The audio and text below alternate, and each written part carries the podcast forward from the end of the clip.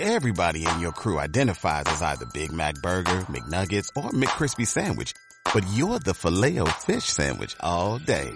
That crispy fish, that savory tartar sauce, that melty cheese, that pillowy bun. Yeah, you get it. Every time. And if you love the filet of fish, right now you can catch two of the classics you love for just $6. Limited time only. Price and participation may vary. Cannot be combined with any other offer. Single item at regular price. Ba-da-ba-ba-ba. Every day, we rise, challenging ourselves to work for what we believe in. At U.S. Border Patrol, protecting our borders is more than a job, it's a calling. Agents answer the call, working together to keep our country and communities safe. If you are ready for a new mission, join U.S. Border Patrol and go beyond. Learn more at cbp.gov slash careers. الرحيم. الحمد لله رب العالمين والصلاة والسلام على أشرف المرسلين وخاتم النبيين ورحمة الله للعالمين سيدنا محمد وعلى آله وصحبه أجمعين. وبعد فقد وقفنا في اللقاء السابق عند خواطرنا حول قول الحق سبحانه أعوذ بالله من الشيطان الرجيم. إن الله فالق الحب والنوى يخرج الحي من الميت ومخرج الميت من الحي. ذلكم الله فأنى تؤفكون. وبينا أن الحق سبحانه وتعالى حين يصدر آية من آيات كونه في آية من آيات قرآنه بقوله الله فيجب أن نستحضر لله كل صفات الجلال وكل صفات الجمال لأن الحق سبحانه جعل له اسما يدل على ذاته متصفة بكل الصفات. وبين لنا أسماء كل اسم يدل على متعلقه. فكلمة القادر تدل على القدرة المبرزة لكل شيء من عدم. وكلمة العلم تدلنا على إحاطة علمه بكل شيء في الوجود. وكلمة الحكمة تدلنا على أن كل شيء منه يصدر عن حكمة. وكلمة الرازق تدلنا على أن كل مرزوق في الوجود من فيضه وخيره وهكذا إلى ما لا نهاية لكماله من صفات ذاته. ولكن كلمة الله تدل على كل الصفات متركزة في الذات. فإذا قال الله فخذ فيها القادر العالم الحاكم الحكيم البسيط الخبير كل شيء في الوجود. وإذا ما كان ذاته سبحانه وتعالى متصفة بكل صفات الكمال فيجب أن يكون كل فعل يصدر عن ذاته المتصفة بالكمال بالغا الكمال في العلم والقدرة والحكمة. فإذا قال إن الله فالق الحب والنوى فإنما يلفتنا إلى شيء كائن في الوجود نراه جميعا. وقد بينا في الحلقات السابقة كيف يكون الفلق في الحب وكيف يكون الفلق في النوى. والفلق أول مظهر من مظاهر الحياة في الكائن النباتي. أول كل شيء ترى الحبة كأنها جامدة هامدة. فإذا مستها شيء من رطوبة الأرض ابتدأت الحياة تظهر آثارها فيها فتنفلق. ذلك هو أول مظهر من مظاهر الحياة في النبات. وكذلك النوى. وقلنا إن الحب هو ما ينتفع به ولا يوجد له بذرة في داخله. والنوى هي البذرة الموجودة في كل شيء. فالصاحب الحب نأكله ولكن النوى نأكل ما حوله. ثم بعد ذلك قال إن الله فالق الحب والنوى يخرج الحي من الميت ومخرج الميت من الحي. الحبة كانت في ظاهرها ساكنة هامدة لا حياة فيها منظورة لنا. وقلنا إن كل شيء في الوجود خلقه الله له حياة تناسب مهمته ولكن نأخذ الحياة بما بوجودها فينا. فكل شيء ليس فيه حس وحركة وجر ومشي وتكلم. نرى أنه لا حياة فيه. نقول لا إن فيه حياة تناسب مهمته. فالإنسان له حياة تناسب مهمته. والحيوان له حياة تناسب مهمته والنبات له حياة تناسب مهمته والجماد له حياة تناسب مهمته. ودللنا على ذلك في الحلقة السابقة بالقضايا العلمية التي أثبت العلم وجودها وقلنا إنك إذا نظرت إلى الأشياء كلها بهذا المعنى وجدت أن كل موجود فيه حياة. ولكن الحياة الكاملة بكل مقاطعة وجدت في الإنسان الأعلى وهو الإنسان. الإنسان الحق سبحانه وتعالى خلق فيه الحياة حسا وحركة ثم أعطاه حياة أخرى. هذه الحياة الأخرى هي التي تصعد حياته وتجعل لحياته قيمة. لأن حياتنا اللي هي فينا دي اللي في المؤمن والكافر قصارى ما فيها أن تعطينا الحس والحركة عمرنا في الحياة. ولكن حياة الإيمان بما يبعثه الله لنا من منهج على يد رسول تعطينا حياة أوسع وحياة أخلد وحياة أرض. تبقى هي دي الحياة. ولذلك قلنا سابقا يقول الحق وإن الدار الآخرة لهي الحيوان لو كانوا يعلمون. هي دي الحياة الحقيقية. وإلا فما حياة تنقضي وتنتهي. فقول الحق إن الله فالق الحب والنوى المقدمة الأولى للحياة ثم تكلم عن الحياة يخرج حيا من ميت. طب أنت تقول أن كل شيء فيه حياة فكيف يقول الحق يخرج الحي من الميت ومخرج الميت من الحي؟ طب ما هو أثبت ان فيه موت. قال لك آه يعني الحق سبحانه وتعالى خاطبنا على مقدار أوليات علمنا في الأشياء. فالشيء إذا لم يكن له حس وحركة نعتبر إنه إيه؟ إنه ميت. فقال لكنك لو نظرت إلى الحقيقة لوجدت كل شيء في الوجود له حياة بمصداق قوله سبحانه جلت قدرته. كل شيء هالك إلا ما دام كل شيء هالك يبقى كل شيء قبل ما يهلك كان في حياة ولا لا؟ أم قال لك له الهلاك ضد. ضد الحياة نقول له نعم لأنه قال ليهلك من هلك عن بينة ويحيى من حي يبقى الهلاك ضد الإيه؟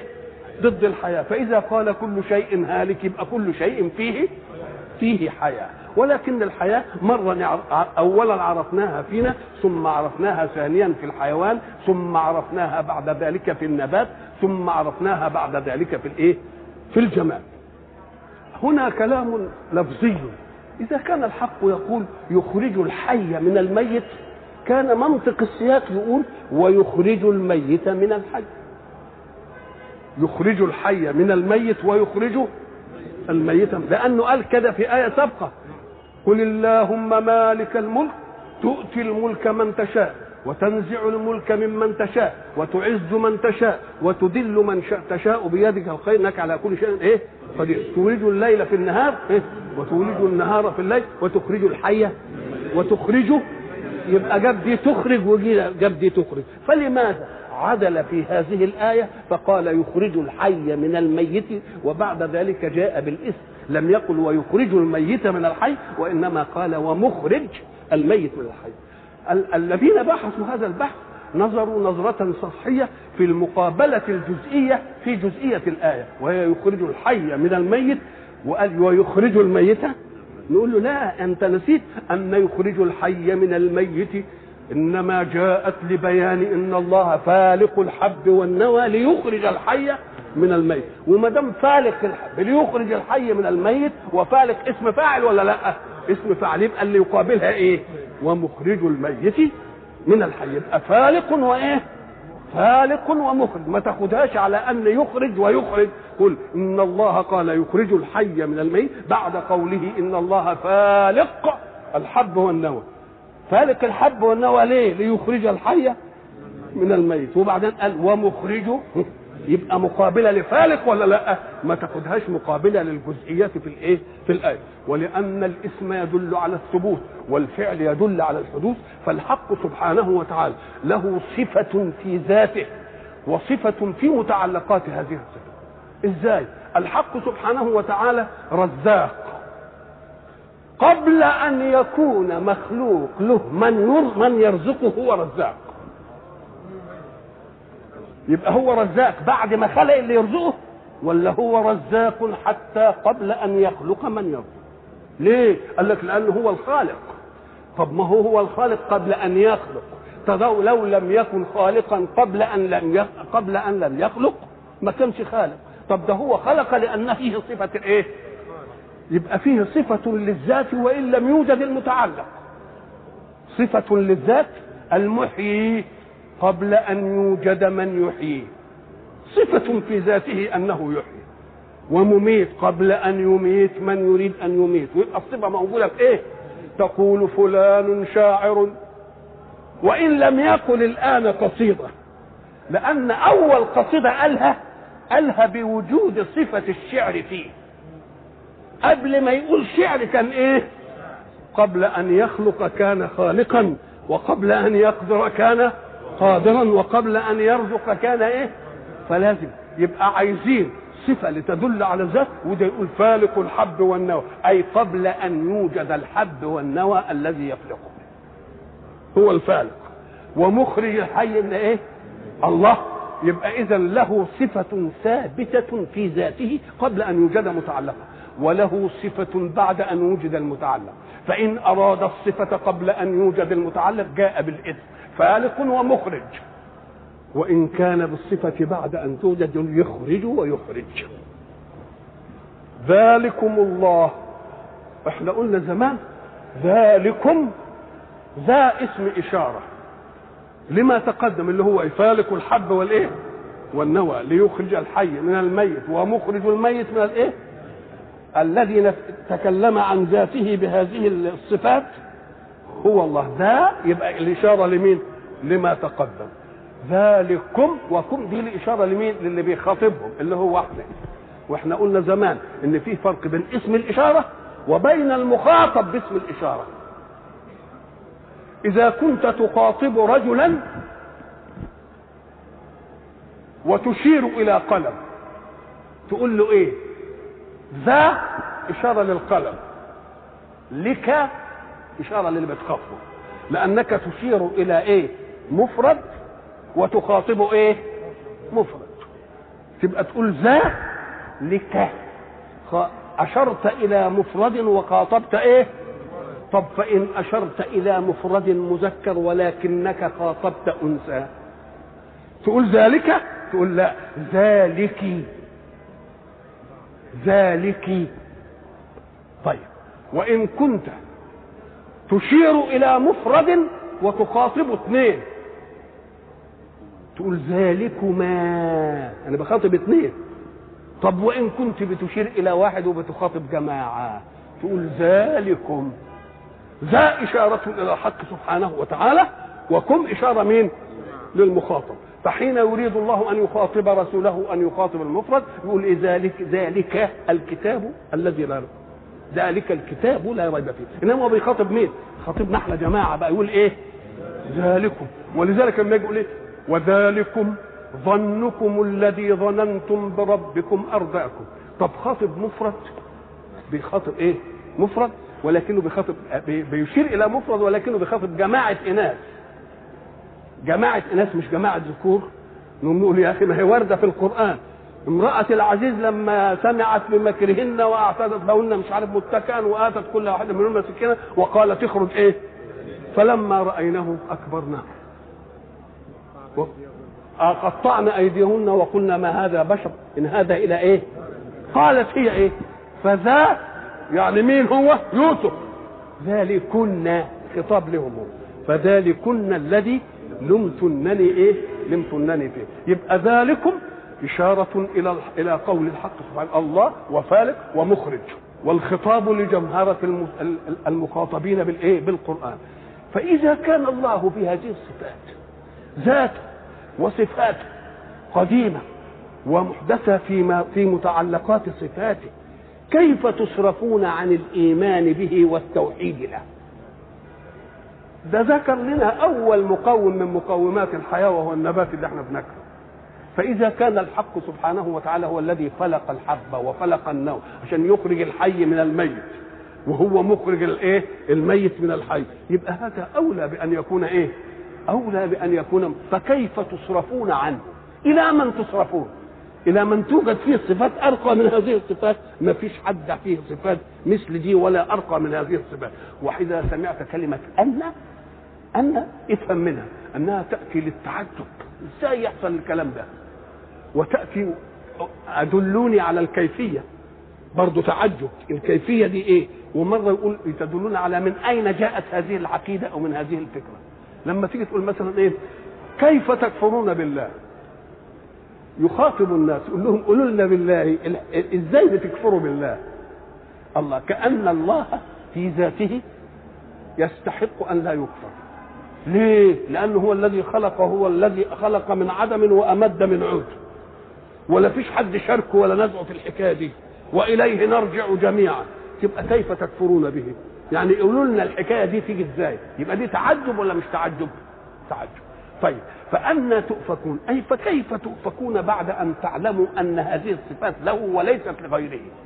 طب وأن أيضا تأتي إلى أين أو من أين إذا كل تعجب يأتي في أن.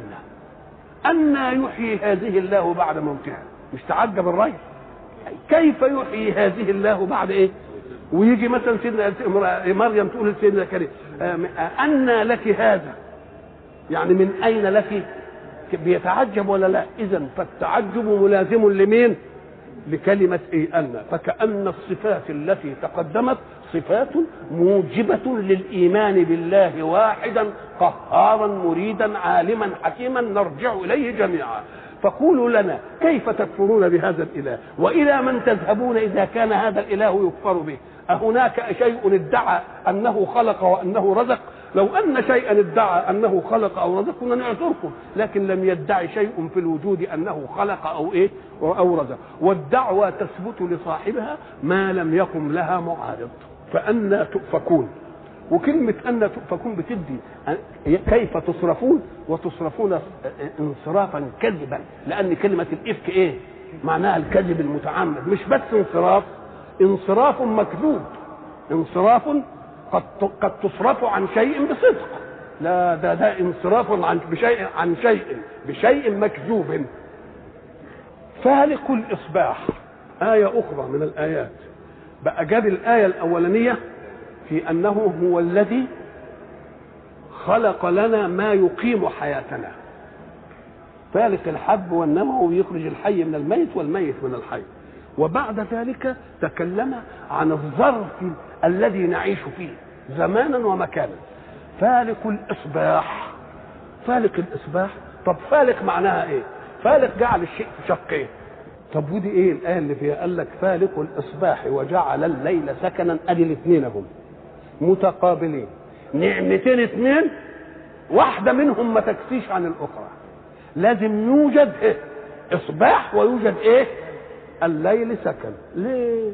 أم قال لك لأن الإصباح هو زمان وضوح الأشياء أمام رؤية العين. لأن إحنا قلنا الظلمة تخلي الإنسان يضطرب مع الأشياء. هذه الأشياء إن كنت أقوى منها حطمتها. وإن كانت أقوى منك حطمتك.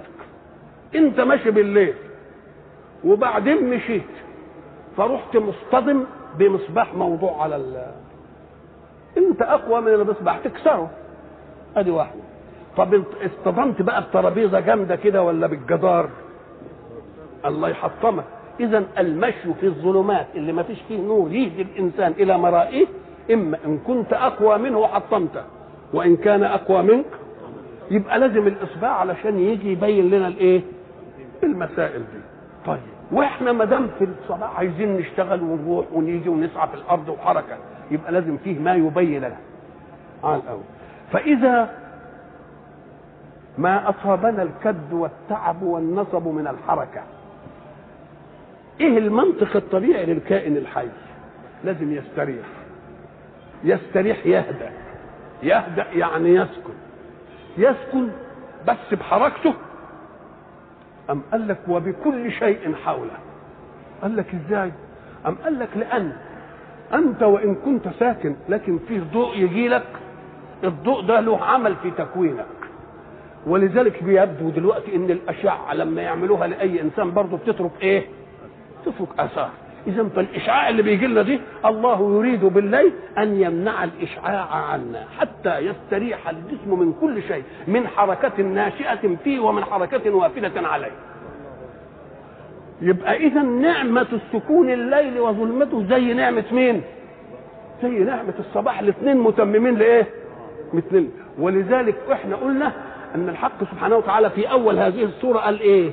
قدم الظلمات على النور. الحمد لله الذي إيه؟ وجعل الظلمات والنور.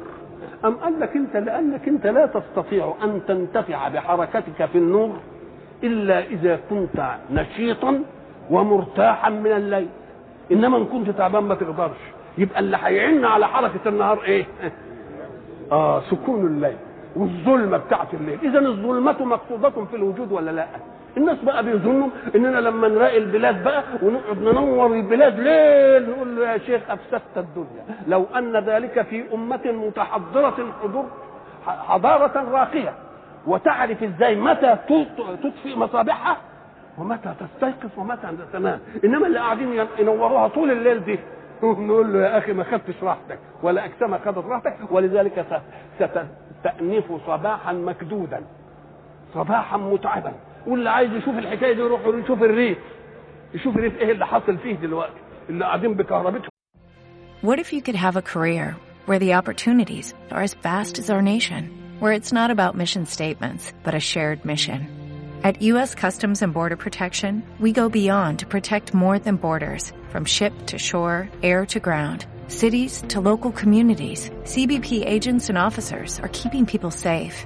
Join U.S. Customs and Border Protection and go beyond for something far greater than yourself. Learn more at cbp.gov/careers.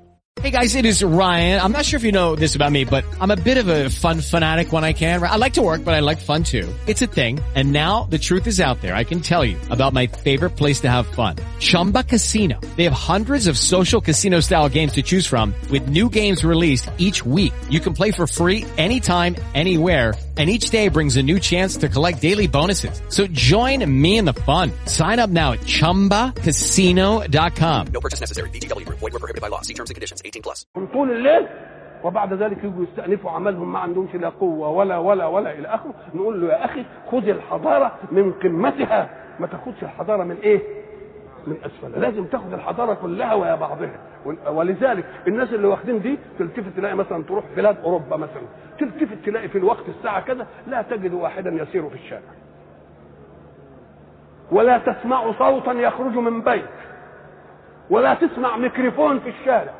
عشان كل واحد ياخد إيه؟ واللي عايز بقى يبقى يعمل على قد ودنه.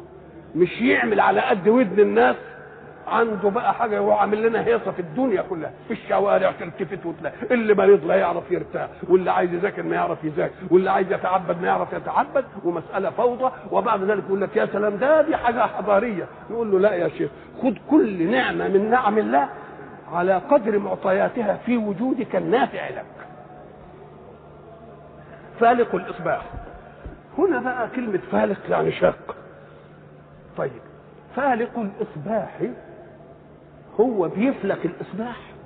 طب يعني الإصباح بينفلق. مش كده طب الإصباح بينفلق بإيه؟ نقول له يا أخي اسم الفاعل لما يجي بعده حاجة. مرة تقول إيه؟ فلان قاتل الضربة. يعني إيه فلان قاتل الضربة؟ يعني الضربة بتاعته قاتل. طب فالق الإصباح. يعني إيه؟ إصباحه فالق. مش ضربته قاتله في الأول أهو. فلان قاتل الإيه؟ الضربة. إيه؟ يبقى ضربته طب فالق الإصباح. يبقى إصباحه إيه؟ يبقى إصباحه هو اللي بيفلق الغير. طب بيفلق إيه؟ بيفلق الظلم الظلم. لأن الظلمة متراكبه كده. لما يجي الاصبع كأنه فلقها والشق كده وطلع الإيه؟ وطلع النور. يبقى مره تقول فالق الإصباح يعني إصباحه فالق. فالق لإيه؟ للظلمه وصحيح الصبح بيجي فالق لمين؟ للظلمة. كلام معقول. طب ونقول فالق الإصباح؟ يعني ال- ال- الفلق واقع على الإصباح يعني يفلق الإصباح. زي ما تقول ضاربه زيت. يعني زيت إيه؟ انضرب. ويبقى الإصباح هنا إيه؟ انفلق. تبقى معناها إيه؟ نقول له أيوه بقى. شوف بقى دقة الأداء البياني لأن الذي يتكلم إله. إزاي بقى؟ هل ساعة ما بيجي الليل بنفاجئ من ظلمة الليل. ونلتفت تلاقي الشمس طلعت. لا ما بيحصلش. ده بيجي صبح. ومعنى الصبح هو ما هو الصبح؟ اولا الصبح هو الإصباح نفسه. الصبح هو الإيه؟ الامر القيس قال إيه ألا أيها الليل الطويل ألا انجلي بصبح. وما الإصباح منك بامثلي يبقى الصبح والإصباح بمعنى إيه؟ معنى واحد معنى طب والصبح هو إيه؟ هل الصبح من طلوع الشمس ولا الصبح من ظهور الضوء قبل ما تطلع الشمس؟ إلى أن تشرق الشمس يبقى انتهى مين؟ يبقى انتهى الصبح. أكن الشمس لا تفاجئ الظلمة لت- لتمحوها مرة واحدة وإنما بيأتي الأول إيه؟ إصباح. النور هو النور الهادي. ليه؟ أم قال لك لأن دي مسألة طبيعية؟ ده حتى علماء العيون الأطباء العيون لما بيكون عامل لواحد عملية يوم لما يجي يشيل عنه الأغشية ما يشيلهاش كده على طول يعني يوم يشيلها شيء إيه؟ عشان ما يجيش ال- ال- الضوء يخطف البصر على طول. فمن رحمة الله إنه قبل ما تطلع لنا الشمس كده بضوءها كده يبقى لا عمل إيه؟ فترة إيه؟ الصبح. كأن الصبح جاء ليفلق ظلمة الليل فلقا هادئا ثم جاءت الشمس ففلقت الصبح. جاءت الشمس ففلقت إيه؟ فلقت بينت بقى. الله. يبقى اذا الإصباح فالق مرة ها؟ ومفلوق مرة أخرى. إذا فاسم الفاعل قد أدى مهمتين. المهمة فالق الإصباح يعني الفلق دخل على الإصباح. نقول له ده بضوء الشمس. طيب وإصباحه فالق. يبقى ظلمة الليل الأولى.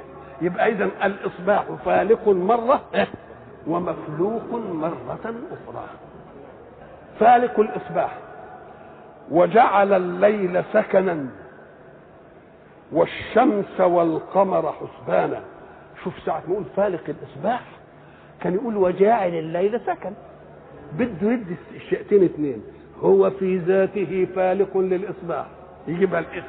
يدي لها صفة الثبوت. وبعدين إيه؟ وجعل الليل دي صفة الحدوث. الحدوث دي بعد وجود المتعلق. بعد وجود إيه؟ المتعلق. فإذا أراد الصفة اللازمة له قبل أن يوجد المتعلق يجيب الاسم. وإن أراد الصفة بعد أن وجد المتعلق يجيب من مين؟ يجيب الإيه؟ يجيب ال- الفعل. ولذلك تيجي في القرآن الكريم يقول إيه؟ وكلبهم باسط ذراعيه بالوسيط. لأن الكلب على هذه الصورة ثابته الله. يبقى إذا لما يحب الصفة الثابتة يجيب الاسم. يحب الصفة اللي إيه؟ تتغير يجيب. ألم ترى أن الله أنزل من السماء ماء؟ كان القياس يقول فأصبحت الأرض مختره أنزل فأصبحت. نقول له لا ده بده يديني التجدد اللي بيحدث. فتصبح الأرض مخضرة. فتصبح الأرض إيه؟ فتصبح الأرض مخضرة. فالق الإصباح. وجعل الليل سكنا. وعرفنا سكن يعني راحة. راحه إيه ما تعملش أنت وما تخليش كائن يعمل معك. فما تعملش أنت ما تتحركش وتتعب ارتاح. وبعدين امنع الظلم علشان ما تقعدش تشاغب جزئياتك وتشاغب تكوينك وتتعبك. ولذلك مش بيقول أطفئوا المصابيح إذا رقدتم علشان إيه؟ علشان الحكاية. والشمس والقمر حسبانا. الشمس هي معروفة لنا. والقمر معروف لنا. وبعد ذلك جاء بكلمة حسبان. حسبان دي وزن فعلان عادة يدل على المبالغة. زي مثلا انت تقول فلان والعياذ بالله كفر كفرا. وكفر كفرانا. وغفر الله لي غفرا. وغفر الله لك غفرانا. لما تحب تبالغ إيه؟ تجيب صيغة إيه؟ صيغة فعلان. طب الشمس والقمر حسبان. نقوم نقول له يا أخي القرآن لما تكلم عن الحكاية دي جاب حسبان في موضعين اثنين الشمس والقمر حسبان وهناك في سورة الرحمن إيه؟ الشمس والقمر بحسبان بحسبان. الله. هنا حسبان وهناك بإيه؟ مش كده؟ بحسبان في الآية؟ آه. أعوذ بالله من الشيطان الرجيم. الرحمن علم القرآن خلق الإنسان علمه البيان ها، الشمس والقمر بحسبان. هنا الشمس والقمر إيه؟ ما الفرق بين التعبيرين هنا الشمس والقمر حسبانا ودي بحسبان. أم قال لك حسبان هنا يعني إيه؟ يعني تح- تحسب بها الأشياء. قال لك إحنا بنحسب السنة بدورة الشمس في 365 يوم وربع مش كده ولا لأ؟ وبعدين تعدي البروج بتاعتها في هذه المدة والقمر بيعدي بروجه في الشهر مثلا 28 يوم وكذا. الله. يبقى اذا وبنحسب على دي ولا لا؟ نحسب بالشمس اليوم ونحسب بها العام. ولكن نحسب إيه؟ و- ولكن نحسب الشهر بالقمر. أنت تقدر تحسب ال ال ال ال الشهر بالشمس. إنما تحسب الشهر بإيه؟ لأنه بيطلع صغير كده وبعدين يكبر يكبر يكبر. ولذلك بن رمضان بيثبت عندنا بإيه؟ يعني بالقمر مش بالشمس. أم- لكن اليوم نسبته بالقمر؟ أم قال لك لا نسبته بالشمس. طب والسنة؟ أم قال لك برضه نسبتها بالايه؟ بالشمس. لكن هنا لما تداخلت حسبان الشمس الاثنين حسبان. الاثنين حسبان. الشمس والقمر دي لها حساب ودي لها إيه؟ ودي لها حساب. على الأرض. إذا ما نظرت إلى كلمة حسبان يعني هي مخلوقة إيه؟ لح- لتحسب بها شيء آخر. شيئا آخر. ليه؟ لأنها خلقت بحسبان. يبقى هي كانت حساب وحساب دقيق ليه؟ لأن هي مخلوقة بإيه؟ بحساب تعال بقى للساعة اللي بنستعملها دي مش في عقرب للساعات وفي عقرب للدقائق وفي عقرب لإيه؟ لسه ده أقل ما قدرنا عليه وإن كان الممكن إن نعمل الثانية برضه إلى إيه؟ برضه إلى اجزاء مش كده؟ زي ما عملنا ال ال ال ال المساحات مثلا متر وسنتيمتر وايه؟ ومليمتر وبعدين قلنا إيه؟ ميكرو برضه مش كده؟ فاذا كل ما نرتقي نعمل حساب إيه؟ طب هل كانت الشمس والقمر حسابا لنا نحسب بها الأشياء إلا إذا كانت مخلوقة بحساب؟ طب ده لازم تكون مخلوقة بحساب إزاي بقى أما قال لك أنت عندك الساعة دي انت ال- اللي بينطر العقرب بتاع الثواني ده نطرته لا تدرك. واللي بينطر عقرب الدقائق تدرك. واللي بينطر عقرب الثواني. طب ده ده له زنبلك وده له زنبلك وده له زنبلك. كأنه عامل الزنبلك بتاع الساعات بحيث كل 60 دقيقة ينطر النطره دي إن اختلت فيه دي تقوم ديك هتدور 60 دقيقة والساعة لسه ما كملتش أو الساعة رمحت ساعتين. يبقى ده معمول بحيث إذا دار عقرب الدقائق اللفة تقوم يدور عقرب الساعات النطه من واحد لاثنين. وإذا دار عقرب الثواني اللفة تتنقل الدقيقه الله. يبقى إذا الدقيقة محسوبة على الثانية والثانية محسوبة على الدقيقة والدقيقة محسوبة على الساعة. تبقى هل من الممكن إن لم تكن مخلوقة بهذا يعني اللي عمل الياي الياي ده مثلا سلك من نوع خاص مضغوط ضغطة خاصة بقوة خاصة بحيث إذا حب يت يعني يحل من الحكاية دي ينحل بحساب. إن انحل كتير كده يخليه ينط أكتر إن انحل أقل يخليه يغلي يبقى دي معمولة الزنبلك بتاعها بحساب. ودي الزنبلك بحساب ودي الزنبلك بإيه؟ يبقى لم تكن الساعة معيارا لحساب أزماننا إلا لأنها في ذاتها خلقت بحساب. يبقى قول الحق الرحمن. وعلم القرآن خلق الإنسان علمون الشمس والقمر بحسبان. ولذلك سأجعلها لكم حسبانا. خلقتها بحسبان ولذلك سأجعلها لكم إيه؟ حسبان. لو لم تكن بحسبان دقيق زي المهندس اللي عم أمال الساعة بيقول لك ده ساعات مضبوطة ده مدخول الثانية. ده ليه؟ معمولة بتصميم إيه؟ ما يختلش في فردة الزنبلك شوف فردة الزنبلك دي بقى إزاي تتعمل علشان تيجي مظبوطة ويا بعضها والشمس والقمر حسبانا حسبانا يعني نحسب بها. ليه؟ لأنها هي مخلوقة بإيه؟ بحسبان. وما دام مخلوقة بحسبان حساب دقيق ما هو قال يقول حسابا اشمعنى عدل عن حساب هنا؟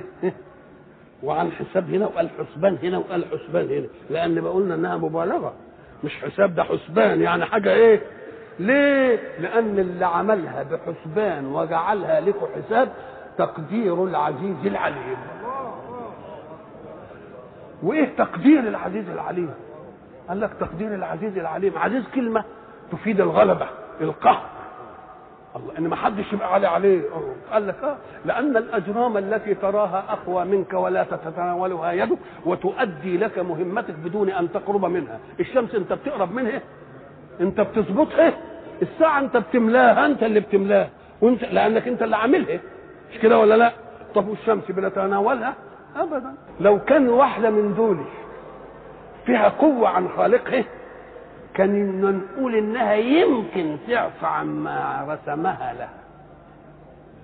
لكن لأنه عزيز لا يغلب ما فيش حاجة فوقه. لا يمكن أن تكون. ليه؟ لأن اللي قدرها مين؟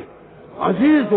لا يغلب. ما فيش حاجة في صنعته ولا في خلقه تتأبى عليه. قال لها ابقي كده يبقى إيه؟ ابقي كده. يبقى اذا ذلك تقدير العزيز العليم بيعطينا حيثيات الثقة في كونها حسبان. يعني نحسب عليها لأنها مخلوقة بحسبان واللي خالقها إيه؟ تقدير عزيز. يعني لا يغلى ما فيش حاجة هتيجي فوق. ما فيش إله تاني يقول لا طب خل دي أنا أنا بلاش دي. يقول له لا ده عزيز لا يغلب وعزيز بس مش كده بس غلبة مطلقة. لا عزيز بعلم. قد يكون واحد عزيز بجبروت. ده عزيز بإيه؟ بعلم. آه. الله. وهو الذي جعل لكم النجوم. آيات من آيات كونه في فالق الإصباح. وقبل كده فالق الحب والنوى وبعدين جعل الشمس والقمر حسبان وجعل كل دي كل دي آيات كونية. آيات كونية تلفتنا إلى إيه؟ إلى أن مصالحنا مرتبطة بهذه الأشياء. فبفلق الحب والنوى ارتبطت حياتنا قوتيا استمداد حياة. وبوجود الليل والنهار إمتى خدنا الراحة علشان نعمل. وبوجود الشمس والقمر حسبان حسبنا زمننا كل دي دلالات إيه؟ دلالات قدرة الحق لأنه تكلم أولا عن توحيد الله وعن صدق البلاغ عن الله بالنبوة فبعد ذلك بيشرح لنا الإيه؟ الآيات الكونية اللي هي حيثيات إيماننا بأنه إله إيه؟ بأنه إله واحد. وهو الذي جعل لكم النجوم لتهتدوا بها في ظلمات البر. بقى جعل الشمس والقمر خلقها بحسبان لتكون حسبانا. مش كده؟ وده تقدير مين؟ العزيز العليم. وبعدين مسك لنا النجوم. قال لك لتهتدوا بها في ظلمات البر والبحر. النجوم هي الأشياء اللامعه اللي إحنا بنشوفها دي. لنهتدي بها في ظلمات البر. لأن صحيح لما يجي الليل سكن. هو صحيح منع الضوء الفاقع إنما برضه خللنا ضوء لأن من رحمته يعلم إن بعض خلقه ستضطرهم حركة الحياة والضرب في الأرض إلى أنه يمكن يمشي بالليل. طيب الناس اللي عايزين يحرسوا الأمن في الدنيا كل بلد عايزين الناس يحرسوا في الامن هننيمهم بالليل ركلين ولا هيصبحوا إيه؟ ولا حي... ولا هيسهروا بالليل؟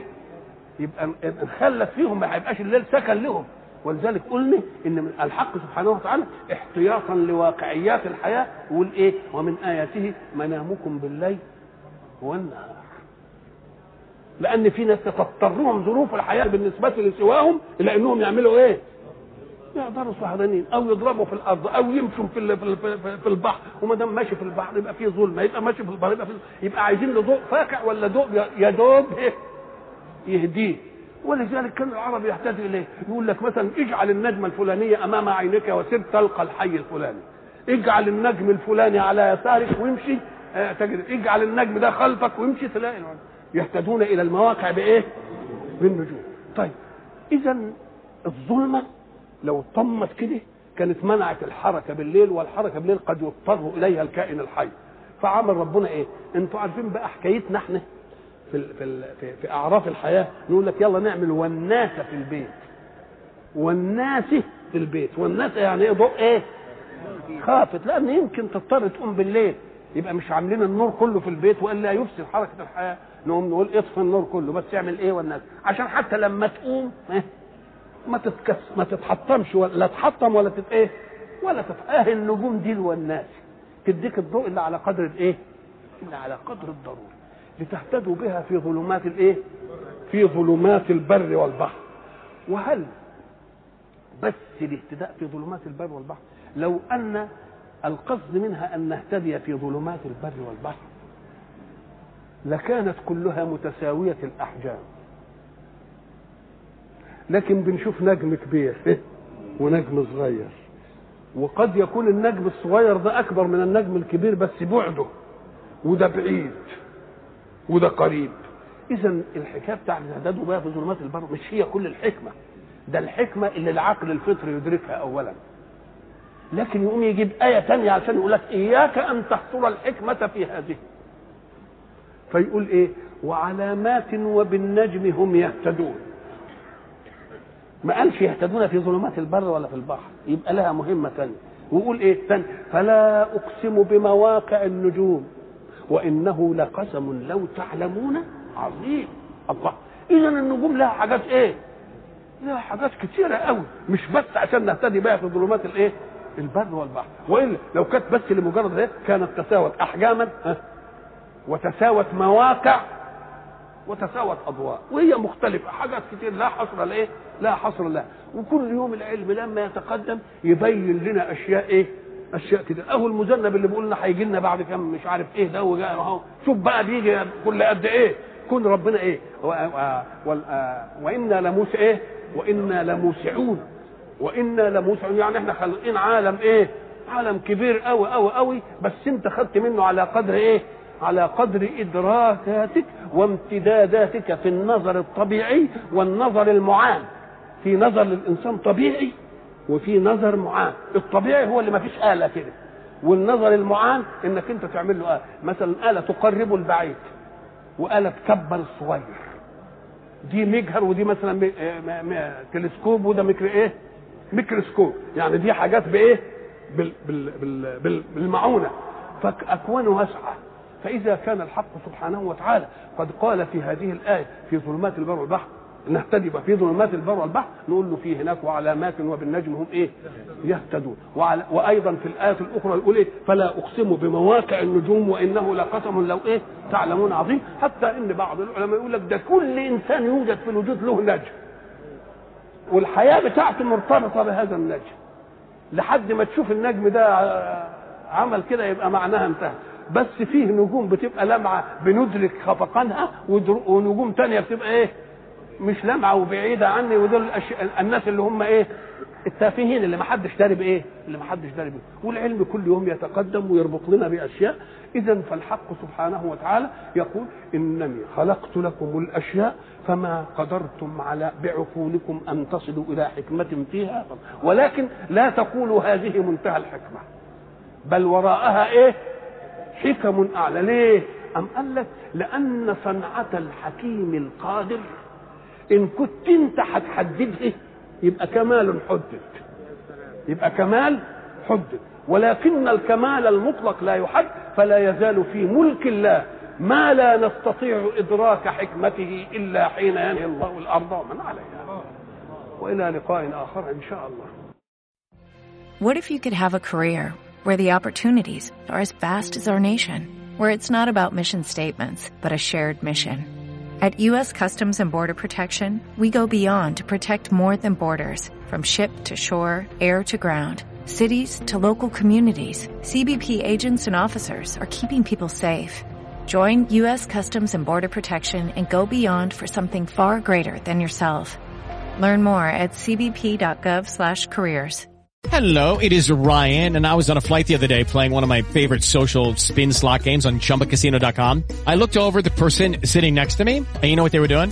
They were also playing Chumba Casino. Coincidence? I think not. Everybody's loving having fun with it. Chumba Casino is home to hundreds of casino-style games that you can play for free anytime, anywhere, even at 30,000 feet. So sign up now at ChumbaCasino.com to claim your free welcome bonus. That's ChumbaCasino.com and live the Chumba life. No purchase necessary. VGW Group. Void were prohibited by law. See terms and conditions. 18 plus.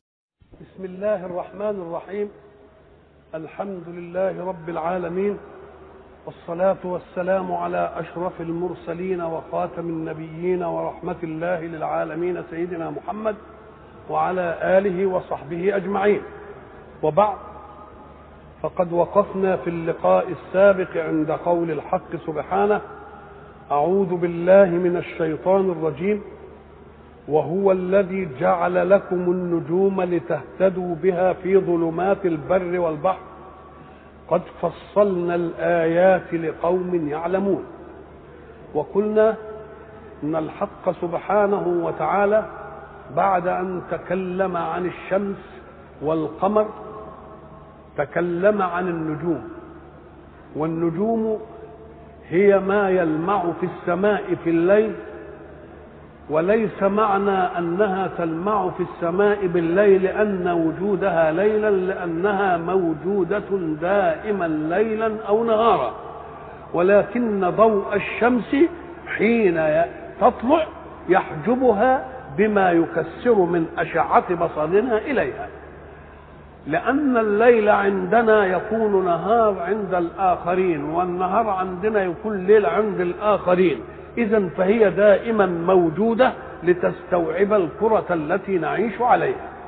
وإذا كان الله قد جعلها نجوما لنهتدي بها في الظلمات فهي كما قلنا يعني بالنسبة للضوء الشديد في الشمس والضوء الأقل في القمر تعتبر والناسات نهتدي بها إلى الأشياء التي قد تضطرنا حركة الحياة إلى أن نزاولها ليلا وقلنا ليس معنى أن نهتدي بها في ظلمات البر والبحر أن ذلك كل ما لا لأن الله أطلق الهداية في قوله وعلامات وبالنجم هم يهتدون يهتدون إلى أشياء كثيرة. قد يكشف العلم عنها فيما بعد ذلك. وقول الحق سبحانه وتعالى فلا أقسم بمواقع النجوم وإنه لقسم لو تعلمون عظيم. يقول الحق سبحانه قد فصلنا الآيات لقوم يعلمون. إحنا قلنا كلمة آية هي الشيء العجيب. وتطلق على آيات كونية ومن آياته الليل والنهار والشمس والقمر.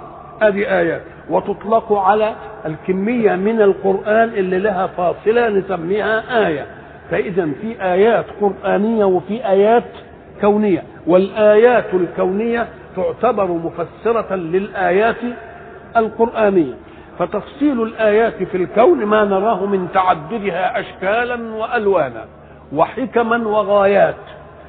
وتفصيل الآيات في القرآن أن ينبهنا إليها.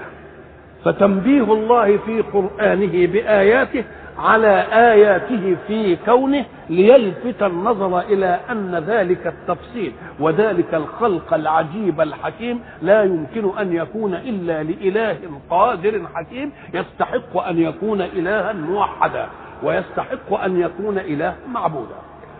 قد فصلنا الآيات لقوم يعلمون وهو الذي أنشأكم من نفس واحدة.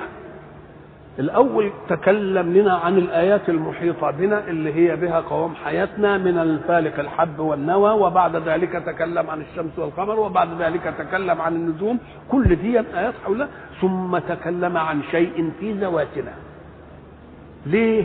أم قال لك ليكون الدليل أقوى أن يأتي لك بالدليل في ذاتك ونفسك لا يحتاج منك إلى أن تمد عينيك إلى ما حولك بل الدليل في إيه؟ في ذاتك وفي نفسك ولذلك من أدلته أن يقول وفي أنفسكم أفلا تبصرون؟ يعني يكفي أن تجعل من نفسك عالما هذا العالم موجود فيه كل ما يثبت قدرة الحق وأحقيته بأن يكون إلها واحدا وإلها إيه؟ معبودا. وهو الذي أنشأكم من نفس واحدة. يدل عليها أيضا إخبار من الله. واستقراء في الوجود. استقراء اللي بنسميه التنازل للماضي. لأن إحنا كنا زمان قلنا أنك لو نظرت إلى عدد العالم في هذا القرن ثم نظرت إلى عدد العالم في القرن الذي مضى تجد نص العدد ده. وإذا نظرت إليه في القرن اللي قبل اللي مضى تجد الربع. كل ما تتقدم في الزمن الماضي كل ما يقل. ما هو ما دام متكاثر. افرض انه هو دلوقتي مثلا أر- أربعين ألف إيه؟ أربعين ألف مليون. كم؟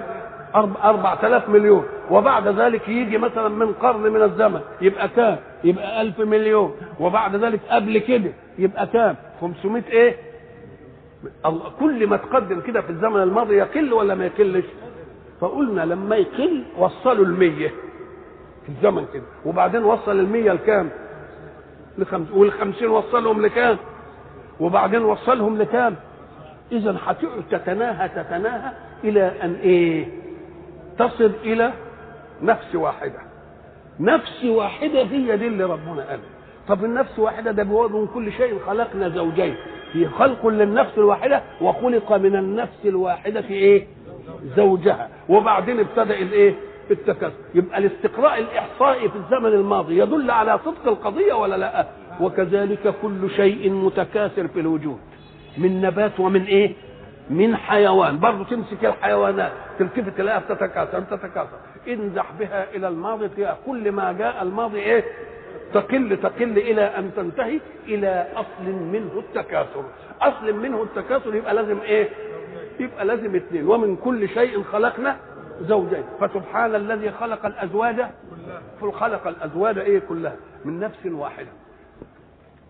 والإشمعنى جاب من نفس واحدة ولا قالش قال لك ده دي دليل على الالتحام الشديد. لأننا حين نكون من نفس واحدة يبقى كلنا كل الخلق فيها ابعاض من النفس الواحدة. وما دام كل واحد منا فيه ابعاض من النفس الواحدة يبقى التقاء طبيعي ولا مش التقاء طبيعي؟ إحنا قلنا زمان اننا لو اتينا بسنتيمتر مكعب من مادة ملونة حمراء مثلا ثم وضعناها في قارورة رتر ثم رجزنا القارورة السنتيمتر المكعب ده اللي من المادة الملونة الحمراء يسيح في مين؟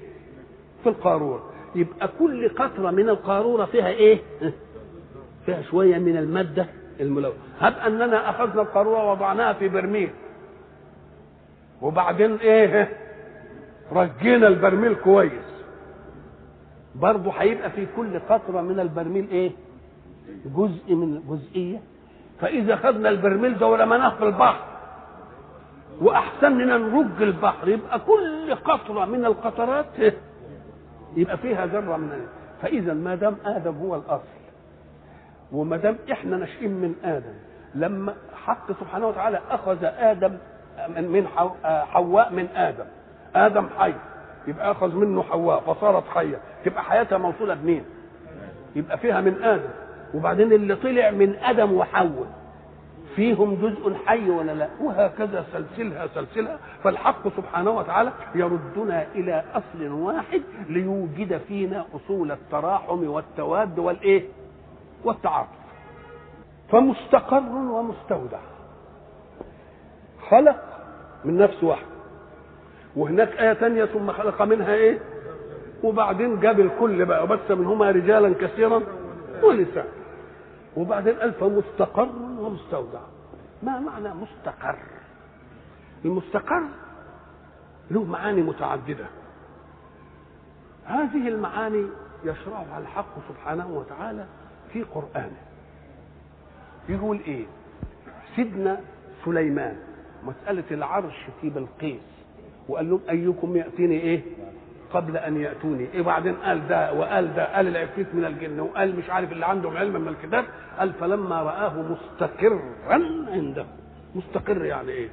يعني حاضر. هنا مستقر بمعناها إيه؟ حاضر. لأنه ما كانش موجود في المجلس. نقول ده ثابت. لا ده هو كان كان غير موجود. فإيه؟ يبقى إيه؟ مستقر يبقى إيه؟ حاضر. طيب. ولكن انظر إلى الجبل في مسألة الرؤية. أرني أنظر إليه. قال لن تراني. ولكن انظر إلى الجبل. فإن استقر مكانه فسوف تراني. استقر بمعنى حضر ولا ثبت؟ لأنه كان له استقرار قبل الكلام. يبقى مرة استقر تيجي بمعنى إيه؟ حضر. ومرة تيجي استقر بمعنى إيه؟ بمعنى آه طب ولكم فيها مستقر ومتاع إلى حين. في إيه؟ في الدنيا. مش لنا فيها مستقر ومتاع إلى حين. طيب أدي مستقر في الدنيا. يبقى كام دلوقتي؟ استقر بمعنى؟ واستقر بمعنى ثبت. وتفرق بينهم إن كان موجودا قبل ذلك يبقى ثبت. وإن كان غير موجود يبقى حضر. خلاص. ومستقر يعني مدة عمرنا فيه. ولكم فيها في إيه؟ مستقر ومتاع إلى إيه؟ بعد كده. أم قال لك إيه؟ إن الجنة أصحاب الجنة. إيه؟ يومئذ خير مستقرا واحسن. يبقى الجنة برضه مستقر ولا لا؟ طيب. وفي النار إنها ساءت مستقرة. الله. يبقى مثلا يبقى مستقر حاضر ومستقر ثابت مستقر مدة الدنيا مستقر في الإيه؟ في في الجنة مستقر في الإيه؟ في النار. اذا فالاستقرار مقول بالتشكيك يعني يبقى له معنى هنا ومعنى هنا ومعنى هنا ومعنى هنا. ولذلك لما العلماء اختلفوا ما تقولش اختلف. كل واحد نظر إلى إيه؟ يقول لك مستقر في الأصلاب وبعدين استودعنا في الأرحام. استقر مستقر في الدنيا وبعدين نروح نستودع في القبور. يعني كل واحد بقى يبقى مسك مسك ناحية. نقول له يا أخي الاستقرار يبقى كل يعني م- قرار حضور أو ثبات كل شيء بحسبه. لكن فيه استقرار يتلوه استقرار يتلوه استقرار إلى أن يوجد الاستقرار الأخير اللي هو أصحاب الجنة خير إيه؟ وفي أصحاب النار إيه؟ إنها إيه؟ ساءت إيه؟ يبقى ده الاستقرار اللي ما فيش فيه بعد إيه؟ فيش فيه بعده حركه إنما الاستقرار الأولاني قد يكون فيه تغير من حال إلى إيه؟ فإذا كنا مستقرين في الأصلاب وبعد ذلك استودعنا في الأرحام وإذا كنا مستقرين في الدنيا ثم استودعنا في القبور كل دي برضه جاي وبعدين هنستقر في الآخرة يبقى كل واحد خد إيه؟ خد معنى من الإيه؟ من المعاني ولذلك واحد يقول لك المستقر في الإيه؟ في الدنيا وبعضهم يسمي الدنيا مستودع وما المال والأهلون إلا ودائع ولا بد يوما أن ترد الإيه؟ الودائع يبقى ما عملهاش مستقر عملها إيه؟ مستودع. مستودع يعني حاجة أودعناها وبعدين إيه؟ وبعدين في تلاحظ بقى كلمة مستقر ومستودع. طب مستودع شيء أوقع غيره عليه أن إيه؟ أن يودع. لكن مستقر مش مستقر. فيه مستقر وفيه إيه؟ مستقر. ده دليل على أن المسألة مش استقرار بكيفي ده أنا مستقر بيه ويوم ما يقول لي اطلع أطلع. لو قول مستقر كان يبقى فيه الاستقرار ليا فيه إيه؟ ليا فيه إنما أنا ماليش فيه.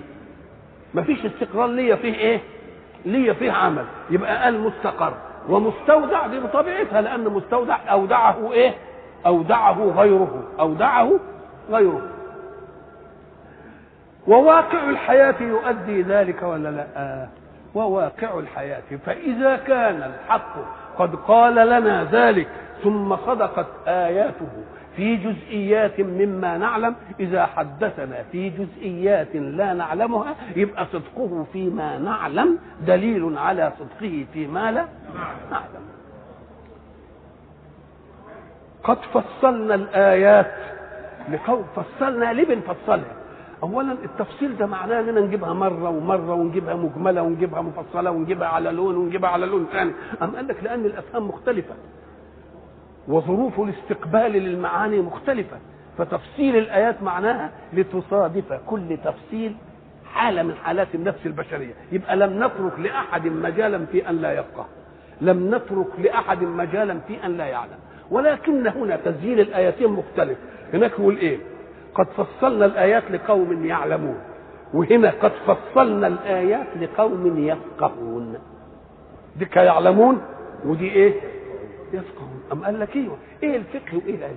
الفقه أن تفهم يبقى عندك ملكة فهم تفهم بها ما يقال لك علما لما نعلمك يبقى عندك ملكة تفهم الأول. يبقى الفهم أول مرحلة ولا لأ؟ وإلا لو ما كانش بيفهم كنا لما نعلمه علم يعلمه؟ ما يعلمش. الله. طب اشمعنى ساب ديكها للعلم وساب دي للفهم اللي هو اول مرحلة؟ أم قال لك لأن ديكها نظر في آيات خارجة عن ذاتك. وهنا نظر في آيات داخلة في ذاتك. آيات داخلة في إيه؟ ديكها. في الآيات اللي حواليك الشمس والقمر والنجوم والفلك الحب والنوى دي خارجة عن ذاتك. إنما دي إيه خلقك. أنت من نفس واحدة ويعلم مستقر ومستودع إن في ذلك الايات اللي قوم إيه يفقهون. وهو الذي أنزل من السماء ماء فأخرجنا به نبات كل شيء. الله. الله. إحنا لو وقفنا عند فأخرجنا به. أن أولا أنزل من السماء ماء فأخرجنا. هو كان السياق.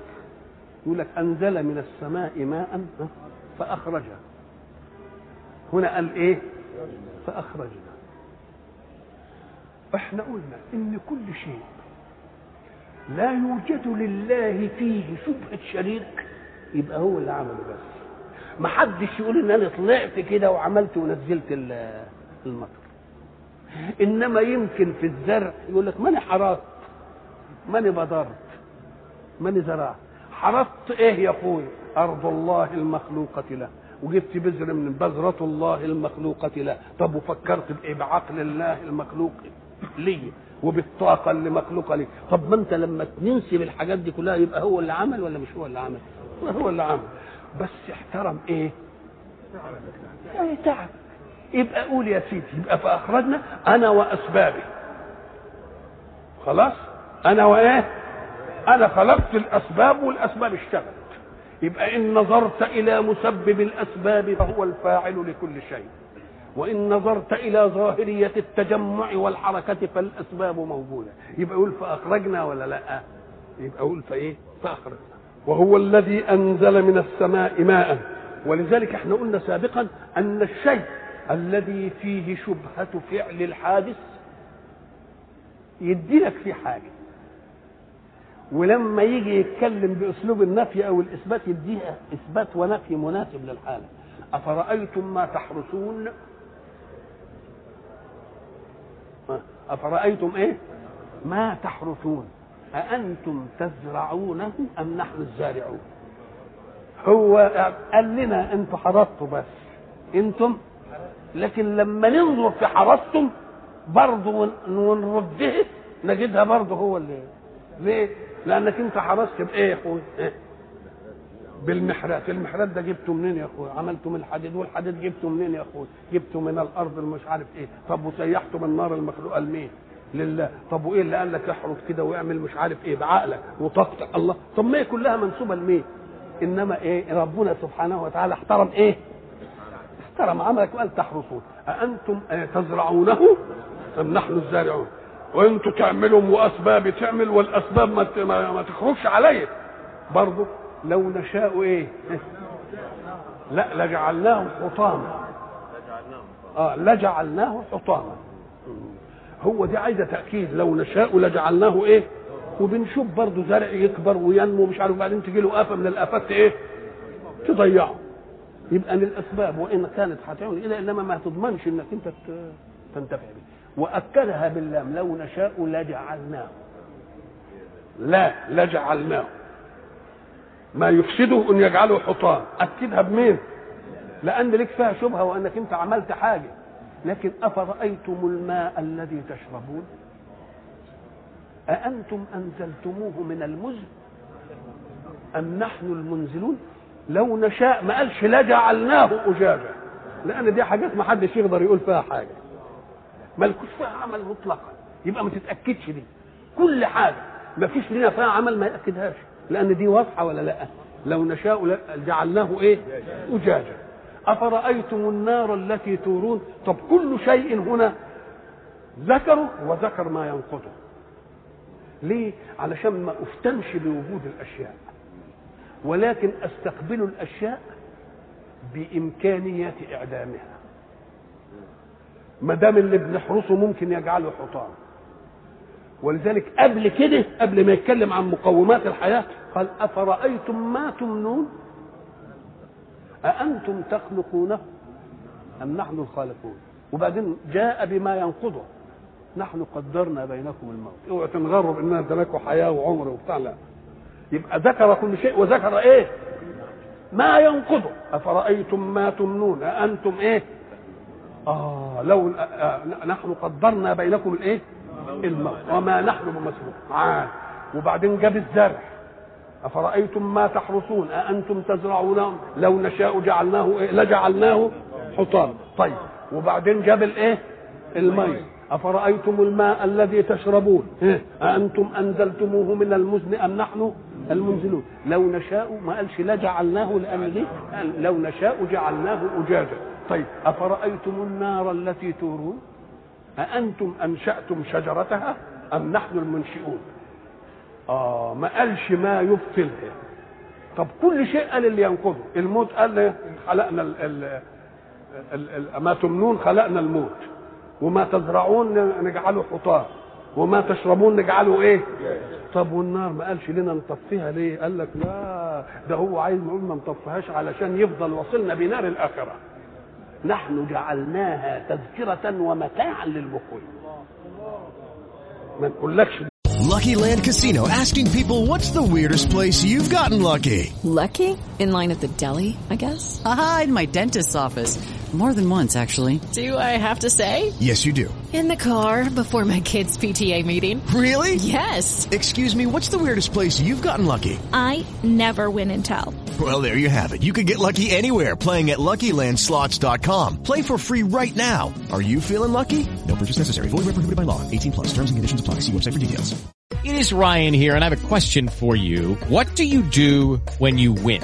Like, are you a fist pumper? A woohooer, a hand clapper, a high fiver. I kind of like the high five, but if you want to hone in on those winning moves, check out Chumba Casino. At ChumbaCasino.com, choose from hundreds of social casino style games for your chance to redeem serious cash prizes. There are new game releases weekly, plus free daily bonuses. So don't wait. Start having the most fun ever at ChumbaCasino.com. No purchase necessary. VGW Group. Void were prohibited by law. See terms and conditions. 18 plus. اسمها دي ابدا لازم نخليها قدامك كده يبقى كل شيء من نعم الله ذكر الحق أنه في قدرته أن ينقضها إلا مين؟ النار قال أنا عاملها كده علشان تفضل إيه؟ تذكرة ومتاعا للإيه؟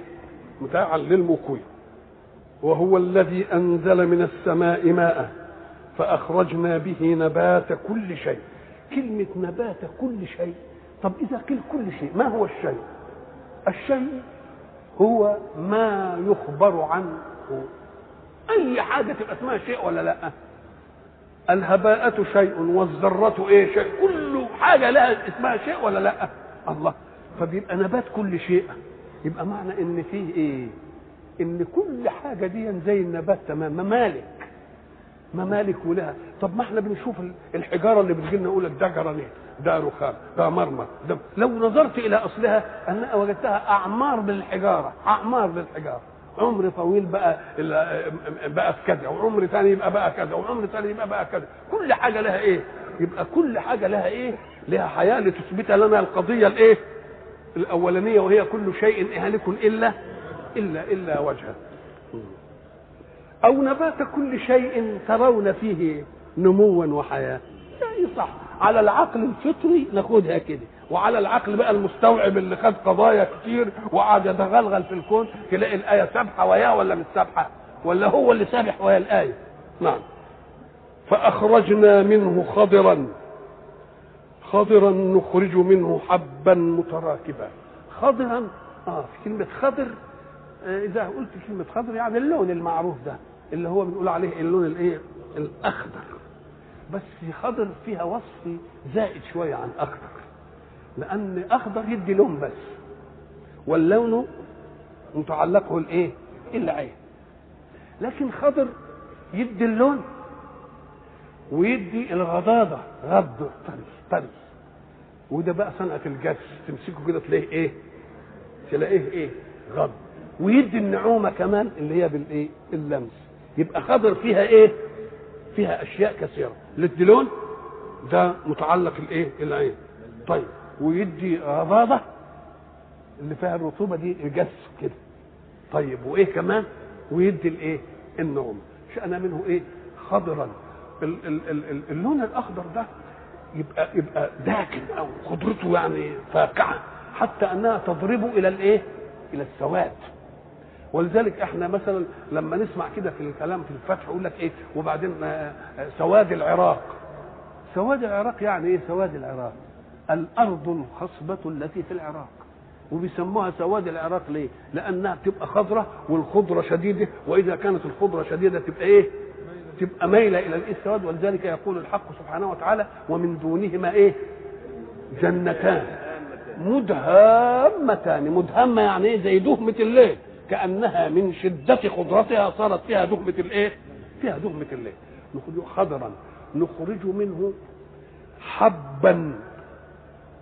متراكبا نخرج منه حبا متراكبا إحنا قلنا الحب هو اللي ملوش إيه؟ ملوش نواة. اللي بيتاكل كده زي حبة البر؟ زي حبة الايه القمح زي حبة العدس زي حبة اللوبيا يعني الحب. متراكبا. في حاجة تطلع الحبة كل واحدة بحبتها بحبتها بحبتها. وفي حاجة تيجي إيه؟ السنبلة. لما تشوف بقى رصة السنبلة تقوم تلتفت تلاقيها مرصوصة رصة؟ وكل سنبلة لها الشوكة اللي فيها اللي فيها دي اللي بت... اللي بتشوفها دي ادي حب إيه؟ متراكب يعني بعضه يركب إيه؟ يركب بعض. حبا إيه؟ متراكبا ومن النخل من طلعها قنوان دانية. النخل دي عند العرب كانت هي يعني اللي, اللي بتدي لهم يعني الغذاء الغذاء الدائم لهم. فربنا سبحانه وتعالى دائما يجيب النخل ده. ومن النخل من طلعها قنوان دانية. الطلع هو أول شيء يبدو من ثمر النخل. اللي إحنا أول ما نشوفه نقول الكوز الكوز الأخضر ده. بيوجد في الذكر اللي هو الفحم ويوجد في الإيه؟ في الأنثى. اللي في الذكر يبقى فيه ماء الإيه؟ الطلع اللي بنلقح به الإيه؟ اللي بنلقح به الانثى أول ما يبدو من ثمر النخل بيسمى الطلع وبعدين الطلع ده حين ينشق يجي فيه القدر أو العزق أو العرجون اللي فيه الشماريخ اللي بيبقى فيها الإيه؟ البلع الطلع يبقى هو الثمرة الأولى للنخلة قبل ما تنشق ويطلع منها الإيه؟ من طلعها قنوان يعني الصب الصباطة اللي إحنا بنسميها بالفلاحين إيه؟ الصباط. قنوان دانية. إيش؟ كلمة دانية هنا ليه؟ أم قال لك لأنها حين تنظر إلى طلع النخل أول ما يطلع بيطلع في بين الجريد. وبين الجريد دي وبعدين ينشق كده برضه يفضل بين الجريد. وبعدين كل ما يتلقح بقى وبعدين يتقل يقوم إيه؟ ينحني وينزل على الأرض. الأول ما ينحنيش لأنه اولا خفيف ولأنه لازم يظل محميا. بشوك الجريد علشان ما تجيش الحشرات إيه تاخده هو لسه إيه؟ يقوم لما كل ما يسأل وكل ما يصغر يعمل إيه؟ يبقى ده ولذلك حتى إن كانت في واحدة شاذة الشذوذ فيها يعني مشعلقه قوي في البتاع واللي يجي يجني يتعب لما يدخل إيده علشان الشوك يحصله. ربنا بيسيب فلتات كده علشان نعرف نعمة إنه جعلها بتتدلع لأنها لو كانت كلها كده يمكن خلاص ما ناخدش بالنا. إنما أقول لك طب أنا هخلي واحدة كده أشوفها اشوفك تتعب على ما إيه؟ على ما تجيبها وتتجرح ولا لا؟ عشان لما تعرف كده تعرف إنه دنالك الباقي دي نعمة من الايه يبقى من الله. عنوان إيه؟ دانية ومرة يطلق الطلع على الأكمام. الكم اللي هو في قلبه الحاجة وهتطلع ومرة يطلق يطلق على نفسه. والنخلة باسقات لها طلع نضيد. طلع نضيد لما تشوف البلح كده وهو نازل من الشماريخ كل شمروخ فيه كم بلحة. وبعدين الشمروخ ده متصل بالإيه؟ بالأذن. أنت بقى لو نظرت إلى العظمة اللي موجودة في هندستها تقوم تجد شيء عجيب.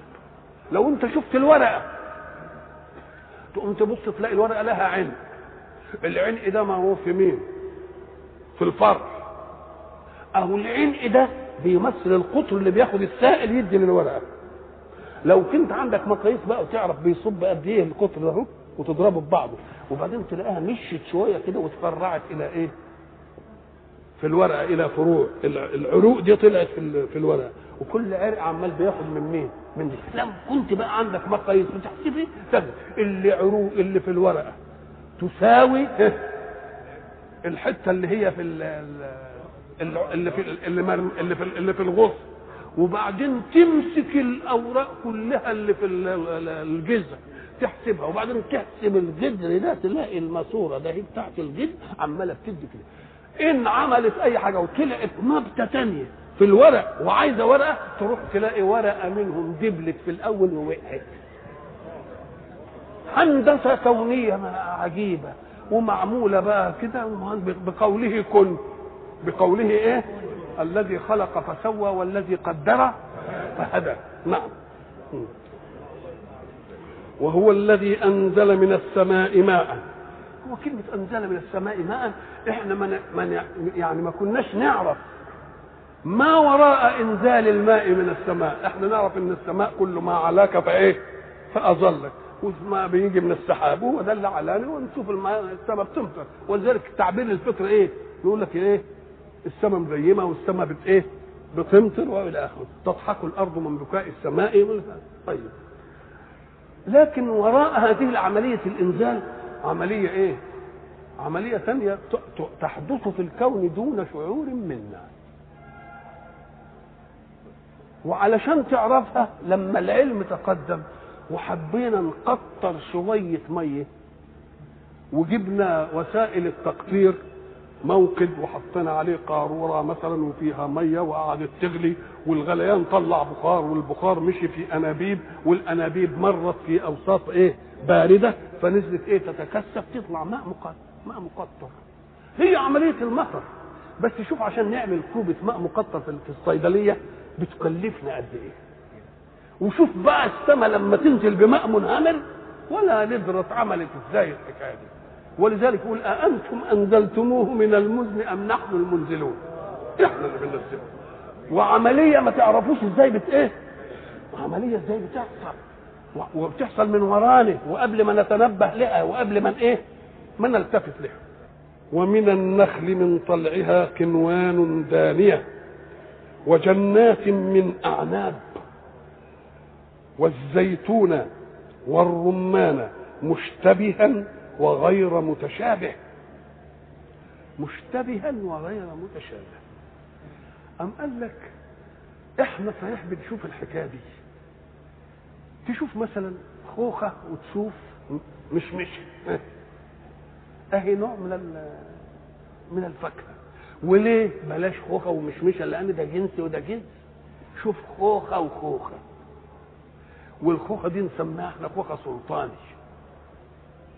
وتتفرق عن الخوخة الثانية الفلك دي اللي إيه؟ لما تمسك ديكها تطلع البذرة بتاعتها نظيفة. وديكها تطلع البذرة بتاعتها إيه؟ فيها إيه؟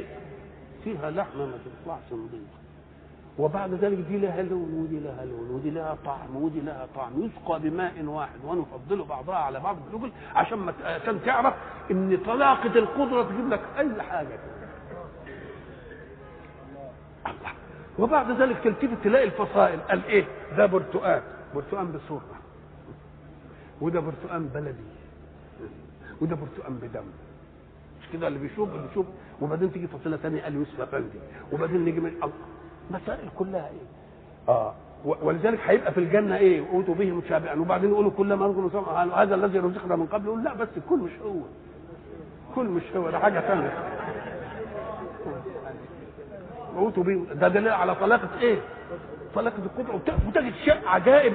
بعد التحليلات العلماء جزاهم الله عنا خير. علماء المعمليين قعدوا مثلا في حبة العنب. حبة العنب. أيوه. طيب يا سيدي. حبة العنب دي. القشرة بتاعتها لها طبيعة. طبيعة دي يفهمها الكيماويين طبيعتها كذا. طبعها بارد يابس القشرة واللحم بتاعها طبيعته مختلفة. حار رطب والبذرة بتاعتها بارد يابس ثلاث طبائع في الحباية الواحدة. شيء شيء عجيب.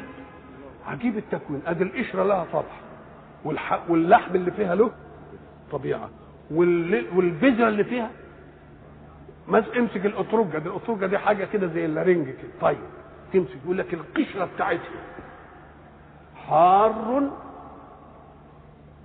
يابس. وبعدين اللحم اللي فيه بارد رطب. الله. طب وبعدين؟ الميه السائل اللي فيه؟ السائل اللي في اللحم ده اللي بينزل ده. أما قال لك بارد يابس والبذل بتاعه. قال لك حار يابس طبائع أربعة في الشيء الواحد. إزاي الحكاية دي؟ دي قدرة إيه دي؟ ده على ما بس عرفوا تكوينها. تعبوا من التعب اللي ما حدش يتعبه. عشان يورونا عشان يورونا الحكاية دي، إزاي تختلف القبائل دي كده؟ وبعد ذلك تلتفت. تلاقي ثمرة تأكل ظاهرها وباطنها بذرة. وثمرة ثانية تأكل اللي جوه. تمسك مثلا الجوز ولا ال- واللوز. طيب. بن- بنقشر القشر ناكل اللي جواه. والخوخة ناكل اللي بره ونسيب اللي جوه. علشان ما تعرف إنها المسألة مش مش مش أوتوماتيكي. ده زي ما أنا عايز يعملها. زي ما هو إيه؟ الله. مسألة عجيبة دي. وتجد ال- الشيء يبقى اللون اللي من الطعم آه، الرائحة اللي مش عارف إيه. كل دي دليل على خلاقة الإيه؟ لأنها لو كانت تقول لك ما تغليش كده ولذلك أدي السبب في أن الحق سبحانه وتعالى حينما يتكلم عن ثمار الجنة يأتي بثمار مثلها في الدنيا. ليه؟ أم قال لك لأنه لو جاب ثمار مثلها مش في الدنيا ثمار تانية. كنت تقول هي دي طبيعة الثمار دي برضه لو وجدت في الدنيا هتبقى كده. يقول لك لا أهي. أهو مش هو. يبقى إذا دي علشان يبين لنا إيه؟ عشان يبين لنا طلاقة الإيه؟ طلاقة القدرة. أدي متشابه وغير إيه؟ متشابه. انظروا إلى ثمره إذا أثمر وينعي. الحق سبحانه وتعالى مش بيديني بس عشان يملى بطني. لا. ده بيغذي كل الملكات في النفس الإنسانية. حتى ملكات الترف وملكات الجمال وملكات الحسن. بيقول لك قبل ما تاكل ابقى انظر للثمر شوف شكله إيه. غذي عينيك بالمنظر الجميل ده ساعة ما تشوف الثمرة طالعة كده. وتتبعها حتى تنطق. لما تتتبعها حتى تنضج تجد مراحل مراحل عجيبة. المراحل العجيبة دي تدل على أن الصانع قيوم.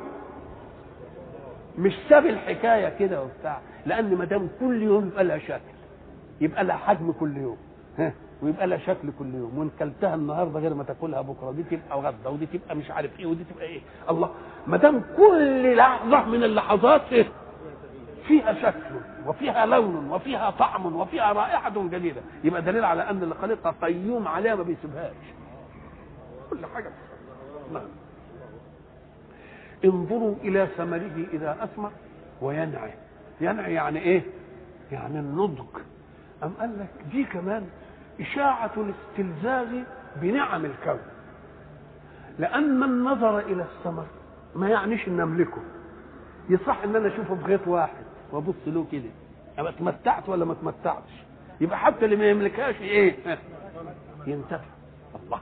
يبقى اذا الحق سبحانه وتعالى بده يشيع الايه بده يشيع الانتفاع بنعم الله حتى عند غير واجدها حتى عند غير إيه؟ لأن النظر ده ما حدش هيقول لي اوعى تبص لل لا أنا بصيت كده. أو ما انبسط ولا ما انبسطش. يبقى فيه ناحية من ناحية الكمال الإنساني في غذاء ملكات النفس. لأن الملكة النفس مش بس ملكات جوع وعطش ومش عارف إيه ومش عارف. لا في ملكات متعددة. هذه الملكات المتعددة كل ملكة لها غذاؤها. وما دام كل ملكة لها غذائها ولذلك قبل ما يقول لي إن ال- الخيل والبتاع ده علشان تشيل الأثقال بتاعتك يقول لك لا. ولكم فيها جمال حين تريحون وحين تسرحون وتحملوا أثقالكم إلى بلد لم تكونوا بالغيه إلا بشق الأنفس. يبقى بيديني حاجة قبل ما طب تحملوا أثقالكم ده للي مالكها إنما اللي ما مالكهاش يشوف الحصان ماشي كده وجمال رهوان جميل كده وشكله حلو كده ينبسط ولا ما ينبسطش؟ يقول يا سلام الله مش عارف إيه وبتاع. بيبقى يتمتع بما لا يملك ولا لا؟ يبقى دي إشاعة لنعم الله على خلق الإيه؟ خلق الله.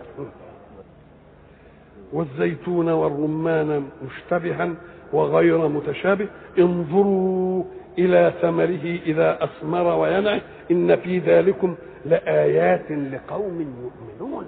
يؤمنون بأن الإله الذي آمنوا به يستحق بصفات الجلال والجمال فيه أن يؤمن به. كل ما تشوف حاجة تقول يا سلام اذا أنا إيماني صح. يبقى الآيات بتعمل إيه؟ بتؤكد صدق إيماني بالإله الذي خلق كل هذا. كل يوم تبدو حاجة إيه؟ حاجة عجيبة. يقوم دي تزيدني إيه؟ يبقى أنا عقل كويس اللي ربنا هداني به إلى الإيه؟ إلى الإيمان بهذا الإله لأن الإله كل يوم تبدو له إيه؟ عجيبة من عجائب إيه؟ من عجائب كونه. إن في ذلكم لآيات لقوم يؤمنون. ومن العجيب أنهم جعلوا لله شركاء. هذا مسألة اهي العجيبة بقى. فإله فيه كل هذه الصفات. من أول فالق الحب والنوى مش كده؟ وبعدين فالق الإصباح وجعل الليل إيه سكن وبعدين الشمس وبعدين والقمر وحسبان وبحسبان وبعدين النجوم نهتدي بها في ظلمات البر والبحر وبعدين ننزل من السماء لنا ميه وبعدين طلع لنا نبات والنبات منه خضر من حد وطراء. كل هذه المسائل كانت إيه؟ كانت يجب أن تكون صارفة للناس إلى الله وحده. ولا تتجه أبدا بالعبادة أو بالإيمان بغيره. لكن جعلوا جابها بعدها كده علشان علشان لما لما يكون اللي جعلوا الله شركاء دي يستحفظن عليهم. بقى بعد ده كله يجعلون لله شركاء. شوف الموضوع في مطرحها ولا لا؟ بعد ما يضخمها لنا كده كده وبعدين يقول شوف أهو اللي عمل ده هو أو جعلوا لله شركاء. له شركاء يبقى بيستحفظنا عليهم ولا لا؟ بيخلي وإذا استحفظنا عليهم استحمدنا على أنه هدانا إلى الإيمان. نقول الحمد لله اللي هدانا إلى الإيمان. وجعلوا لله شركاء الجن. وخلقهم وخرقوا له بنين وبنات. الله. وجعلوا لله شركاء الجن. طيب. الجن المادة دي الجين والنون. كلها تدل على الستر والتغطية والتغليف منه الجنون لأن العقل مستور مش كده؟ آه. ونظرا لأن الجن إحنا ما بنشوفهمش يبقوا مستورين والملائكة برضه يبقوا لا هذا لا ما مجنون مش كده ولا لا؟ طيب الحق سبحانه لما جن عليه الليل يا برضه أظلم كلها تدل على المادة كلها إيه؟ اللف والتغطية وجعلوا لله شركاء الجن الجن الخفي من كل شيء. وإلى لقاء آخر إن شاء الله. Hello, it is Ryan, and I was on a flight the other day playing one of my favorite social spin slot games on ChumbaCasino.com. I looked over the person sitting next to me, and you know what they were doing? They were also playing Chumba Casino. Coincidence? I think not. Everybody's loving having fun with it. Chumba Casino is home to hundreds of casino-style games that you can play for free anytime, anywhere, even at 30,000 feet. So sign up now at ChumbaCasino.com to claim your free welcome bonus. That's ChumbaCasino.com and live the Chumba life. No purchase necessary. VGW. Void were prohibited by law. See terms and conditions. 18 plus. Hello, it is Ryan, and we could all use an extra bright spot in our day, couldn't we? Just to make up for things like sitting in traffic, doing the dishes, counting your steps, you know, all the mundane stuff. That is why I'm such a big fan of Chumba Casino. Chumba Casino has all your favorite social casino style games that you can play for free anytime, anywhere with daily bonuses. That should brighten your day a little. Actually, a lot. So sign up now at ChumbaCasino.com. That's ChumbaCasino.com. No purchase necessary. VGW. Void were prohibited by law. See terms and conditions. 18 plus. بسم الله الرحمن الرحيم الحمد لله رب العالمين والصلاة والسلام على أشرف المرسلين وخاتم النبيين ورحمة الله للعالمين سيدنا محمد وعلى آله وصحبه أجمعين وبعد فقد وقفنا في اللقاء السابق عند قول الحق سبحانه أعوذ بالله من الشيطان الرجيم وهو الذي جعل لكم النجوم لتهتدوا بها في ظلمات البر والبحر قد فصلنا الآيات لقوم يعلمون. وقلنا إن الحق سبحانه وتعالى بعد أن تكلم عن الشمس والقمر تكلم عن النجوم والنجوم هي ما يلمع في السماء في الليل وليس معنى أنها تلمع في السماء بالليل أن وجودها ليلا لأنها موجودة دائما ليلا أو نهارا. ولكن ضوء الشمس حين تطلع يحجبها بما يكسر من أشعة بصرنا إليها. لأن الليل عندنا يكون نهار عند الآخرين والنهار عندنا يكون ليل عند الآخرين. إذا فهي دائما موجودة لتستوعب الكرة التي نعيش عليها.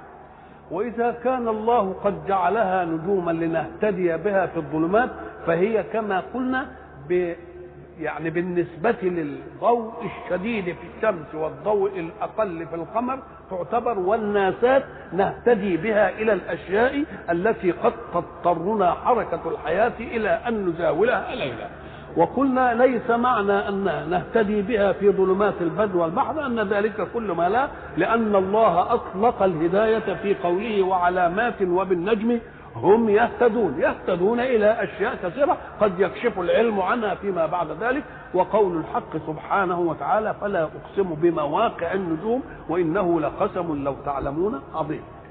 يقول الحق سبحانه قد فصلنا الآيات لقوم يعلمون. فصلنا الآيات. إحنا قلنا كلمة آية هي الشيء العجيب. وتطلق على آيات كونية ومن آياته الليل والنهار والشمس والقمر. هذه آيات وتطلق على الكمية من القرآن اللي لها فاصلة نسميها آية. فإذا في آيات قرآنية وفي آيات كونية. والآيات الكونية تعتبر مفسرة للآيات القرآنية. فتفصيل الآيات في الكون ما نراه من تعددها أشكالا وألوانا وحكما وغايات. وتفصيل الآيات في القرآن أن ينبهنا إليها. فتنبيه الله في قرآنه بآياته على آياته في كونه ليلفت النظر إلى أن ذلك التفصيل وذلك الخلق العجيب الحكيم لا يمكن أن يكون إلا لإله قادر حكيم يستحق أن يكون إلها موحدا ويستحق أن يكون إله معبودا. قد فصلنا الآيات لقوم يعلمون. وهو الذي أنشأكم من نفس واحدة. الأول تكلم لنا عن الآيات المحيطة بنا اللي هي بها قوام حياتنا من الفالق الحب والنوى وبعد ذلك تكلم عن الشمس والقمر وبعد ذلك تكلم عن النجوم. كل دي آيات حولها. ثم تكلم عن شيء في ذواتنا. ليه؟ أم قال لك ليكون الدليل أقوى أن يأتي لك بالدليل في ذاتك ونفسك. لا يحتاج منك إلى أن تمد عينيك إلى ما حولك. بل الدليل في إيه؟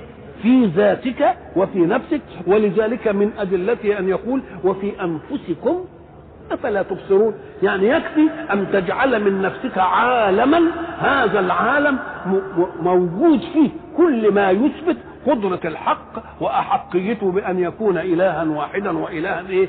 معبودا. وهو الذي أنشأكم من نفس واحدة. يدل عليها أيضا إخبار من الله. واستقراء في الوجود. استقراء اللي بنسميه التنازل للماضي.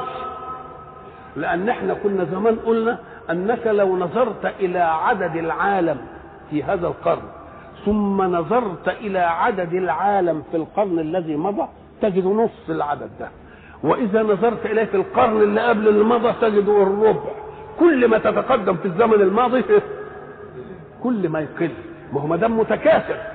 يفرض انه هو دلوقتي مثلا أربعين ألف إيه؟ أربعين ألف مليون. كم؟ أربعة آلاف مليون. وبعد ذلك يجي مثلا من قرن من الزمن يبقى كام؟ يبقى ألف مليون. وبعد ذلك قبل كده يبقى كام؟ خمسمائة إيه؟ كل ما تقدم كده في الزمن الماضي يقل ولا ما يقلش؟ فقلنا لما يقل وصلوا المية في الزمن كده. وبعدين وصل المية لكام؟ لخمس والخمسين وصلهم لكام؟ وبعدين وصلهم لكام؟ هتقعد تتناهى تتناهى إلى أن إيه؟ تصل إلى نفس واحدة. نفس واحدة هي دي اللي ربنا قال. طب النفس واحدة ده بيقول من كل شيء. خلقنا زوجين. في خلق للنفس الواحدة وخلق من النفس الواحدة إيه؟ زوجها. وبعدين ابتدأ الإيه؟ التكاثر يبقى الاستقراء الإحصائي في الزمن الماضي يدل على صدق القضية ولا لا؟ وكذلك كل شيء متكاثر في الوجود. من نبات ومن إيه؟ من حيوان. برضه تمسك الحيوانات تلتفت تلاقيها بتتكاثر بتتكاثر. انزح بها إلى الماضي كل ما جاء الماضي إيه؟ تقل تقل إلى أن تنتهي إلى أصل منه التكاثر. أصل منه التكاثر يبقى لازم إيه؟ يبقى لازم اثنين. ومن كل شيء خلقنا زوجين. فسبحان الذي خلق الازواج خلق الأزواج إيه كلها؟ من نفس واحدة. والإشمعنى جاب من نفس واحدة ولا قالش النفس قال لك ده دي دليل على الالتحام الشديد. لأننا حين نكون من نفس واحدة يبقى كلنا كل الخلق فيها ابعاض من النفس الواحدة. وما دام كل واحد منا فيه أبعاد من النفس الواحدة يبقى التقاء طبيعي ولا مش التقاء طبيعي؟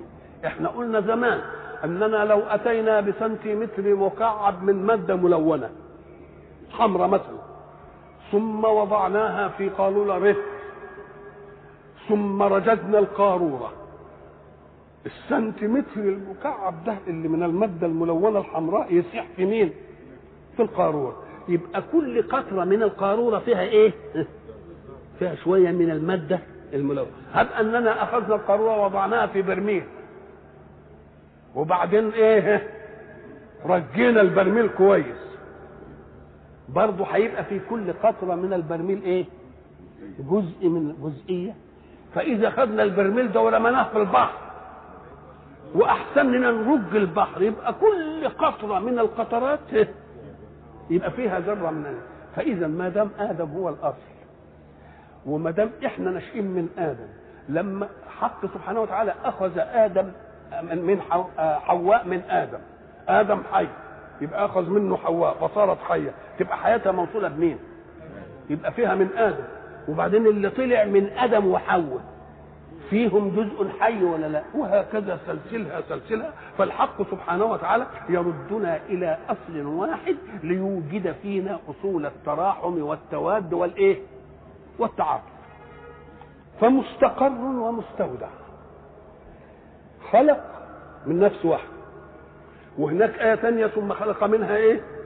وبعدين جاب الكل بقى وبث منهما رجالا كثيرا ونساء وبعدين قال فمستقر ومستودع ما معنى مستقر؟ المستقر له معاني متعددة هذه المعاني يشرعها الحق سبحانه وتعالى في قرآنه يقول إيه؟ سيدنا سليمان مسألة العرش في بلقيس. وقال لهم أيكم يأتيني إيه؟ قبل أن يأتوني. إيه بعدين؟ قال ده وقال ده قال العفريت من الجن. وقال مش عارف اللي عندهم علم من الكتاب. قال فلما رآه مستقرا عنده. مستقر يعني إيه؟ يعني حاضر. هنا مستقر بمعناها إيه؟ حاضر. لأنه ما كانش موجود في المجلس. نقول ده ثابت. لا ده هو كان كان غير موجود. فإيه؟ يبقى إيه؟ مستقر يبقى إيه؟ حاضر طيب. ولكن انظر إلى الجبل في مسألة الرؤيا أرني أنظر إليه. قال لن تراني. ولكن انظر إلى الجبل. فإن استقر مكانه فسوف تراني. استقر بمعنى حضر ولا ثبت؟ لأنه كان له استقرار قبل الكلام. يبقى مرة استقر تيجي بمعنى إيه؟ حضر. ومرة تيجي استقر بمعنى إيه؟ بمعنى آه طب ولكم فيها مستقر ومتاع إلى حين. في إيه؟ في الدنيا. لنا فيها مستقر ومتاع إلى حين. طيب أدي مستقر في الدنيا. يبقى كم دلوقتي؟ استقر بمعنى؟ واستقر بمعنى ثبت. وتفرق بينهم إن كان موجودا قبل ذلك يبقى ثبت. وإن كان غير موجود يبقى حضر. ومستقر يعني مدة عمرنا فيه ولكم فيها إيه؟ مستقر ومتاع إلى إيه؟ وبعدين بعد كده. أم قال لك إيه؟ إن الجنة أصحاب الجنة. يومئذ خير مستقرا. واحسن. يبقى الجنة برضه مستقر ولا لا؟ طيب. وفي النار إنها ساءت مستقرة. الله. يبقى مثلا يبقى مستقر حاضر ومستقر ثابت مستقر مدة الدنيا مستقر في الإيه؟ في, في الجنة مستقر في الإيه؟ في النار. اذا فالاستقرار مقول بالتشكيك يعني يبقى له معنى هنا ومعنى هنا ومعنى هنا ومعنى هنا. ولذلك لما العلماء اختلفوا ما تقولش اختلف. كل واحد نظر إلى إيه؟ يقول لك مستقر في الاصلاب وبعدين استودعنا في الأرحام. استقر مستقر في الدنيا وبعدين نروح نستودع في القبور. يعني كل واحد بقى يبقى مسك مسك ناحية. نقول له يا أخي الاستقرار يبقى كل يعني قرار حضور أو ثبات كل شيء بحسبه. لكن فيه استقرار. يتلوه استقرار يتلوه استقرار إلى أن يوجد الاستقرار الأخير اللي هو أصحاب الجنة خير إيه؟ وفي أصحاب النار إيه؟ إنها إيه؟ ساءت إيه؟ يبقى ده الاستقرار اللي ما فيش فيه بعد إيه؟ فيش فيه بعده حركة. إنما الاستقرار الأولاني قد يكون فيه تغير من حال إلى إيه؟ فإذا كنا مستقرين في الأصلاب وبعد ذلك استودعنا في الأرحام وإذا كنا مستقرين في الدنيا ثم استودعنا في القبور كل دي برضه جاي وبعدين هنستقر في الآخرة يبقى كل واحد خد إيه؟ خد معنى من الإيه؟ من المعاني ولذلك واحد يقول لك المستقر في الإيه؟ في الدنيا وبعضهم يسمي الدنيا مستودع وما المال والأهلون إلا ودائع ولا بد يوما أن ترد الإيه؟ الودائع يبقى ما عملهاش مستقر. عملها إيه؟ مستودع. مستودع يعني حاجة أودعناها وبعدين إيه؟ وبعدين ناخذها. تلاحظ بقى كلمة مستقر ومستودع. طب مستودع شيء أوقع غيره عليه أن إيه؟ أن يودع. لكن مستقر مش مستقر. فيه مستقر وفيه إيه؟ مستقر. ده دليل على أن المسألة مش استقرار بكيفي. ده أنا مستقر بيه ويوم ما يقول لي اطلع أطلع. لو قول مستقر كان يبقى فيه الاستقرار ليا فيه إيه؟ ليا فيه إنما أنا ماليش فيه. مفيش استقرار ليا فيه إيه؟ ليا فيه عمل. يبقى قال مستقر. ومستودع دي بطبيعتها لأن مستودع أودعه إيه؟ أودعه غيره أودعه غيره. وواقع الحياة يؤدي ذلك ولا لا؟ وواقع الحياة. فإذا كان الحق قد قال لنا ذلك ثم صدقت آياته في جزئيات مما نعلم إذا حدثنا في جزئيات لا نعلمها يبقى صدقه فيما نعلم دليل على صدقه فيما لا نعلم. قد فصلنا الآيات لقوم فصلنا ليه بنفصلها اولا التفصيل ده معناه إننا نجيبها مرة ومرة ونجيبها مجملة ونجيبها مفصلة ونجيبها على لون ونجيبها على لون ثاني. أم قال لك لأن الأفهام مختلفة وظروف الاستقبال للمعاني مختلفة. فتفصيل الآيات معناها لتصادف كل تفصيل حالة من حالات النفس البشرية. يبقى لم نترك لأحد مجالا في أن لا يفقه لم نترك لأحد مجالا في أن لا يعلم. ولكن هنا تسجيل الآيتين مختلف. هناك يقول إيه؟ قد فصلنا الآيات لقوم يعلمون وهنا قد فصلنا الآيات لقوم يفقهون. دي يعلمون ودي إيه؟ يفقهون. أم قال لك أيوه إيه الفقه وإيه العلم؟ الفقه أن تفهم يبقى عندك ملكة فهم تفهم بها. ما يقال لك علما. لما نعلمك يبقى عندك ملكة تفهم الأول. يبقى الفهم أول مرحلة ولا لأ؟ وإلا لو ما كانش بيفهم كنا لما نعلمه علم يعلمه ما يعلمش. الله. طب اشمعنى ساب ديكها للعلم وساب دي للفهم اللي هو أول مرحلة؟ أم قال لك لأن ديكها نظر في آيات خارجة عن ذاتك. وهنا نظر في آيات داخلة في ذاتك. آيات داخلة في إيه؟ ديكها. في الآيات اللي حواليك الشمس والقمر والنجوم والفلك الحب والنوى دي خارجة عن ذاتك. إنما دي الايه خلقك أنت من نفس واحدة وعلى المستقر هو مستودع إن في ذلك الايات اللي قوم إيه؟ يفقهون. وهو الذي أنزل من السماء ماء فأخرجنا به نبات كل شيء. الله. الله. إحنا لو وقفنا عند فأخرجنا به. أن اولا أنزل من السماء ماء فأخرجنا. هو كان السياق. يقول لك أنزل من السماء ماء فاخرج هنا قال إيه؟ فأخرجنا. إحنا قلنا إن كل شيء لا يوجد لله فيه شبهة شريك يبقى هو اللي عمله بس. ما حدش يقول إن أنا طلعت كده وعملت ونزلت المطر. إنما يمكن في الزرع يقول لك ماني حرطت ماني بضرت ماني زرعت. حرطت إيه يا أخوي؟ أرض الله المخلوقة له. وجبت بذر من بذرة الله المخلوقة له. طب وفكرت بايه بعقل الله المخلوق؟ لي وبالطاقة اللي مخلوقة لي. طب ما انت لما تنسب الحاجات دي كلها يبقى هو اللي عمل ولا مش هو اللي عمل؟ هو اللي عمل. بس احترم إيه؟ إيه تعب. يبقى قول يا سيدي يبقى فاخرجنا أنا وأسبابي. خلاص؟ أنا وإيه؟ أنا خلقت الأسباب والأسباب اشتغلت. يبقى إن نظرت إلى مسبب الأسباب فهو الفاعل لكل شيء. وإن نظرت إلى ظاهرية التجمع والحركة فالأسباب موجودة. يبقى يقول فأخرجنا ولا لأ؟ يبقى يقول فإيه؟ فأخرجنا. وهو الذي أنزل من السماء ماء. ولذلك إحنا قلنا سابقا أن الشيء الذي فيه شبهة فعل الحادث يدي لك فيه حاجة. ولما يجي يتكلم بأسلوب النفي أو الإثبات يديها إثبات ونفي مناسب للحالة. أفرأيتم ما تحرسون أفرأيتم إيه ما تحرثون أأنتم تزرعونه أم نحن الزارعون هو قال لنا أنتم حرثتوا بس أنتم لكن لما ننظر في حرثتم برضه ونرده نجدها برضه هو اللي ليه؟ لأنك أنت حرثت بإيه يا أخوي؟ إيه؟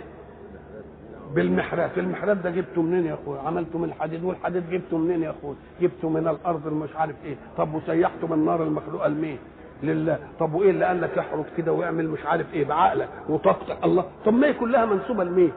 إنما إيه؟ ربنا سبحانه وتعالى احترم إيه؟ احترم عملك وقال تحرسون. أأنتم تزرعونه أم نحن الزارعون؟ وانتوا تعملوا واسباب تعمل والأسباب ما تخرجش عليا. برضه لو نشاء إيه؟ لا لجعلناه حطاما. آه لجعلناه حطاما. هو دي عايزة تأكيد. لو نشاء لجعلناه إيه؟ وبنشوف برضه زرع يكبر وينمو مش عارف وبعدين تجي له آفة من الآفات إيه؟ تضيعه. يبقى ان الأسباب وإن كانت هتعمل إلى إنما ما تضمنش إنك أنت تنتفع به وأكدها باللام لو نشاء لجعلناه. لا لجعلناه. ما يفسده أن يجعله حطام. اكدها بمين؟ لأن لك فيها شبهة وأنك أنت عملت حاجة. لكن أفرأيتم الماء الذي تشربون؟ أأنتم أنزلتموه من المزن؟ أم نحن المنزلون؟ لو نشاء ما قالش لجعلناه أجاجا. لأن دي حاجات ما حدش يقدر يقول فيها حاجة. مالكوش فيها عمل مطلقا. يبقى ما تتأكدش دي. كل حاجة. ما فيش لنا فيها عمل ما يأكدهاش. لأن دي واضحة ولا لا؟ لو نشاء جعلناه إيه؟ أجاجا. أفرأيتم النار التي تورون؟ طب كل شيء هنا ذكره وذكر ما ينقضه. ليه؟ علشان ما أفتنش بوجود الأشياء. ولكن أستقبل الأشياء بامكانيه إعدامها. ما دام اللي بنحرسه ممكن يجعله حطام ولذلك قبل كده قبل ما يتكلم عن مقومات الحياة قال أفرأيتم ما تمنون؟ أأنتم تخلقونه أم نحن الخالقون؟ وبعدين جاء بما ينقضه نحن قدرنا بينكم الموت. اوعى تنغروا باننا اديناكم حياه وعمر وبتاع لا. يبقى ذكر كل شيء وذكر إيه؟ ما ينقضه. أفرأيتم ما تمنون؟ أأنتم إيه؟ آه لو آه نحن قدرنا بينكم الإيه؟ الموت وما نحن بمسبوق عاد. وبعدين جاب الزرع.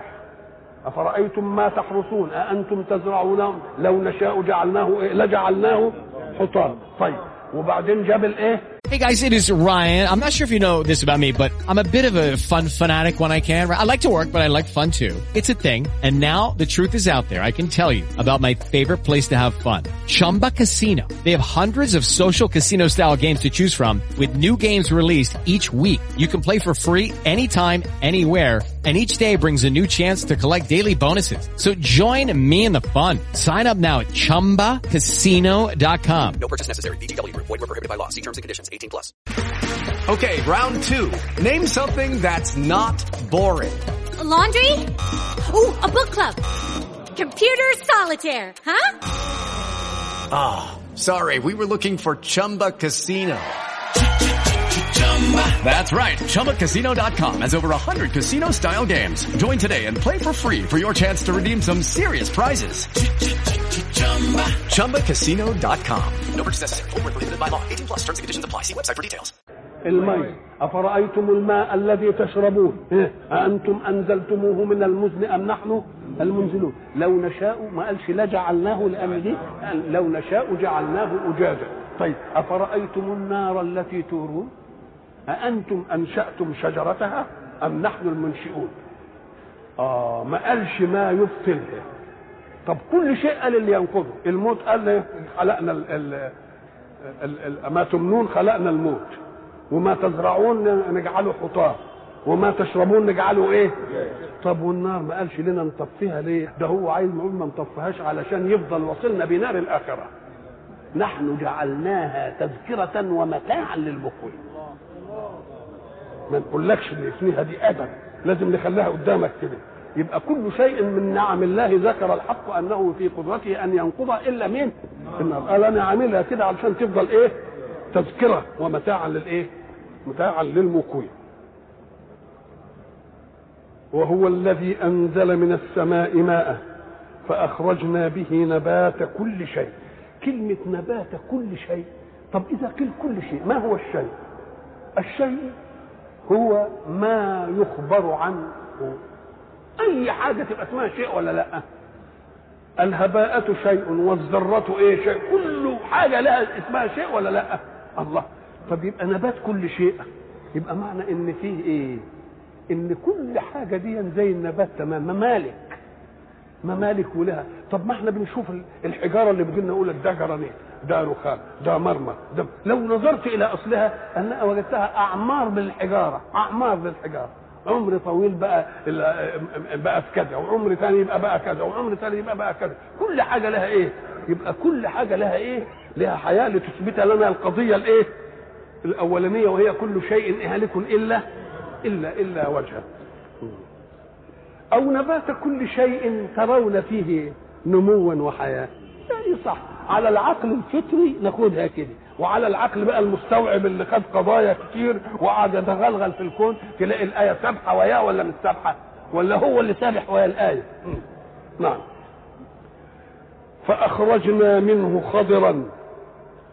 خضرا نخرج منه حبا متراكبا. خضرا؟ آه في كلمة خضر آه إذا قلت كلمة خضر يعني اللون المعروف ده اللي هو بنقول عليه اللون الإيه؟ الأخضر. بس خضر فيها وصف زائد شوية عن أخضر لأن أخضر يدي لون بس واللون متعلقه الإيه؟ العين لكن خضر يدي اللون ويدي الغضاضة غض طري طري وده بقى صنعة الجس تمسكه كده تلاقيه إيه؟ تلاقيه إيه؟ غض ويدي النعومة كمان اللي هي بالإيه؟ اللمس يبقى خضر فيها إيه؟ فيها أشياء كثيرة للدلون ده متعلق الايه العين طيب ويدي رضاضه اللي فيها الرطوبة دي الجس كده. طيب وإيه كمان؟ ويدي الإيه؟ النوم. شأن منه إيه؟ خضرا. ال ال ال اللون الأخضر ده يبقى يبقى داكن أو خضرته يعني فاقعة حتى أنها تضرب إلى الإيه؟ إلى السواد. ولذلك إحنا مثلا لما نسمع كده في الكلام في الفتح يقول لك إيه وبعدين سواد العراق. سواد العراق يعني إيه سواد العراق؟ الأرض الخصبة التي في العراق. وبيسموها سواد العراق ليه؟ لأنها بتبقى خضرة والخضرة شديدة وإذا كانت الخضرة شديدة تبقى إيه؟ تبقى مايلة إلى السواد؟ ولذلك يقول الحق سبحانه وتعالى ومن دونهما إيه؟ جنتان. مدهامتان. مدهمة يعني إيه زي دهمة الليل. كأنها من شدة خضرتها صارت فيها دهمة الإيه؟ فيها دهمة الليل. نخرج خضرا. نخرج منه حبا متراكبا. نخرج منه حبا متراكبا. إحنا قلنا الحب هو اللي ملوش إيه؟ ملوش نواة. اللي بيتاكل كده زي حبة البر زي حبة القمح زي حبة العدس زي حبة اللوبيا يعني الحب متراكبا. في حاجة تطلع الحبة كل واحدة بحبتها بحبتها بحبتها. وفي حاجة تيجي إيه؟ السنبلة. لما تشوف بقى رصة السنبلة تقوم تلتفت تلاقيها مرصوصة رصة وكل سنبلة لها الشوكة اللي فيها اللي فيها دي اللي بت... اللي بتشوفها دي. أدي حب إيه؟ متراكب يعني بعضه يركب إيه؟ يركب بعض. حبا إيه؟ متراكبا ومن النخل من طلعها قنوان دانية. النخل دي عند العرب كانت هي يعني اللي, اللي بتدي لهم يعني الغذاء الغذاء الدائم لهم. فربنا سبحانه وتعالى دائما يجيب النخل ده. ومن النخل من طلعها قنوان دانية. الطلع هو أول شيء يبدو من ثمر النخل. اللي إحنا أول ما نشوفه نقول الكوز. الكوز الأخضر ده. بيوجد في الذكر اللي هو الفحم ويوجد في الايه؟ في الأنثى. اللي في الذكر يبقى فيه ماء الايه؟ الطلع اللي بنلقح به الايه؟ اللي بنلقح به الأنثى. أول ما يبدو من ثمر النخل بيسمى الطلع وبعدين الطلع ده حين ينشق يجي فيه القدر أو العذق أو العرجون. اللي فيه الشماريخ اللي بيبقى فيها الايه؟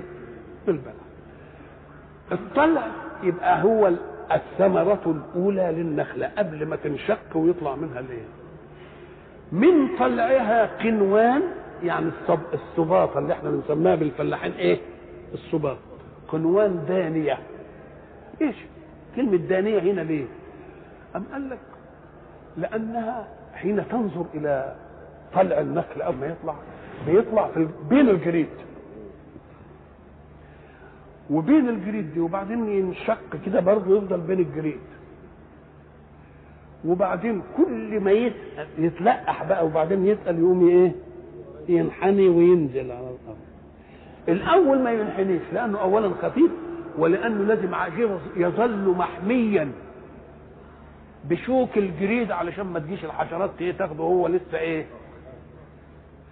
يقوم لما كل ما يسال وكل ما يصبر يعمل إيه؟ يبقى ده ولذلك حتى إن كانت في واحدة شاذة الشذوذ فيها يعني مشعلقه قوي في البتاع واللي يجي يجني يتعب لما يدخل إيده علشان الشوك يحصله ربنا بيسيب فلتات كده علشان نعرف نعمة إنه جعلها بتتدلع لأنها لو كانت كلها كده يمكن خلاص ما ناخدش بالنا. انما أقول لك طب أنا هخلي واحدة كده اشوفها اشوفك تتعب على ما إيه؟ على ما تجيبها وتتجرح ولا لا. عشان لما تعرف كده تعرف إنه دنالك الباقي دي نعمة من إيه؟ يبقى من الله. عنوان إيه؟ دانية ومرة يطلق الطلع على الأكمام. الكم اللي هو في قلبه الحاجة وهتطلع. ومرة يطلق يطلق على نفسه. والنخلة باسقات لها طلع نضيد. طلع نضيد لما تشوف البلح كده وهو نازل من الشماريخ كل شمروخ فيه كم بلحة. وبعدين الشمروخ ده متصل بالإيه؟ بالاذن انت بقى لو نظرت إلى العظمة اللي موجودة في هندستها تقوم تجد شيء عجيب. إحنا نعرف حاجة اسمها المجاري ونعرف حاجة اسمها الإيه؟ شبكة المية وشبكه المجاري. مش دي في حياتنا؟ المية بتدينا والمجال تاخد مني. تقوم تنظر تلاقي الشبكة دي معمولة بهندسة. الهندسة دي إن غفل عنها تتعب. إزاي؟ هو مثلا عايز يدخل حارة يدخل لها مية يقوم يجيب ماسورة قطرها مثلا كذا بوصة وبعدين الحارة ده أو الشارع فيه عطفات. يقوم ساعة ما ياخد للعطفة من دولي يجيب ماسورة تانية أقل من الإيه؟ من الأولانية. ما تقولش أقل كده دي محسوبة. وبعدين لما يدخل الماسورة الأقل دي في الحارة يجي للبيوت البيت ده فيه مثلا كذا مثلا شقة يقوم يديله مثلا بوصة وده يديله نص إيه؟ نص بوصة دي محسوبة محسوبة إزاي؟ أما لك الأم الأصيل اضرب القطر بتاع الماسورة في مر... خد مربعة يطلع ما تصبه يعني مثلا افرض إن بوصتها 8 تبقى 8 في 8 بكام؟ ب 64 لما أنت تيجي هتاخد منها بوصه أربعة. يبقى أربعة في أربعة بكام؟ ب 16 16 من كام؟ الله تبقى مش هي مش أربعة يعني نصها مش بتاخد نصها. لا ده أنت بتاخد مربع على أربعة أربعة في أربعة ب 16 16 لما تحسبها بالنسبة لمين؟ 64 الله يبقى إذا دي تطلع كام؟ خليها بصفة مبسطة كده. أربعة في البوصة أربعة أربعة في أربعة بكام؟ ب 16 هناخد نصها. تبقى 2 بوصة 2 في 2 بكام؟ بأربعة. أربعة من 16 تبقى خدت ربعها. هي نص القطر. مش كده؟ إنما ادت ربع الإيه؟ وبعدين خد من الاثنين بوصة دي واحد بوصة. اتنين في اتنين أربعة. هتدي الصب بتاعه. واحد في واحد بكام؟ بواحد. يبقى هتدي الأربعة. تدي الايه الاربع الله كلها تمشي بالربع كده. يبقى بقى تعالى بقى كده العزق آه واخد من النخلة. النخلة اللي هي كده طالع منها الايه الصباطه كده اهي دي القطر الكبير. لو شفت الشماريخ بقى وحسبت الشمروخ وحسبت قطر الشمروخ وأقطار الشماريخ كله تجدها على قد إيه؟ على قد بتاعت الكبير وبعدين كل بلحة واخدة شعرة من الشعرات دي. لو شفت برضه قطر إن كان عندك مقاييس بقى وتشوف قطر الشعرة اللي مودية للبلحة وتجمع البلح اللي موجود في في البلح دي تقوم تلاقيها قطرها هو حاجة محسوبة. حاجة إيه؟ محسوبة. لو بقى ما انحسبتش عندنا دلوقتي. ت- تنفع شبكات المية ولا شبكات لازم تبقى حاجة إيه؟ محسوب لو انت شفت الورقة تقوم تبص تلاقي الورقة لها عين. العين ده هو في مين؟ في الفرع. أهو العين ده بيمثل القطر اللي بياخد السائل يدي للورقة. لو كنت عندك مقاييس بقى وتعرف بيصب قد إيه القطر ده وتضربه ببعضه. وبعدين تلاقيها مشيت شوية كده وتفرعت إلى إيه؟ في الورقة إلى فروع. الع- العروق دي طلعت في في الورقة. وكل عرق عمال بياخد من مين؟ من دي. لو كنت بقى عندك مقاييس وتحسب إيه؟ تجد اللي عروق اللي في الورقة. تساوي الحتة اللي هي في ال- ال- اللي في اللي في اللي في الغصن وبعدين تمسك الأوراق كلها اللي في ال- ال- الجذر تحسبها. وبعدين تحسب الجذر ده تلاقي الماسورة ده هي بتاعت الجذر عمالة بتدي كده. إن عملت أي حاجة وطلعت نبتة تانية في الورق وعايزة ورقة تروح تلاقي ورقة منهم دبلت في الأول ووقعت. هندسة كونية عجيبة ومعمولة بقى كده بقوله كن. بقوله إيه؟ الذي خلق فسوى والذي قدر فهدى. نعم. وهو الذي أنزل من السماء ماء. هو كلمة أنزل من السماء ماء إحنا من يعني ما كناش نعرف ما وراء إنزال الماء من السماء. إحنا نعرف إن السماء كل ما علاك فإيه؟ فأظلك. والماء بيجي من السحاب وهو ده اللي علاني ونشوف السماء بتمطر ولذلك تعبير الفطر إيه؟ يقول لك إيه؟ السماء مزيمة والسماء بت إيه؟ بتمطر وإلى آخره. تضحك الأرض من بكاء السماء طيب. لكن وراء هذه العملية الإنزال عملية إيه؟ عملية ثانية تحدث في الكون دون شعور منا وعلشان تعرفها لما العلم تقدم وحبينا نقطر شوية مية وجبنا وسائل التقطير موقد وحطينا عليه قارورة مثلا وفيها مية وقعدت تغلي والغليان طلع بخار والبخار مشي في أنابيب والأنابيب مرت في أوساط إيه؟ باردة فنزلت إيه؟ تتكثف تطلع ماء مقطر ماء مقطر. هي عملية المطر. بس شوف عشان نعمل كوبة ماء مقطر في الصيدلية بتكلفنا قد إيه. وشوف بقى السماء لما تنزل بماء منهمر ولا ندرة عملت إزاي الحكاية دي. ولذلك يقول أأنتم أنزلتموه من المزن أم نحن المنزلون؟ إحنا اللي بننزله وعملية ما تعرفوش إزاي بت إيه؟ عملية إزاي بتحصل وبتحصل من ورانا وقبل ما نتنبه لها وقبل ما إيه؟ ما نلتفت لها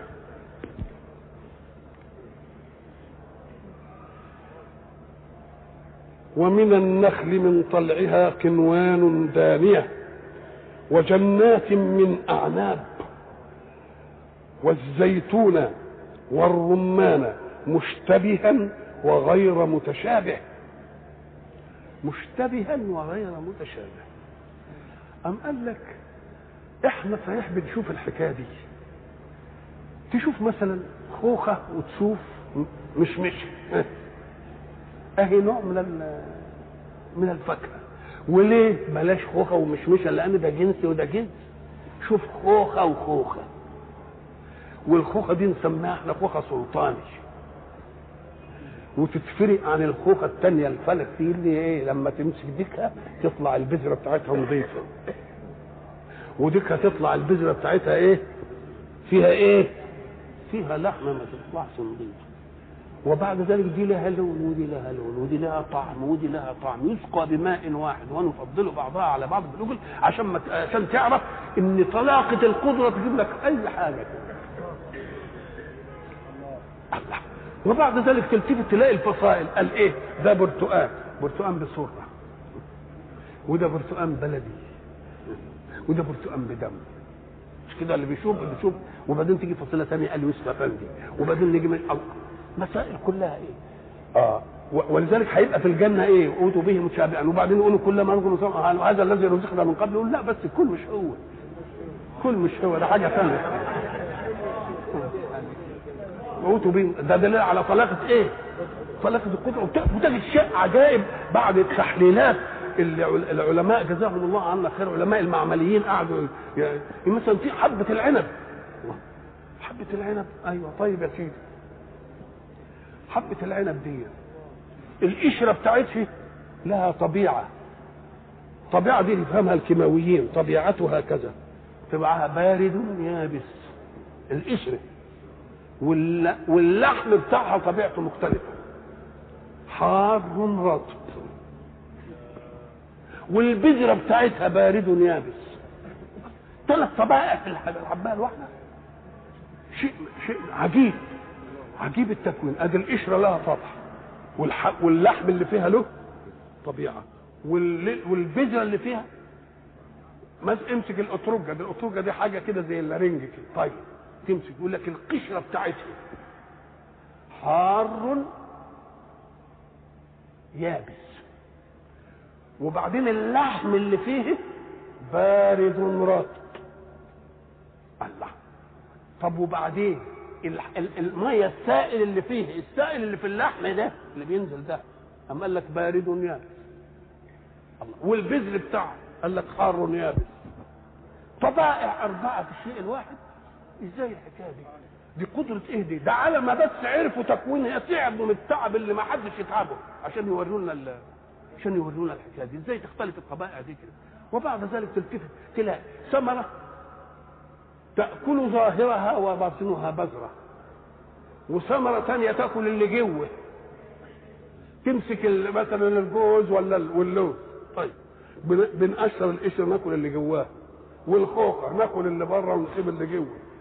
علشان ما تعرف إنها المسألة مش مش مش اوتوماتيكي ده زي ما أنا عايز يعملها. زي ما هو إيه؟ الله مسألة عجيبة دي. وتجد الشيء يبقى اللون الطعم الرائحة المش عارف إيه كل دي دليل على خلاقة الايه؟ لأنها لو كانت تقول لك ما تغليش ولذلك أدي السبب في أن الحق سبحانه وتعالى حينما يتكلم عن ثمار الجنة يأتي بثمار مثلها في الدنيا ليه؟ أم قال لك لأنه لو جاب ثمار مثلها مش في الدنيا ثمار تانية كنت تقول هي دي طبيعة الثمار دي برضه لو وجدت في الدنيا هتبقى كده يقول لك لا أهي أهو مش هو يبقى إذا دي علشان يبين لنا إيه؟ شيء يبين لنا طلاقة الإيه؟ طلاقة القدرة أدي متشابه وغير إيه؟ انظروا إلى ثمره إذا أثمر وينعي. الحق سبحانه وتعالى مش بيديني بس عشان يملى بطني. ده بيغذي كل الملكات في النفس الإنسانية. حتى ملكات الترف وملكات الجمال وملكات الحسن.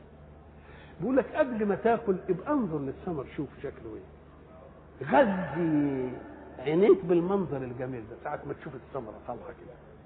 وتتبعها حتى تنضج لما تتتبعها حتى تنضج تجد مراحل مراحل عجيبة المراحل العجيبة دي تدل على أن الصانع قيوم مش ساب الحكاية كده وبتاع لأن ما دام كل يوم يبقى لها شكل يبقى لها حجم كل يوم ها ويبقى لها شكل كل يوم وإن كلتها النهارده غير ما تاكلها بكرة دي تبقى غدا ودي تبقى مش عارف إيه ودي تبقى إيه الله ما دام كل لحظة من اللحظات إيه؟ فيها شكل وفيها لون وفيها طعم وفيها رائحه جديده يبقى دليل على ان اللي خلقها قيوم عليها ما بيسيبهاش والى لقائنا اخر ان شاء الله With lucky landslots, you can get lucky just about anywhere. Dearly beloved, we are gathered here today to. Has anyone seen the bride and groom? Sorry, Sorry, we're here. We were getting lucky in the limo and we lost track of time. No, Lucky Land Casino, with cash prizes that add up quicker than a guest registry. in that case, I pronounce you lucky. Play for free at LuckyLandSlots.com. Daily bonuses are waiting. No purchase necessary. Void where prohibited by law. 18 plus. Terms and conditions apply. See website for details. It is Ryan here, and I have a question for you. What do you do when you win? Like, are you a fist pumper?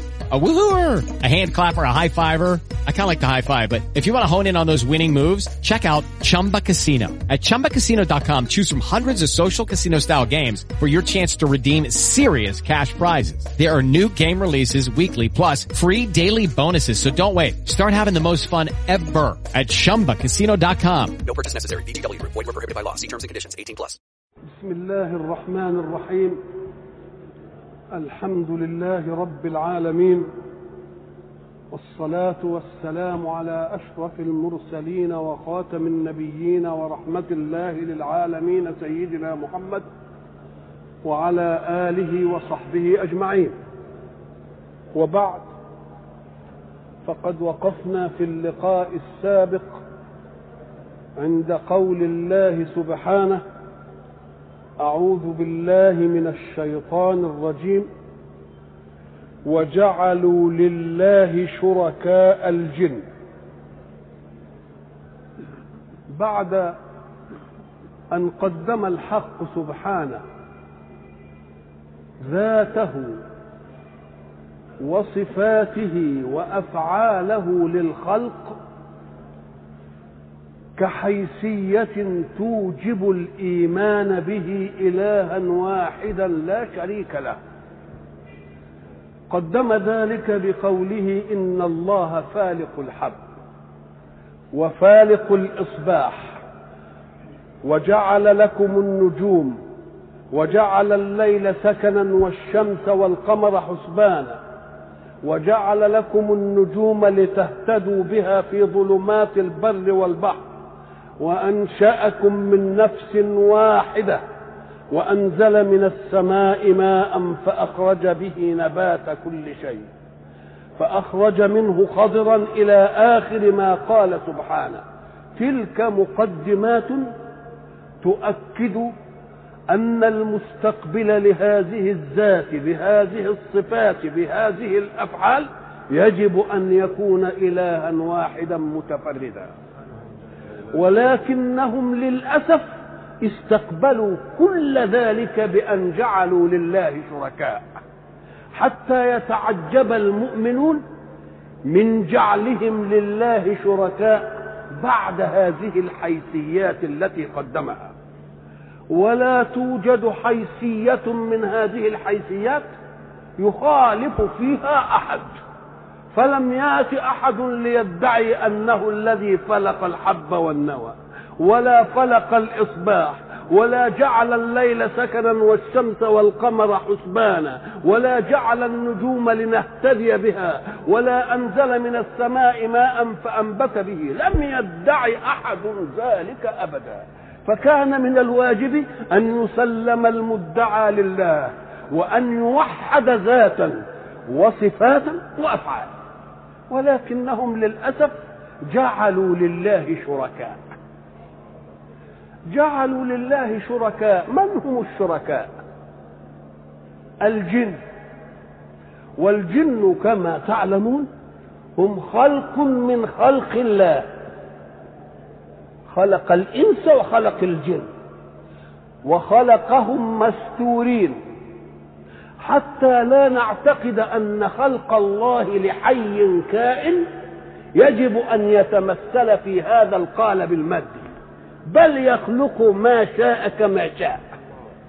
فيخلق أشياء مستورة لا ترى ولها حياة ولها تناسل ويخلق أشياء مستورة ولا تناسل لها. كل ذلك بطلاقة قدرة الحق سبحانه. وليقرب الحق لنا هذه القضية لأن عقولنا قد تقف في بعض الأشياء التي لا تدرك ولا ترى. لأننا لا نعلم حسا وجودا للشيء إلا إذا احسسناه فيقول لا ليس حسه هو الوسيلة الوحيدة للإدراك. لأن حسك له قوانين تضبطه. فأنت ترى ولكنك ترى بقانون بحيث إذا بعد المرئي عنك امتدادا فوق امتداد بصرك فلا تراه وكذلك أذنك تسمع فإن بعد الصوت عنك أو مصدر الصوت عنك بحيث لا تصل الذبذبة إليك يبقى ما تسمعش. كذلك عقولك تفهم أشياء ولا تفهم أشياء ثم ضرب لنا في وجودنا المادي أمثالا. تقرب لنا ذلك الخلق الخفي من الجن ومن الملائكة. كيف؟ الآن العقل البشري هداه الله الذي قدر فهدى إلى أن يكتشف شيئا اسمه الميكروب.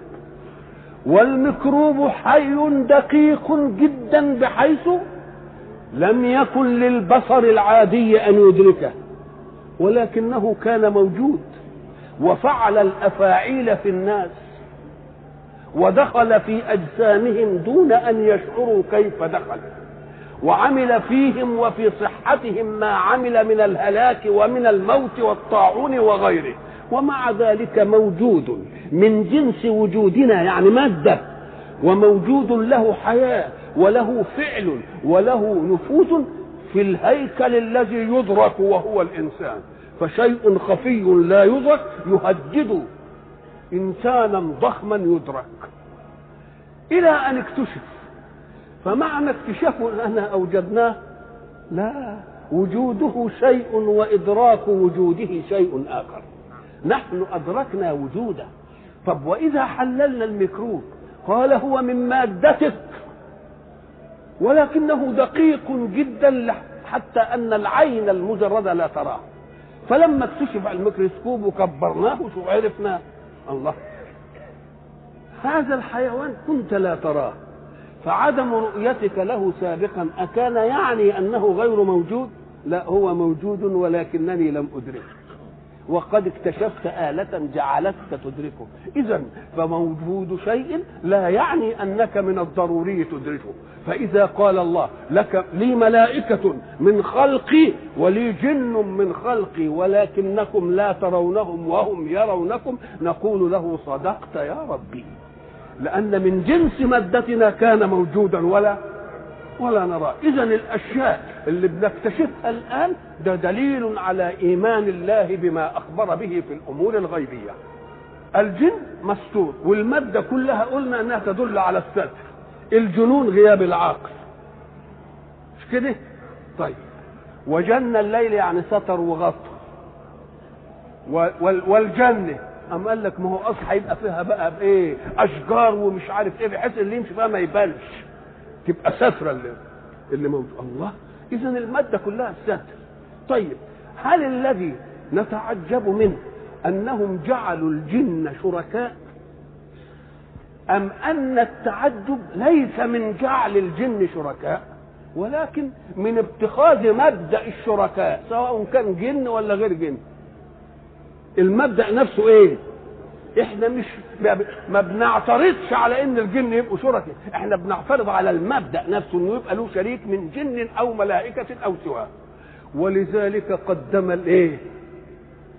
قدم المجعول عن المجعول منه. مع أن من العادة أن نقدم المجعول منه على المجعول. فتقول جعلت الطين ابريقا. الطين اللي موجود قدامك ده عملت منه إيه؟ يبقى الطين كان موجود ولا لا؟ وخدت منه اللي كانش موجود اللي هو مين؟ إبريق. طيب هل الشركاء كانوا موجودين والجن طرأ عليهم ولا الجن موجودين وطرأت الشركاء عليهم؟ يبقى كان يقول إيه؟ وجعلوا الجن لله شركاء. وجعلوا الجن لله إيه؟ شركاء قال لك إيه وانما أصل العجيبة مش في إن الجن يبقوا شركاء العجيبة في المبدا نفسه وإنهم كيف ترد فكرة الشركاء على اذهانهم إنما مش الجن ولا غيره. اذا المهم إيه؟ المهم نفي الشركاء. نفي الإيه؟ المجعول. أما المجعول منه ده إيه موجود جن. إنما شركاء لا. يبقى الأهم قدمه. وجعلوا لله شركاء. ساعة ما تسمع تقول أعوذ بالله جعلوا لله شركاء. ما يهمكش مين هم الشركاء دول. لأن مطلق مجيء شريك لله هو ده العجيب سواء كان الجن ولا مين أو الملائكة. وجعلوا لله شركاء الإيه؟ الجن. طب كيف جعلوا الجن شركاء؟ إيه يعني؟ أم قال لك ألم يقل الحق في كتابه إن إبراهيم قال يا أبت لا تعبد الشيطان إن الشيطان كان للرحمن عصيا؟ نعم. اذا ما هي العبادة؟ العبادة أن يطيع العابد المعبود فيما يأمره به. تلك هي العبادة. وما دام بيطوعوا الشياطين في وسوستهم يبقى اكنهم إيه؟ عبدوهم. ولذلك يقول الحق سبحانه أعوذ بالله من الشيطان يوم يحشرهم جميعا. ثم يقول للملائكة أهؤلاء إياكم كانوا يعبدون؟ قالوا إيه؟ سبحانك ما يمكنش. أنت إيه؟ ولينا من دونهم بل كانوا يعبدون الجن. يبقى بيعبدوا الجن يعني إيه؟ يطيعونهم فيما يأمرونهم به وينهونهم عنه. يبقى العبادة هي الإيه بقى؟ هي الطاعة. لأن معبود وعابد يبقى لازم أنت يا عابد تطيع الإيه؟ المعبود. ما تقترحش انت العبادة. شوفوا قال لك تقرب إلي بإيه؟ افعله. وتقرب إلي بإيه؟ ما تفعلوش ما تفعلوش. يبقى افعل ولا تفعل هي الإيه؟ هي الحجه نعم. بل كانوا يعبدون الجن. وجعلوا لله شركاء الجن. طب وليه كده؟ اشمعنى يعني جابوا شركاء؟ طب ما كانوا يعبدوهم وتنتهي وبلاش ربنا وياهم ما هي شركاء دليل على إن فيه إيه؟ يعني فيها الله وفيه إيه؟ وفيه شركاء. طب إيه الحكاية دي؟ طب ما كانوا يعبدوهم وخلاص وتنتهي المسألة وبلاش الله دي في في الوسط زي الملاحده مثلا. يقول لك لا ما يجشوش نفسهم. ليه؟ أم قال لك لأنهم اتخذوا الشركاء وبيطيعوهم؟ لأن الشركاء دي ملهاش منهج. تقول لهم افعلوا كذا ولا تفعلوا كذا. ده هم يفعلوا اللي على كيفهم. هم يفعلوا اللي إيه؟ والله ده يبقى يبقوا آلهة كويسين دول اللي يخلوا العابد يعمل إيه؟ يعمل اللي على كيفه. لكن ظروف الحياة وأقضية الكون الغالبة تأتي لهم بأحداث فوق أسبابهم فلا يخدعون أنفسهم ويغشوه ويقولوا للآلهة ارفعي عنا الأحداث لأنهم عارفين إنهم كذابين فيه. يقوموا عايزين لهم إله حق عشان لما تيجي لهم أحداث يعملوا إيه؟ يفزعون إليه. يفزعون إليه. يبقى اذا كونهم جعلين لله شركاء أهي. ليه جايبين الشركاء؟ وليه ما ألحدوش وخلاص وتنتهي المسألة؟ نقول لا لأن لأن الشركاء ما لهمش مطلوبات. وما دام ما لهمش مطلوبات يبقى العابد على كيفه. طب يبقى عابد إزاي وبيعبد إيه؟ ما يبقاش معانا لأن لا فيش لا أوامر. طب الشمس قالت لهم إيه؟ ها. قالت لهم افعلوا إيه ولا ما تفعلوش إيه؟ طيب اللي يفعل زي ما هي عايزة تعمل له إيه ولا ما فيش حاجة ما فيش منهج. ويبقى إله كده بلا منهج ده إله فانتازية. دي حاجة كويسة قوي لكن الأحداث التي دي لكن إذا مسهم الضر من يجأرون لمن؟ للآلهة التي يعتقدون كذبها وبهتانها وأنها لا تنفع ولا تضر. لا نخلي ربنا ده عشان الحاجات اللي ما نقدرش عليها. إيه ولا ما يعملوهاش نبقى إيه؟ نفزع إليه. ولذلك إذا مس الإنسان الضر دعانا لجنبه أو قاعدا أو فلما كشفنا عنه ضره يبقى عايزنا لمصلحته بس. لما يجي له ضر ولا أي حاجة يبقى يجي له. طب ما بيجيش له دكه ليه؟ ما هو عارف الحكاية. وجعلوا لله شركاء الجن. ومن العجيب أن الذين جعلوهم شركاء لله الله خلق العابد والمعبود. خلقه. يعني يبقوا التعجب من إيه؟ من أمرين. أن يجعلوا شركاء لمين؟ لله. ويجعلوا شركاء لله الجن ولا الملائكة زي بعض قد بعضهم. طيب. و و و و والعجيبة الثانية أنه إيه؟ خلقهم وخرقوا له بنين وبنات بغير علم. يبقى خلقهم وبعدين يخرقوا له خرقوا له يعني إيه؟ يعني اختلقوا خرقوا يعني اخترقوا. طب وش معنى خرقوا؟ إيه ليه كده؟ قال لك لأن الخرق إيجاد فجوة في الشيء المستوي على قانون السلامة.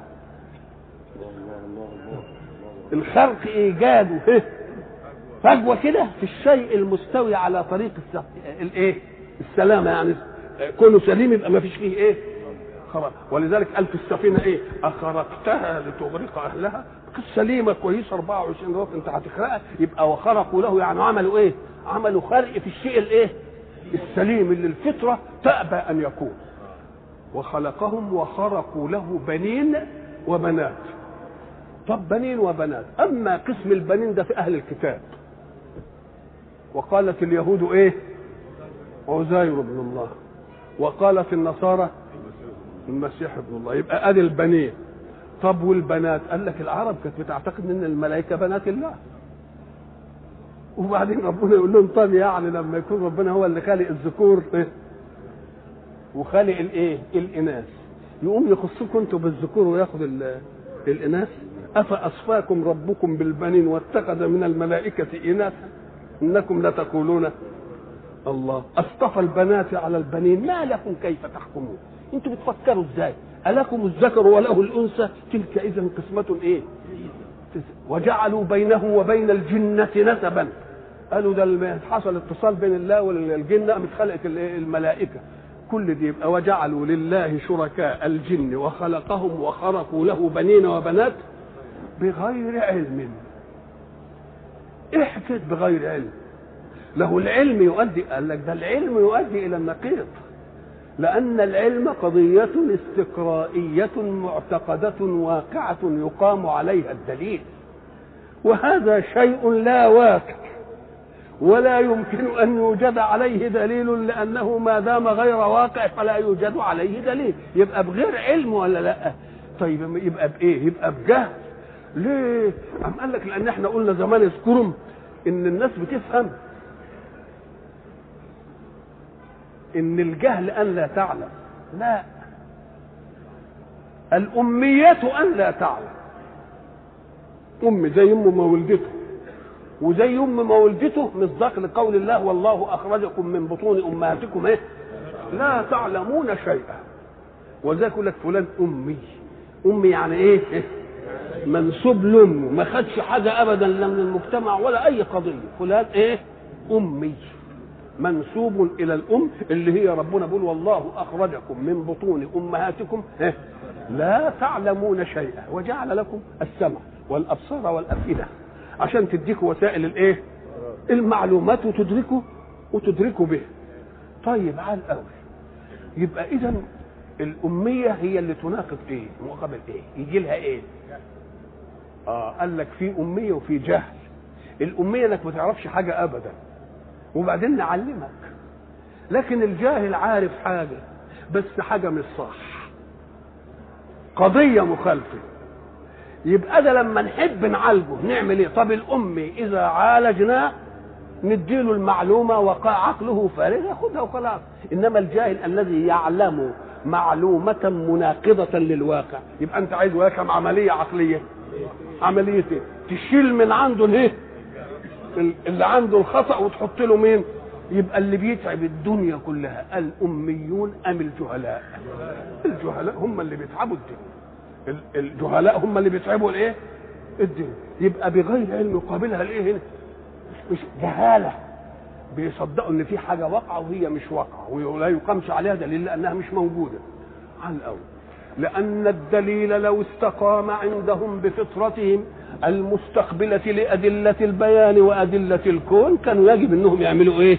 إنه ما يتخذوش إيه؟ شركاء لله. مم. سبحانه.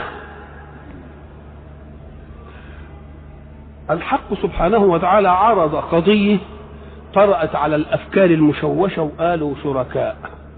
أم قال سبحانه أي تنزيها له عن ذلك. تنزيها له عن الشرك. لا في الذات ولا في الصفات ولا في الأفعال. يبقى ذاته لا ككل الذوات وأفعاله لا ككل الأفعال وصفاته لا ككل ولذلك تأتي سبحانه في كل أمر يناقض نواميس الكون. كل أمر يناقض النواميس الكونية اللي موجود يقول لك اوعى تاخدها بقانونك. إنما خدها بقانون وإطار سبحانه. ولذلك لما جه يقول أن أن رسول الله صلى الله عليه وسلم أسري به من مكة إلى بيت المقدس وعرج به في ليلة عملية عجيبة ولا مش عجيبة؟ أم قال اوعى تستقبلها بقانونك وبعجبك ده؟ سبحان الذي اسرى نزه. اوعى تقول إنه. ليه؟ أم قال لك لأن محمد عليه الصلاة والسلام ما قالش أنا سريت من مكة إلى بيت المقدس. إنما أسري بي. أسري؟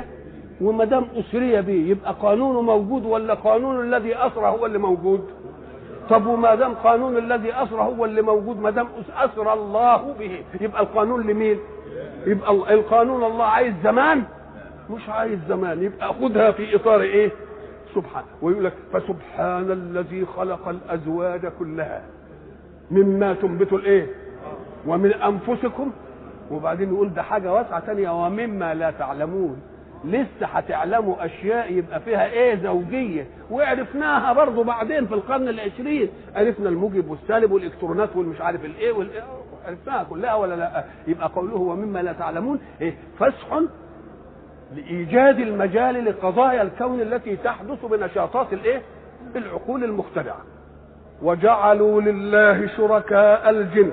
Hello, it is Ryan, and I was on a flight the other day playing one of my favorite social spin slot games on ChumbaCasino.com. I looked over the person sitting next to me, and you know what they were doing? They were also playing Chumba Casino. Coincidence? I think not. Everybody's loving having fun with it. Chumba Casino is home to hundreds of casino-style games that you can play for free anytime, anywhere, even at 30,000 feet. So sign up now at ChumbaCasino.com to claim your free welcome bonus. That's ChumbaCasino.com and live the Chumba life. No purchase necessary. VGW. Void were prohibited by law. See terms and conditions. 18 18 plus. Lucky Land Casino asking people what's the weirdest place you've gotten lucky? Lucky? In line at the deli, I guess? Aha, in my dentist's office. More than once, actually. Do I have to say? Yes, you do. In the car before my kids' PTA meeting. Really? Yes. Excuse me, what's the weirdest place you've gotten lucky? I never win and tell. Well, there you have it. You can get lucky anywhere playing at LuckyLandSlots.com. Play for free right now. Are you feeling lucky? No purchase necessary. Void where prohibited by law. 18 plus. Terms and conditions apply. See website for details.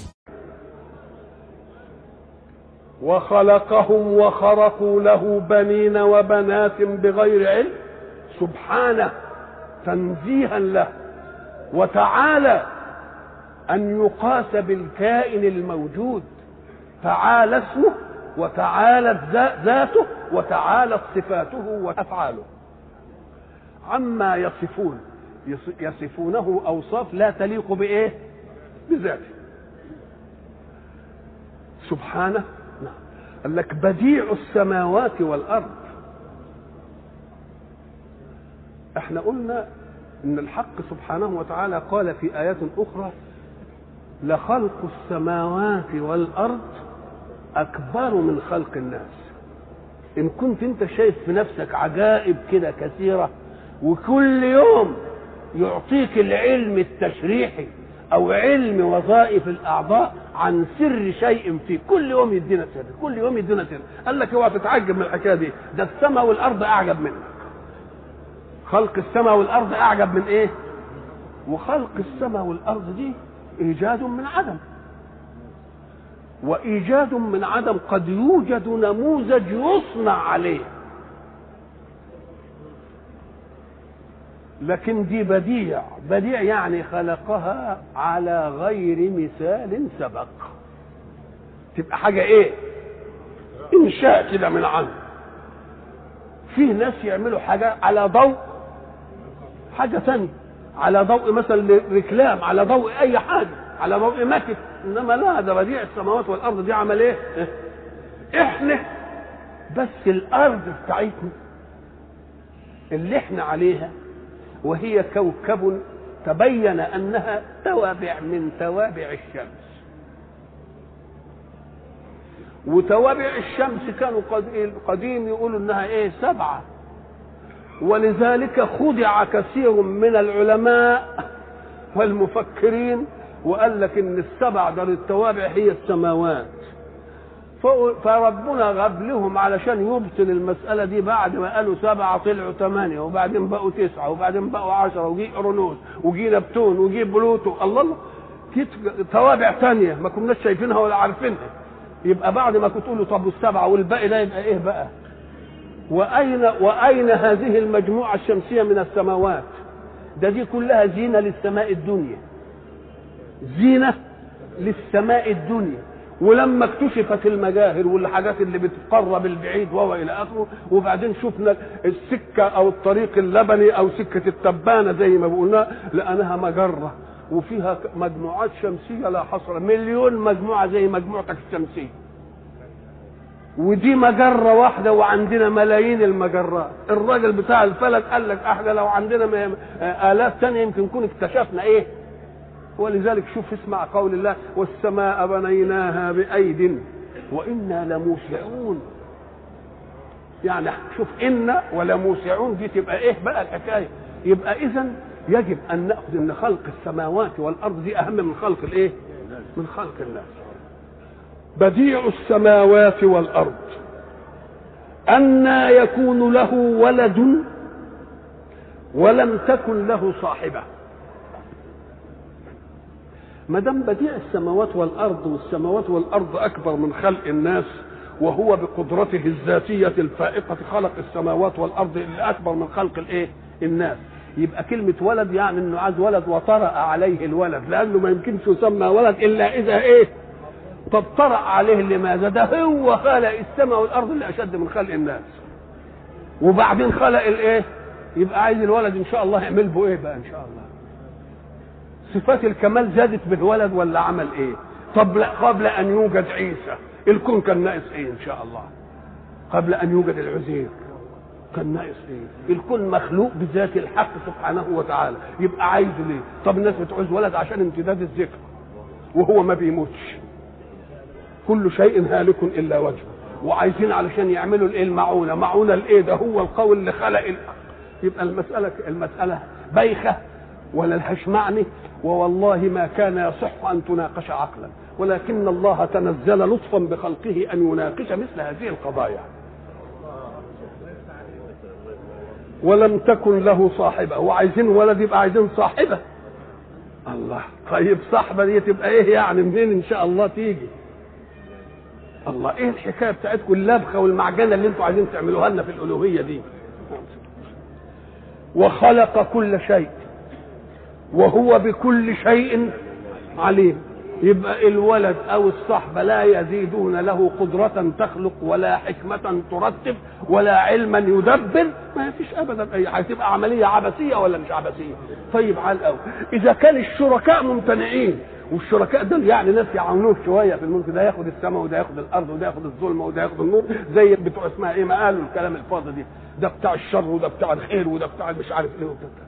طب إذا كان هو ما فيش عنده شركاء حتى يعاونوه. يبقى يعني عايز الولد ولد والولد والصحب يعمل بهم إيه إن شاء الله. أعوذ بالله. وهو بكل شيء عليم. ذلكم الله اللي كل هذه الأوصاف واللي ادعي إن له شركاء ذلكم الله ربكم. شوف التقديم بكلمة رب قبل لا إله إلا هو. لأن كلمة رب دي حيثية لا إله إلا هو. إله ليه؟ لأن إله يعني معبود معبود يعني إيه؟ يعني مطاع مطاع يعني إيه؟ يعني له أوامر وإيه؟ ونواهي طب هو إله كده ليه بقى عشان يبقى أمارة إيه؟ بأمارة إنه رب رب قال لك ما دام كنتم أملين إيه؟ وهو اللي خالق وهو الرب المتولي الإيجاد والتربية و إلى آخره كان من المعقول يعمل إيه بقى؟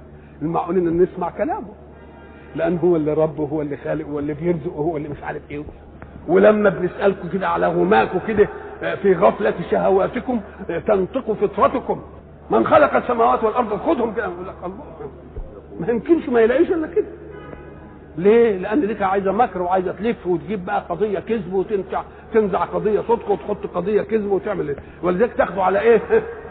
على زي ما يقولوا خدوا على مشامه كده. من خلق السماوات والأرض؟ قولوا الله على طول كده والفطرة مش عايزة تحضير. الله لكن ديك عايزة إيه؟ عايزة يمكر ويطلع ولذلك المكر عايز إيه؟ عايز فكرين اتنين. عايز فكرين اتنين. الآلات اللي عملوها عشان يكشفوا الكذب. ما هو عشان يشوفوا العملية العقديه دي بتجهد الكذب بيجهد قد إيه صاحب الحق لا يجهد لأن صاحب الحق إيه؟ يستقرئ واقعا ينطق به. لكن اللي بيكذب ده أي واقع يأتي به؟ والله محتار يجيب الواقع ده ولا الواقع ده ولا ويمكن تسأله النهارده إيه يجيب واقع ثاني لانها كذب الحكاية كلها. مش كده ولا لأ. ذلكم الله ربكم. لا إله إلا هو. خالق كل شيء. وما دام خالق كل شيء يبقى هو أولى بالعبادة. لأن العبادة معناها الطاعه الأمر وطاعة النهي. ما دام هو اللي خلق يبقى هو اللي يضع كما قلنا سابقا قانون الصيانة. إحنا قلنا إن صانع الصنعة هو الذي يضع إيه؟ قانون صيانتها. اللي عمل التلفزيون وضع قانون صيانته. قال دي موجة كذا ودي موجة كذا. ولما تحب الضوء يعمل كذا والصوت ضعيف يعمل كذا ودي كذا. وعايز تحافظ عليه اعمل. طيب عايز عايز الأداة تؤدي مهمتها كما ينبغي. تتبع مين؟ تتبع كتالوج الصيانة بتاعته إن خالفت كتالوج الصيانة تفسد الآلة. إذا فسدت الآلة توديها لمين؟ للي صنعها. مش كده ولا لا؟ طب ما دام هو اللي خالق مش هو اللي يضع الصيانة؟ وما دام هو اللي يضع الصيانة نبقى نطيعه ولا ما نطيعوش؟ يبقى هو أولى بالإيه؟ بالعبادة. ذلكم الله ربكم. لا إله إلا هو. وقلنا زمان إن لا إله إلا هو من الله شهادة شهد بها لذاته. قبل أن يخلق أي حاجة. قبل ما يخلق الملائكة. وشهدت به ملا شهدت بها ملائكته. وشهد بها أولو العلم. شهد الله أنه لا إله إلا هو. والملائكة وأولو العلم. يبقى ربنا شهد بألوهيته من الأول ولذلك من أسمائه المؤمن. طب نحن مؤمنون أي بالله؟ طب ربنا المؤمن مؤمن بإيه بقى إن شاء الله؟ بأنه إله واحد. ليه؟ وب... وبهذا الإيمان منه بأنه إله واحد؟ يخاطب كل شيء يريده وهو يعلم أنه لا يقدر أن يخالف يقول له كن أنت لأنه إله واحد. فبيقولها قول الواثق ولا لأ؟ يباشر ملكه مباشرة الإيه؟ الواثق بأن الغير خاضع لأمره ولا يمكن أن يتخلف عن إيه؟ عن مراداته. أو نقول مؤمن هو إح مؤمن بحاجة. مؤمن إحنا مؤمنين بالله. إنما هو مؤمن يعني إيه؟ مؤمن لما خلق. آمنهم من إيه؟ من خوف. أطعمهم من جوع وآمنهم من خوف. يبقى مؤمن يعني آمن ما خلق. قال أنا انت خلقي فأنا هعيشك. إن خدت منهجي في أمان. مفهوم؟ يبقى إحنا مؤمنون به وهو مؤمن لنا. مؤمن لمين؟ مؤمن لنا. ذلكم الله ربكم. لا إله إلا هو. خالق كل شيء. يبقى المنطق والأمر المنسجم مع المقدمة إنه هو لا إله ولا إله إلا هو وخالق كل شيء. يبقى لازم تعبدوه. تعبدوه يعني إيه؟ تطيعوه فيما أمر وفيما إيه؟ نهى. وهو على كل شيء وكيل. شوف بقى دقة الأداء البياني في القرآن. إحنا في أعرفنا نقول فلان وكيل لفلان. وكيل لمين؟ لفلان. يعني إيه وكيل لفلان؟ يعني بيقوم لصالحه بالإيه؟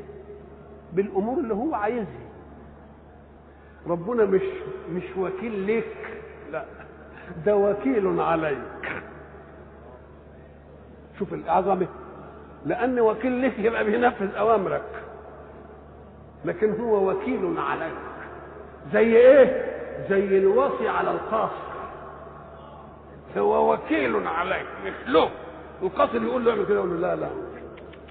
ولذلك إحنا ندعي يجيب دي ولا يجيبش دي. لأنه لو أجبنا كلنا يبقى وكيل لنا ولا إيه؟ يعني اللي عايزينه يعمله. ده وكيل علينا. علشان طلب الأحمق نقول له لا حن ما ينفعش دي. أنت ويدعو الإنسان بالشر دعاءه بالخير. وكان الإنسان عدوا انت طالب على إنها خير إنما هي مش إيه؟ هي مش خير لو كان وكيل له يعملها ولا لا؟ لكن هو وكيل إيه؟ علي. على رغباتنا الطائشة. وبعدين يقول لك أنا دعيت ولا استجبت ليا لا ما هو الاستجابة دي أنت كنت فاهم إنها تؤدي لك مطلوبك. يبقى تؤدي ليه مطلوبك؟ يبقى ربنا وكيل لك إنما هو وكيل على إيه؟ وكيل عليه يعني يعجل تصرفاته. ساعة ما تطلب حاجة إن كانت فيها خير اديها لك، إن كانت أنت فاهم إنها خير وهي هتجيب شر يقول لك لا كوني وكيل عليك بقى أأجل شوية لا بلاش. وهو على كل شيء وكيل. وعلى كل شيء أي سواء كان مختارا أو غير مختار. كل شيء مختار أو غير طيب المختار قد يختار شرا يبقى لأن الله وكيل عليه يقول له لا بلاش ده طب واللي مش مكلف ولا اختيار له مقهور. برضه وكيل عليه. ليه؟ يقول له تخلف انت. يا نار! انت بتحرقي؟ آه لا أنا وكيل عليك. النهارده ما تحرقيش. مش عايزك تحرقي النهارده. خلي إبراهيم يسلم. الله الله الله الله. يبقى على كل شيء ولا لا؟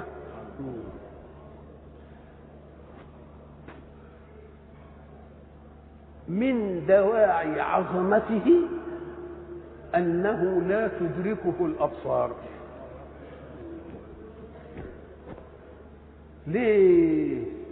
لأن البصر آلة إدراك وآلة إدراك لها قانون. قانونها إن الشعاع يطلع من المرء إلى الرأي ويحدده كده فلو أن الأبصار تدركه لحددته وأصبح اللي يراه أنت حين ترى هذا تبقى قادر على رؤيته قادر. وده بقى مقدور ليه لأنه دخل في مين؟ في ادراكه فلو أنك أدركت الله لكان الله مقدورا لبصرك. والمقدور والقادر لا ينقلب مقدورا أبدا. إذا من عظمته أنه لا يدرك ده أنت.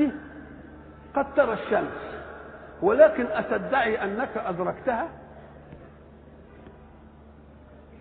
ده الإدراك ده معناه إيه؟ الإدراك معناها الإحاطة ما فيش حاجة تفلت منك يقول لك أدركه يعني ما إيه؟ ما فلتش منه. ولذلك إيه؟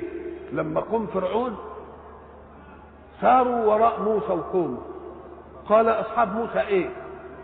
إنا لمدركون. يعني ما فيش فايدة. ليه؟ قال لك لأن ده البحر قدامنا إن قدم إن قدمنا نغرق ونتاخرنا ياكلونا يبقى مدرك يعني إيه؟ محاط به. طيب وسيد وسيدنا نوح وقصته وقصة ابنه. وفرعون لما أدركه الغرق. مش كده؟ يبقى مدرك يعني إيه؟ يعني محاط به. فإذا أحاطت الأبصار بالله انقلب البصر قادرا والله مقدورا عليه والقادر بذاته لا ينقلب مقدورا لخلقه أبدا. لا تدركه الأبصار وهو يدرك الأبصار.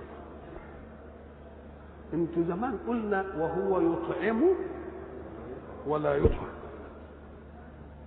يمكن لو كان يطعم ولا يطعم شيء يبقى يعني أم قال لك ده هو يطعم؟ ولا يطعم. إنما ليه؟ أم قال لك لأن في واحد يطعم ويطعم. الأم بتطعم طفلها ولا لأ؟ طيب. وهي بتطعم ولا لأ؟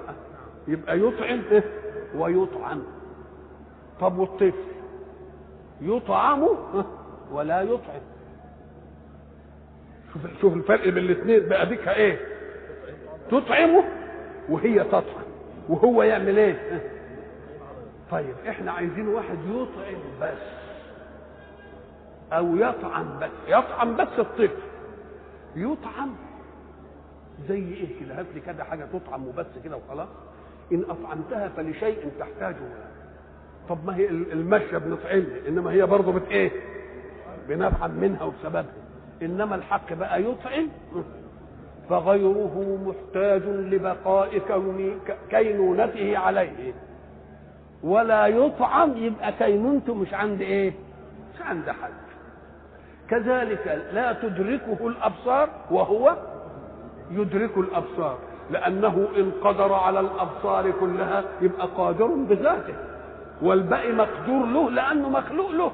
وما دام مخلوق له يبقى مقدور ولا لا؟ يبقى لم يطرأ على المخلوق شيء إيه؟ شيء جديد. لا تدركه الأبصار وهو يدرك الإيه؟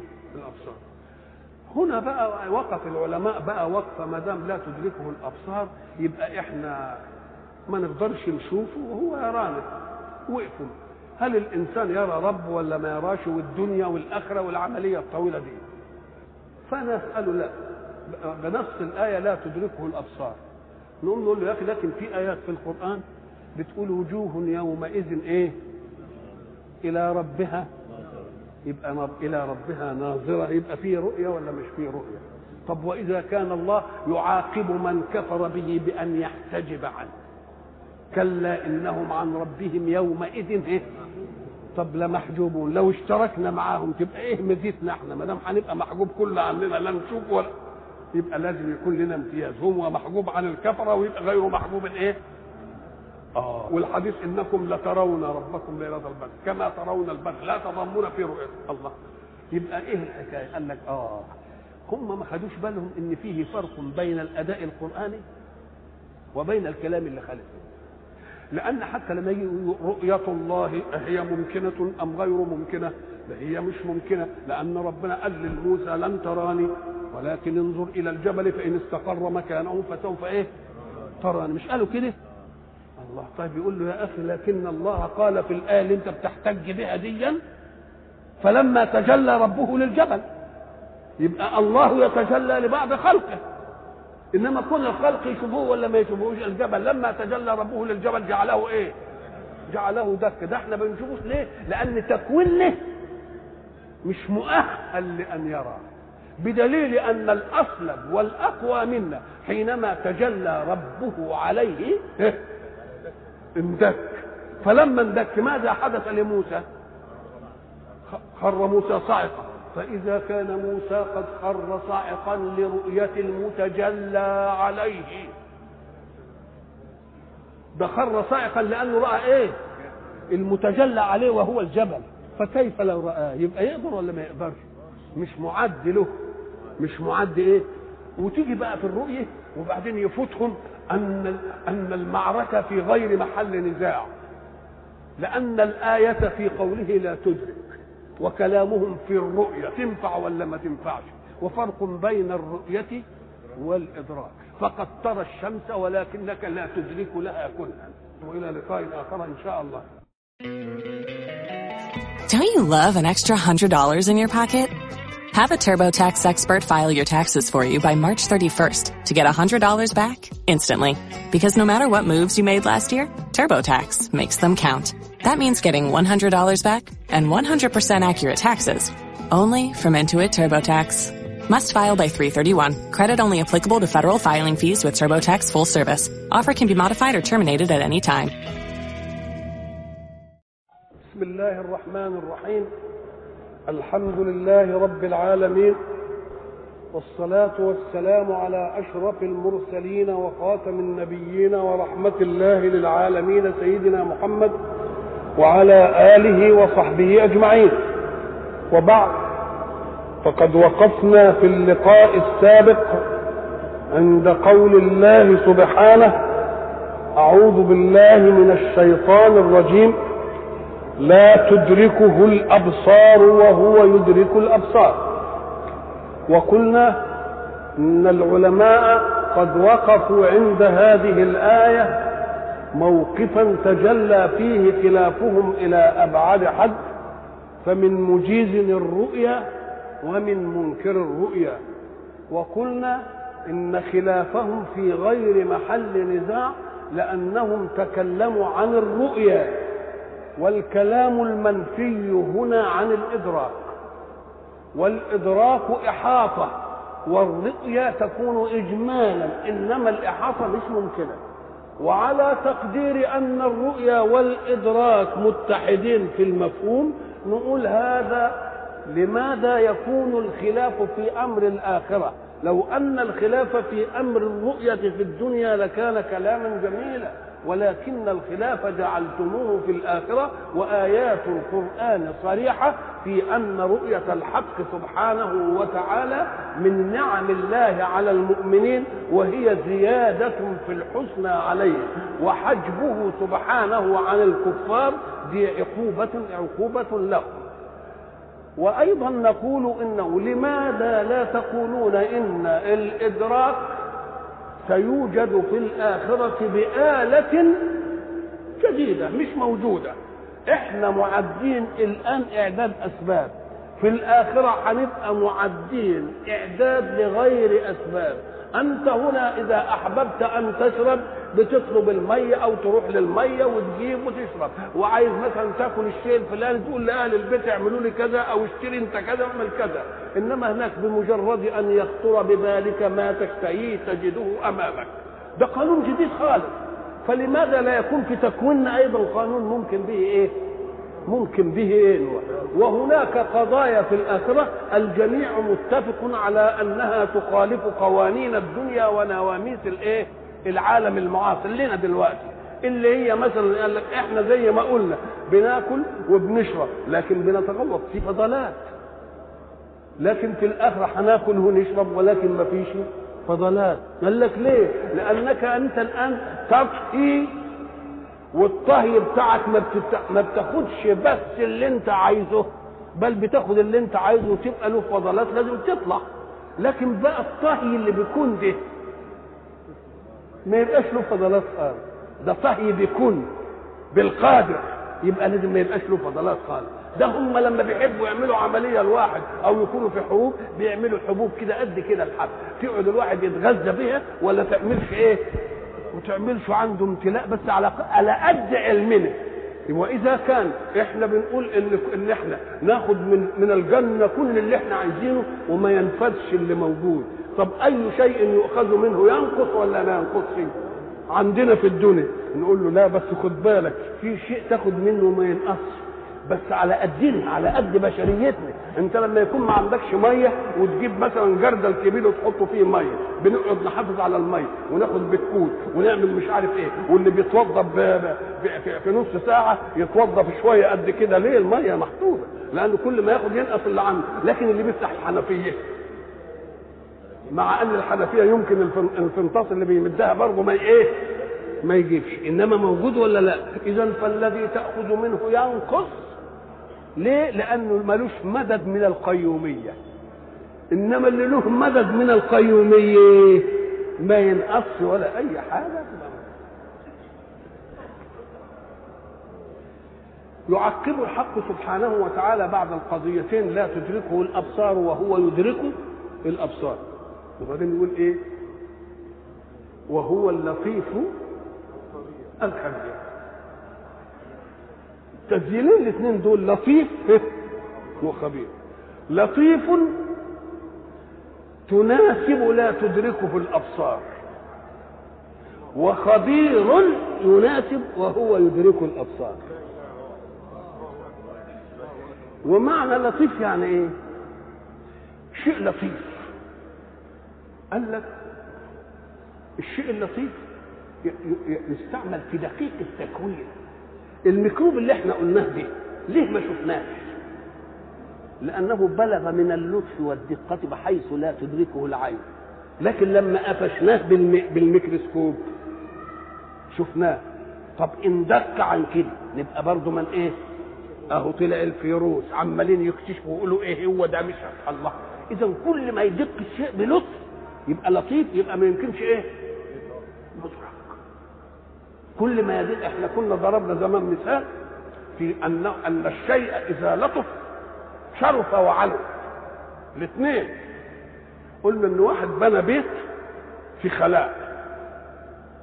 والبيت جميل كده فمر به صاحب له ليرى البيت قال له يا شيخ بس فاتك أن تصنع لنوافذ هذا البيت حديد.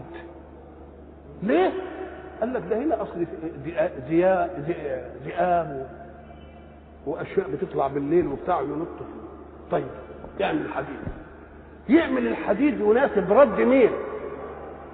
رد الذئاب. قام جه واحد تاني شافه قال له ده الحديد ده واسع ده فيه هنا ذباب فظيع. قام قال نجيب سلك. جاب سلك طلع واسع. واحد تاني قال له يا شيخ ده فيها موس أصغر من الذباب بينفذ برضه. كده أنا مش عارف مش ذباب ناموس. بيدخل. واقل من ناموس. يقعد يدقق ولا لا؟ الله. إذا كل ما الشيء يدق يبقى في غير المتناول. كل ما يدق يبقى في غير الإيه؟ المتناول. فبلغ من من اللطف إن ما يمكنش تتناولوا إدراكاتكم. ما يمكنش تتناول ولله المثل الأعلى. إحنا نقول فلان مثلا لطيف المعشر. لطيف على مش عارف إيه. لطيف الله. آه. ليه بيعمل إيه؟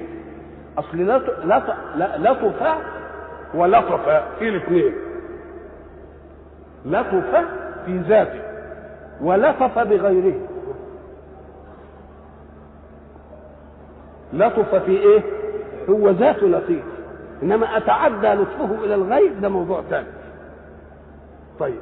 ولطف لطف بعباده. يبقى تعدى لطفه لمين؟ للغير. تعدي اللطف بالغير ده عشان يعمل لهم إيه؟ أم قال لك ساعة ما تسمع لاطف أدي اسم الفاعل زي آكل. لكن إحنا بنقول لطيف تبقى مبالغة في مين؟ لأنه لما يبقى لاطف بدء ولاطف بدء ولاطف بدء ولاطف بدء يبقى لطف إيه ده؟ يبقى يبقى لازم عايز إيه؟ مبالغة. يبقى اسمه إيه؟ ولذلك نقول رحيم. صيغة مبالغة. صيغة إيه؟ وذلك أول حاجة بسبوغ نعمه على عباده. أدي أول مظهر من مظاهر اللطف. خلاص؟ وتدبير أمورهم الدقيقة. تدبيرا يحقق مصالحهم في وجودهم. علشان تشرب كوباية مية شوف التدبير اللي انعمل عشان اللطف يعمل إيه. راح عامل لك في الأرض ثلاث ارباعها مية. ثلاث أرباع الأرض. والربع إيه؟ يابس ليه؟ أم قال لك لأنه عايز يوسع رقعة المية. ليه؟ قال لك لأن المية كل ما اتسعت رقعتها كل البخر فيها ما يبقى سهل. لكن لو كانت المية عميقة ومساحتها قليلة يبقى البخر على قد السطح بس. وإحنا ضربنا مثل زمان وقلنا لو أنك جئت في حجرة بكوب ماء وملأته. يبقى المساحة المائية على قدر إيه؟ قدر الكوب. وذهبت ونسيتها شهرا ثم أتيت. تلتفت تنقص قد إيه يعني؟ ها؟ ربعها سنتي. طب تعالى بقى خد المية كده ورشها في الأوضة. يوم يوم ما تلاقيهاش. الله اذا كل ما اتسعت الرقعه يكسر إيه؟ البخر وإن لم توجد شمس. وإن لم توجد إيه؟ وإن لم توجد شمس. فوسع رقعه المية في الأرض علشان يدينا بخر كتير. والبخر ده يطلع يتبخر وبعدين ينعقد سحب في السماء ويصادف منطقة باردة ويقعد ينزل لنا المية العذبة بقى نشرب منها وأنعامنا تشرب ونطلع الزرع ونعمل العملية دي. شوف تدبير. لطف التدبير. لطف التدبير. أم قال لك وبرضه من مظاهر اللطف أيضا. يعني لما تحب تعدد مظاهر اللطف في الحق تدل على أمور لا تصح. ولذلك كل واحد من العلماء إن فعل لزاوية من زوايا لطف الله على خلقه. فواحد قال الأولانية دي سبوغ النعم والمش عارف والإيه والثاني قال دقة التدبير ومش عارف الله. والثالث قال لا خد بالك كمان من اللطف بتاع إيه؟ أنه يستقل كثير النعم على خلقه. كتير النعم الكثيرة يا إيه؟ يستقلها إزاي؟ ويعمل. ولذلك يقول إيه ده أنا عندي نعم كتير تفكروش إنها النعم دي. ولئن شكرتم لأزيدنكم. يبقى برضه اللي عنده ده قليل. النعم الكثيرة دي إيه؟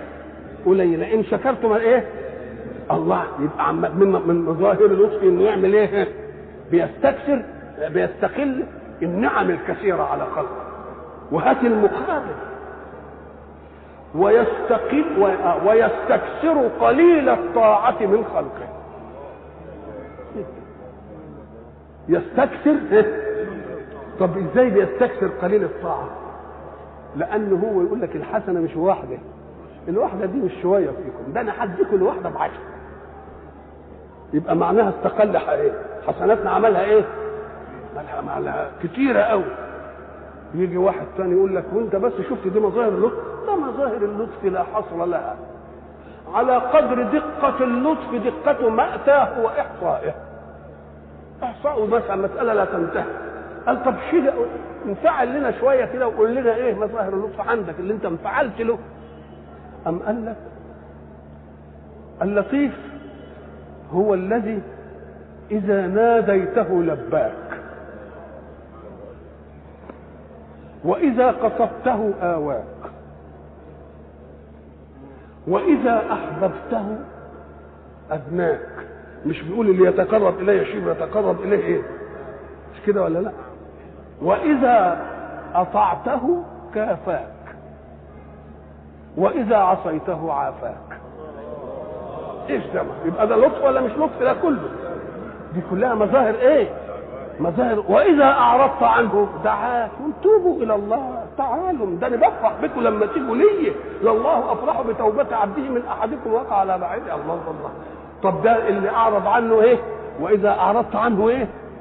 دع دعاك. يقول لك تعالى الله. طب وإذا قربت منه؟ يديك بقى أحسن حاجة هداك. يجي واحد تاني بقى واحد تاني من الناس اللي هم كده انفعلوا بصفات اللطف. ساعة ما يتكلم في لطيف كده يقول ينفعل لا يقول لك اللطيف ده اللطيف ده هو اللي يعمل إيه؟ هو الذي يجازيك إن وصيت ويعفو عنك إن قصرت.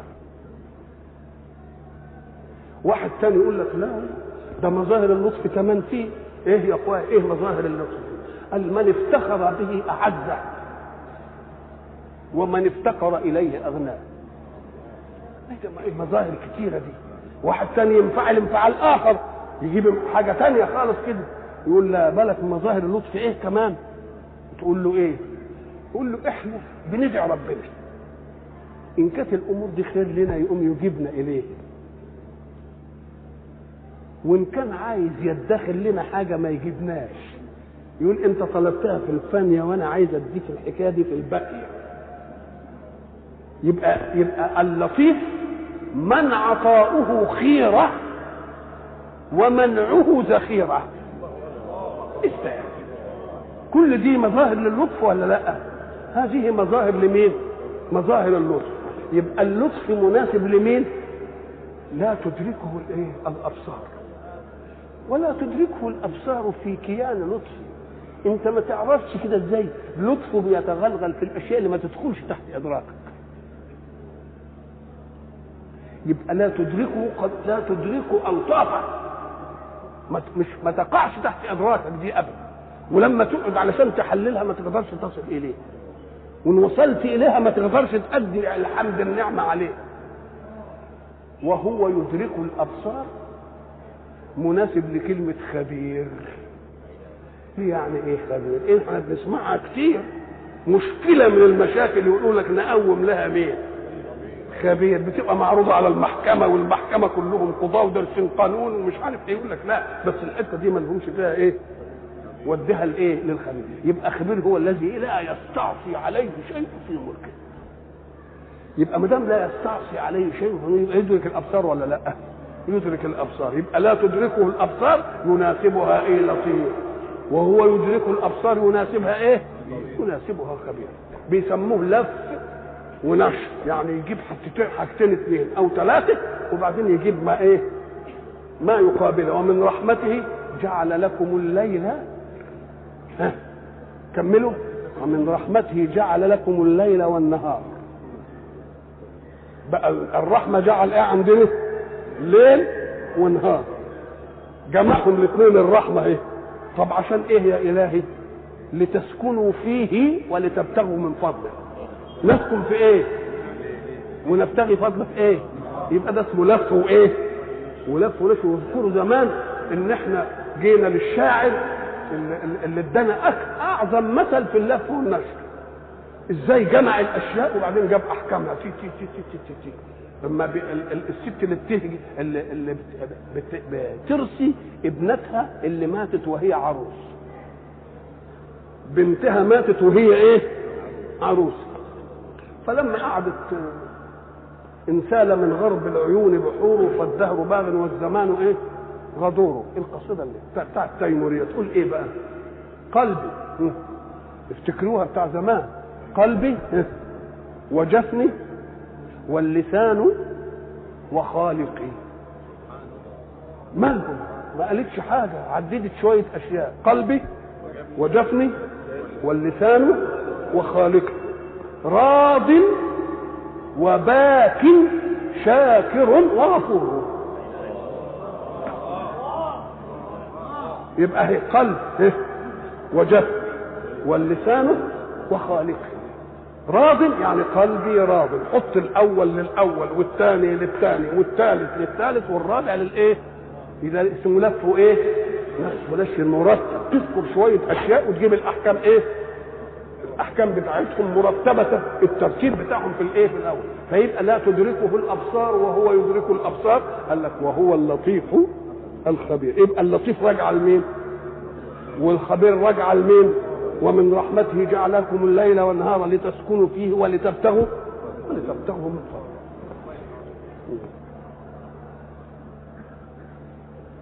قد جاءكم بصائر من ربكم. قد جاءكم بصائر بصائر جمع بصيرة. البصيرة للمعنويات والقلوب كالبصر بالنسبة للإيه؟ يبقى البصر في المحسات المادية والبصيرة في الإيه؟ في المعنويات الإشراقات اللي تيجي في النفس. قد جاءكم بصائر إيه؟ من ربكم. الكون مديكوا أدلة. الأبصار. بتشوفوها كده. والقرآن مديكوا أدلة الإيه؟ البصائر. لأن كما أن الله هدى الإنسان عن المعاصي أن تحطمها أو تحطمه بالنور الذي يجلي له الأشياء ليسير على هدى فلا يرتطم ولا يصطدم. كذلك جعل المعنويات نور. والنور ده هو الكويس ليه؟ لأن النور الأولاني واخده الكافر والمؤمن. إنما النور الثاني ده واخده من مين؟ فالنور اللي هو بيديكم في الدنيا دي ما حدش منكم مستقل بقى كلها شرك. زي الرزق وزي ال... لكن النور الثاني ولذلك ربنا بيقول أنا هيبعث لكم يخرجكم من إيه؟ من الظلمات. نور الإيه؟ نور الهداية في بصائر المعنويات. فبيقول أنا خلقتكم خلق ووضعت لكم قوانين لصيانتكم فقانون الصيانة في عقب الدنيا للمؤمن والكافر وقانون الصيانة في معنويات الحياة خاصة بالمؤمن ومن لم يجعل الله له نورا فما له من نور. قد جاءكم بصائر من ربكم. طب البصائر دي معنويات. امور معنوية. والمجيء ده للأمر الحسي جاء زيد وجاء عمرو وجاء عارف إيه. طب تصور بقى البصائر جاية كده شوف جسم البصائر. حتى جعلها قالب كده إيه. قد جاءكم من الله نور. شوف بقى لما النور يجي كده. هو أدانا نور صحيح إنما النور شوف جاء. جاء الحق وزهق شوف بقى كلمة جاء الحق دي. تصور الحق بقى جاي بهيلمانه كده ويطلع على, على الباطل؟ جاء. قد جاءكم بصائر من ربكم. يعني بلغ من تكوينها أنها أصبحت كانها شيء محس يجيء. وما دام كأنها شيء محس يجيء يبقى ما يصحش إنكم تقولوا ما ما وصلتناش. قد جاءكم بصائر إيه؟ من ربكم. والبصائر جاية من مين؟ من الرب. إزاي؟ أم قال لك لأن بعض الناس ينغشوا لك أنا ليا عقل أوضع القوانين اللي تسعد الدنيا وتسعد البشر وتعمل ومش عارف إيه وبتاع. تقول له أنت ما خلقتش إنما اللي خلق هو يجيب القانون. اللي خلق هو اللي إيه؟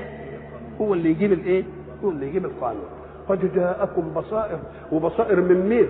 من الرب. الرب الذي إيه؟ خلق. بقدرته وأمدنا في كل شيء بقيو بقيوميته.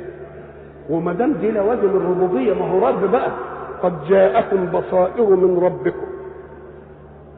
جاءكم بصائر حكم الله أن البصائر جاءتنا. يبقى حكم بأن رسوله بلغ.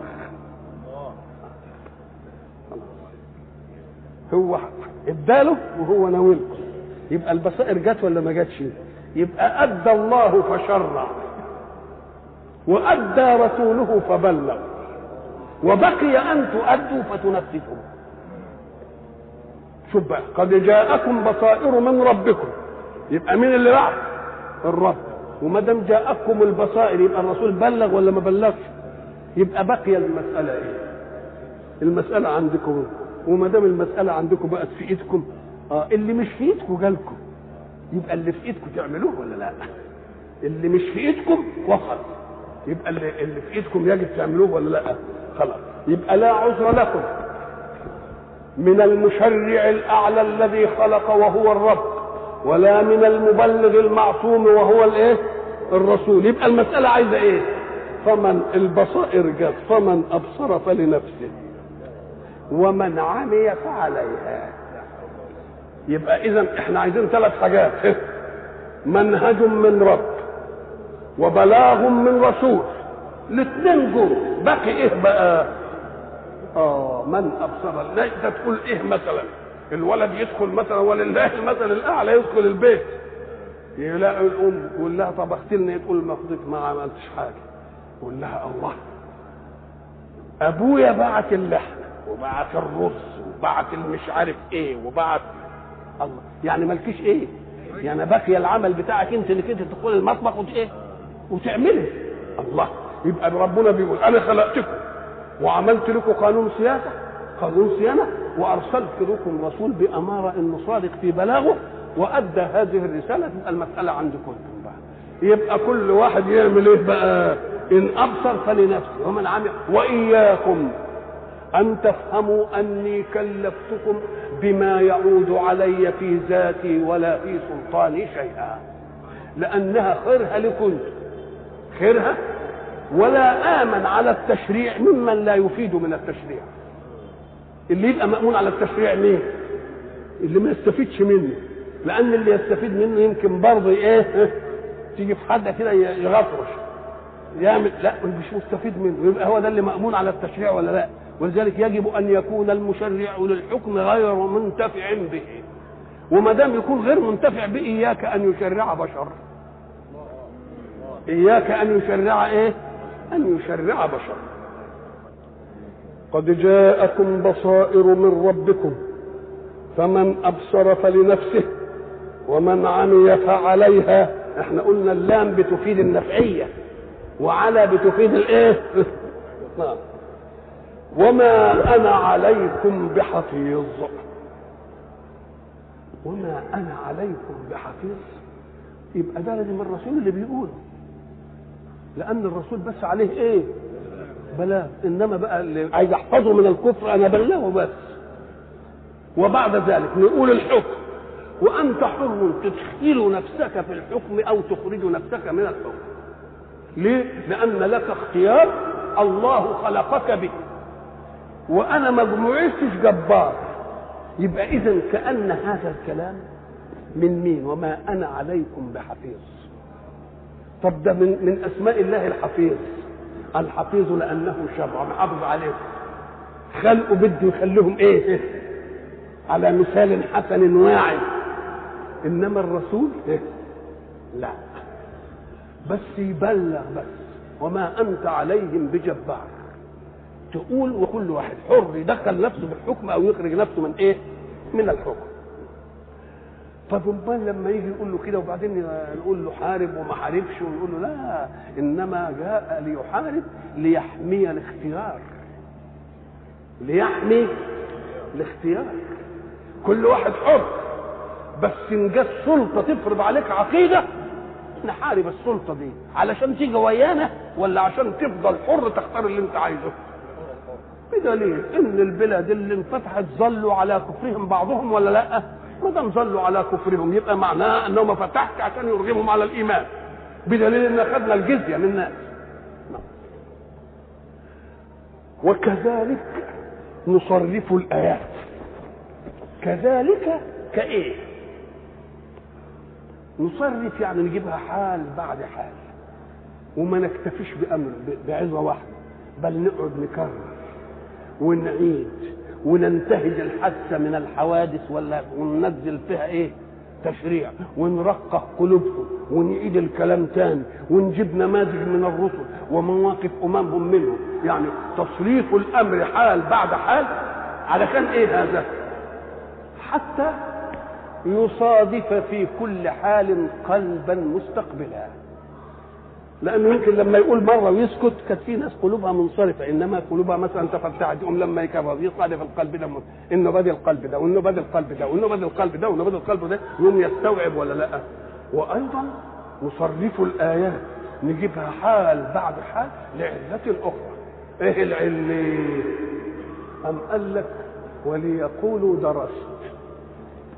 وكذلك نصرف الآيات. إيه؟ آه وليقولوا إيه؟ درست إيه يعني ليقولوا درست التشريعات حينما تأتي قلنا إن السماء تتدخل حين يطوم الفساد. إنما طالما وجد في الذات الإنسانية نفس لوامة تبقى مناعة النفس منه. يعمل شيء وبعدين نفسه إيه؟ تلوم ويرجع. طب النفس ما بقتش لوامة بقت أمارة. مش كل النفوس هتبقى أمارة في وقت واحد. هي نفس أمارة يبقى في نفس تانية مش إيه؟ يبقى واحد على انحراف يجي تاني واحد يقول لك لا يا شيخ بلاش دي. ويأمرك بالمعروف وينهاك عن المنكر. يبقى الفساد لسه ما طمش. فإذا امتنعت في الذات اللوامة. وإذا امتنع في المجتمع الأمر بالمعروف والنهي عن المنكر. يبقى طم الفساد ولا لا؟ يبقى ما موقف السماء حينئذ؟ لازم تتدخل السماء وتأتي ببيان جديد ومعجزة جديدة العالم بقى عايز إيه؟ ما هو كله فسد طب حين يتم الفساد؟ الفساد لا يتأتى إلا من وجود طبقات تطحن في طبقات. الذين يطحنون في الفساد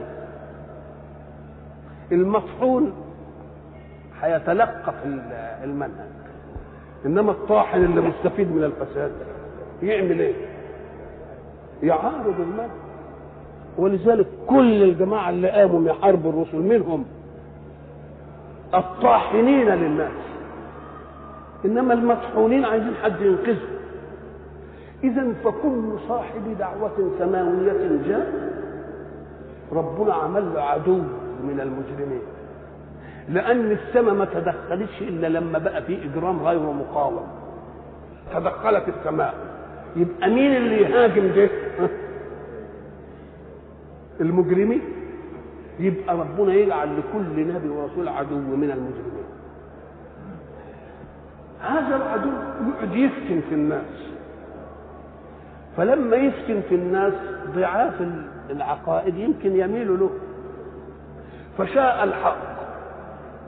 أن يقول نصرف الآيات حالا بعد حال حتى لا يثبت مع الداعي الحق إلا المؤمنين الصدق. يقوم يعمل أحداث كده ولذلك تجد الإسلام لما جه بقى يعمل غربلة تيجي حادثة الإسراء مثلا يقوم اللي قلبه كده تيجي مش عارف إيه لا ده يمكن. دي ليه؟ أم قال لك عشان الزبد يذهب دفاع لأن إحنا عايزين الناس يحملوا الدعوة إيه؟ يكونوا مؤمنين بها إيمان إيه؟ صدق فاللي إيمانه خفيف أو على حرف يقول له مش عايزينك لو أن المسألة ما جاتش كده كان يدخل العاطل في المين؟ في الباطل ويدخلوا فيه ولو إيه خرجوا فيكم ما زادوكم إلا إيه؟ إلا خبال الله يبقى الحق سبحانه وتعالى صرف الآيات ليه عشان يظهر الناس اللي هم إيه؟ إيمانهم رقيق لا الطاحنين اللي إيمانهم رقيق أهو لما جه يصرف الآيات ويجيب قاموا قالوا درست. ساعة ما سمعوا دي قالوا للرسول درست. درست يعني إيه؟ ما هم لما بقى قاعد يجيب الآيات والمعجزات وبتاع لا هو جاب حاجة. ده هو دارس على واحد اسمه هناك كده قاعد في الجبل. أعجمي هناك بيعمل حداد وبيقعد وياه والراجل ده بيقرأ كتب الأو مش عارف إيه ولذلك ولقد نعلم إنهم يقولون إيه؟ إنما يعلمه بشر. فدي أثبت ولا لأ؟ إيه مين اللي يأبدها ضعاف الإيمان. فقالوا ده درسها على مين؟ هم هو يأدبهم علشان يدي الرد اللي يبقى. يقول لهم طب أنتوا فاهمين انكم قفشتوني. لسان الذي يلحدون إليه أعجمي وهذا لسان عربي مبين. يبقى بيأدبهم بقى. وما دام يأدبهم كده يدينا الجواب ولذلك كثير من الأشياء. وما هو برضه قالوا إن هو كعب الأحبار بايه ولذلك قال وأعانه عليه قوم آخرون. وأعانه عليه يبقى لو ما كانش تصريف الايات وال- والغليان ده كانوا دول فضلوا ولا لأ؟ فإذا ما جاءت بعد نزول القرآن ما كناش نقدر نجيب الحجة. إنما القرآن قال إحنا صرفناها وعملنا العملية عشان يقولوا اللي هم عايزين يقولوه وبعدين نعلمكم إزاي الإيه؟ إزاي تردوا. سيدنا عمر حينما جاء في الطواف وبعدين جاء عند الحجر الأسود قال إيه؟ أنا أعلم أنك حجر لا تضر ولا تنفع. ولكني رأيت رسول الله يقبلك. طب يا سيدنا عمر ما خلاص ما هو المشرع عمل. بأكنه بيعلمنا إحنا عشان ما فيش واحد يجي يقول علة الحاجة يقول لك الرسول عمل إيه؟ يبقى ده التشريع ولا مش التشريع؟ إذا ففيه أشياء. يبقى نصرف الآيات إيه؟ بقى هو بيصرف الآيات ليقول درست إيه وعشان يأدب الضعاف ويعلمنا الحجة في الرد إيه؟ في الرد عليه. ولذلك قال الآية بقى إيه؟ وكذلك نصرف الآيات وليقولوا إيه؟ درست ولنبينه لقوم يعلمون. يبقى لما نبينه بقى عندنا دلوقتي لو واحد قال لنا يقول لا يا أخويا ربنا رد عليها يا أخويا. اللسان الذي يلحدون إليه أعجمي وهذا لسان إيه؟ عربي مبين.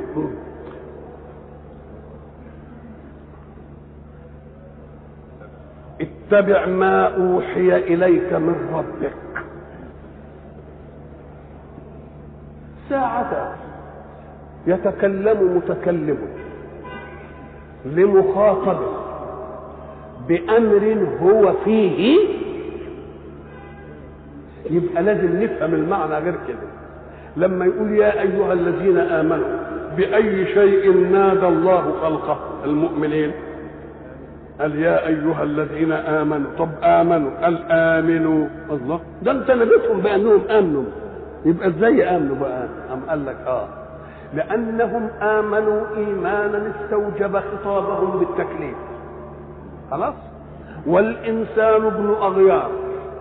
فبيقول الإيمان اللي استقبلتم به التكليف من خطابه داوموا أيضا عليه. يبقى إذا جاء أمر المأمور ملتبس به يبقى المراد به إيه؟ دوامه. دوامه يعني كما آمنت إيمانا جعلك أهلا للتكليف مني فخاطبتك وقلت يا أيها المؤمنون إلزموا هذا وآمنوا. يعني إيه؟ داوموا على إيمانكم. فقوله اتبع ما يوحى إليك هو الرسول ما هو متبع. الداوم على الاتباع. ولا يغرنك ما يقولون. لأنك إيه؟ مؤيد. وكل ما يقولوا حاجة عن إيه؟ ولا يأتونك بمثل إلا جئناك بالحق وإيه؟ وأحسن إيه؟ تف... تفصيلة تفصيلة ها؟ اتبع ما أوحي إليك من ربك. وإحنا عارفين ما أوحي إليك من ربك والوحي هو إعلام بخفاء. إعلام بإيه؟ بخفاء. وكل وحي إعلام بخفاء جاء في القرآن إنما يكون بواسطة جبريل. بواسطة مين؟ ما كان لبشر أن يكلمه الله إلا إيه؟ وحي أو من وراء حجاب أو يرسل رسولا. نعم. اتبع ما أوحي إليك من ربك. لا إله إلا هو. يعني ما دام ما فيش إله إلا هو ما فيش حاجة هتيجي إيه؟ تغير المنهج. نعم. وأعرض عن المشركين. أعرض عن المشركين كلمة أعرض يعني ما ما, تجاملهمش ما تخالطهمش اديله عرض كتفك زي ما بيقولوا. يعني العامية واخدة الإيه؟ ما تواجهوش اديله عرض. اتبع ما أوحي إليك من ربك لا إله إلا هو وأعرض عن المشركين. إعراض المواد ما تودهمش إنما اللي يعرضوا على المشركين إعراض العظة والإرشاد والبلاغ و... نعم. ولو شاء الله ما أشركوا. الحق سبحانه وتعالى يعطي لنا قضية لازم نستصحبها في تاريخنا الإيماني. هذه القضية أن كافرا لم يكفر قهرا عن الله وإنما كفر لأن الله أرخى له الزمام بالاختيار. أرخى له الزمام بالاختيار. خلقه مختار جعله مختار كده في أشياء. ما دام جعله مختار يبقى كأنه إن عمل شيئا يبقى عمله غصب عن ربنا ولا قهر عنه ولا بما آتاه الله من الاختيار. بدليل أن كونا وكونا أعلى منا مقهور بالأمر لا يمكن أن يختار إلا مراد الله منه. كل حاجة في الكون والملائكة. يبقى اذا إذا أراد الله خلق خلق يؤمن به ولا يكفر ما حدش يقدر يقول له لا. إذا اللي كفر ما كفرش قهرا عن الله. لأن طبيعة الاختيار ممنوحة من مين؟ ممنوحة من الله. أنت إذا جئت لولدك وقلت له خد الجنيه دي قوة شرائية وانزل السوق. واشتري اللي على كيفك. بس اسمع إن اشتريت حاجة نافعة ليك ولإخواتك هحبك وأبقى أديك مصروف و... وإن اشتريت حاجة ضارة أنا هعاقبك وأزعل منك.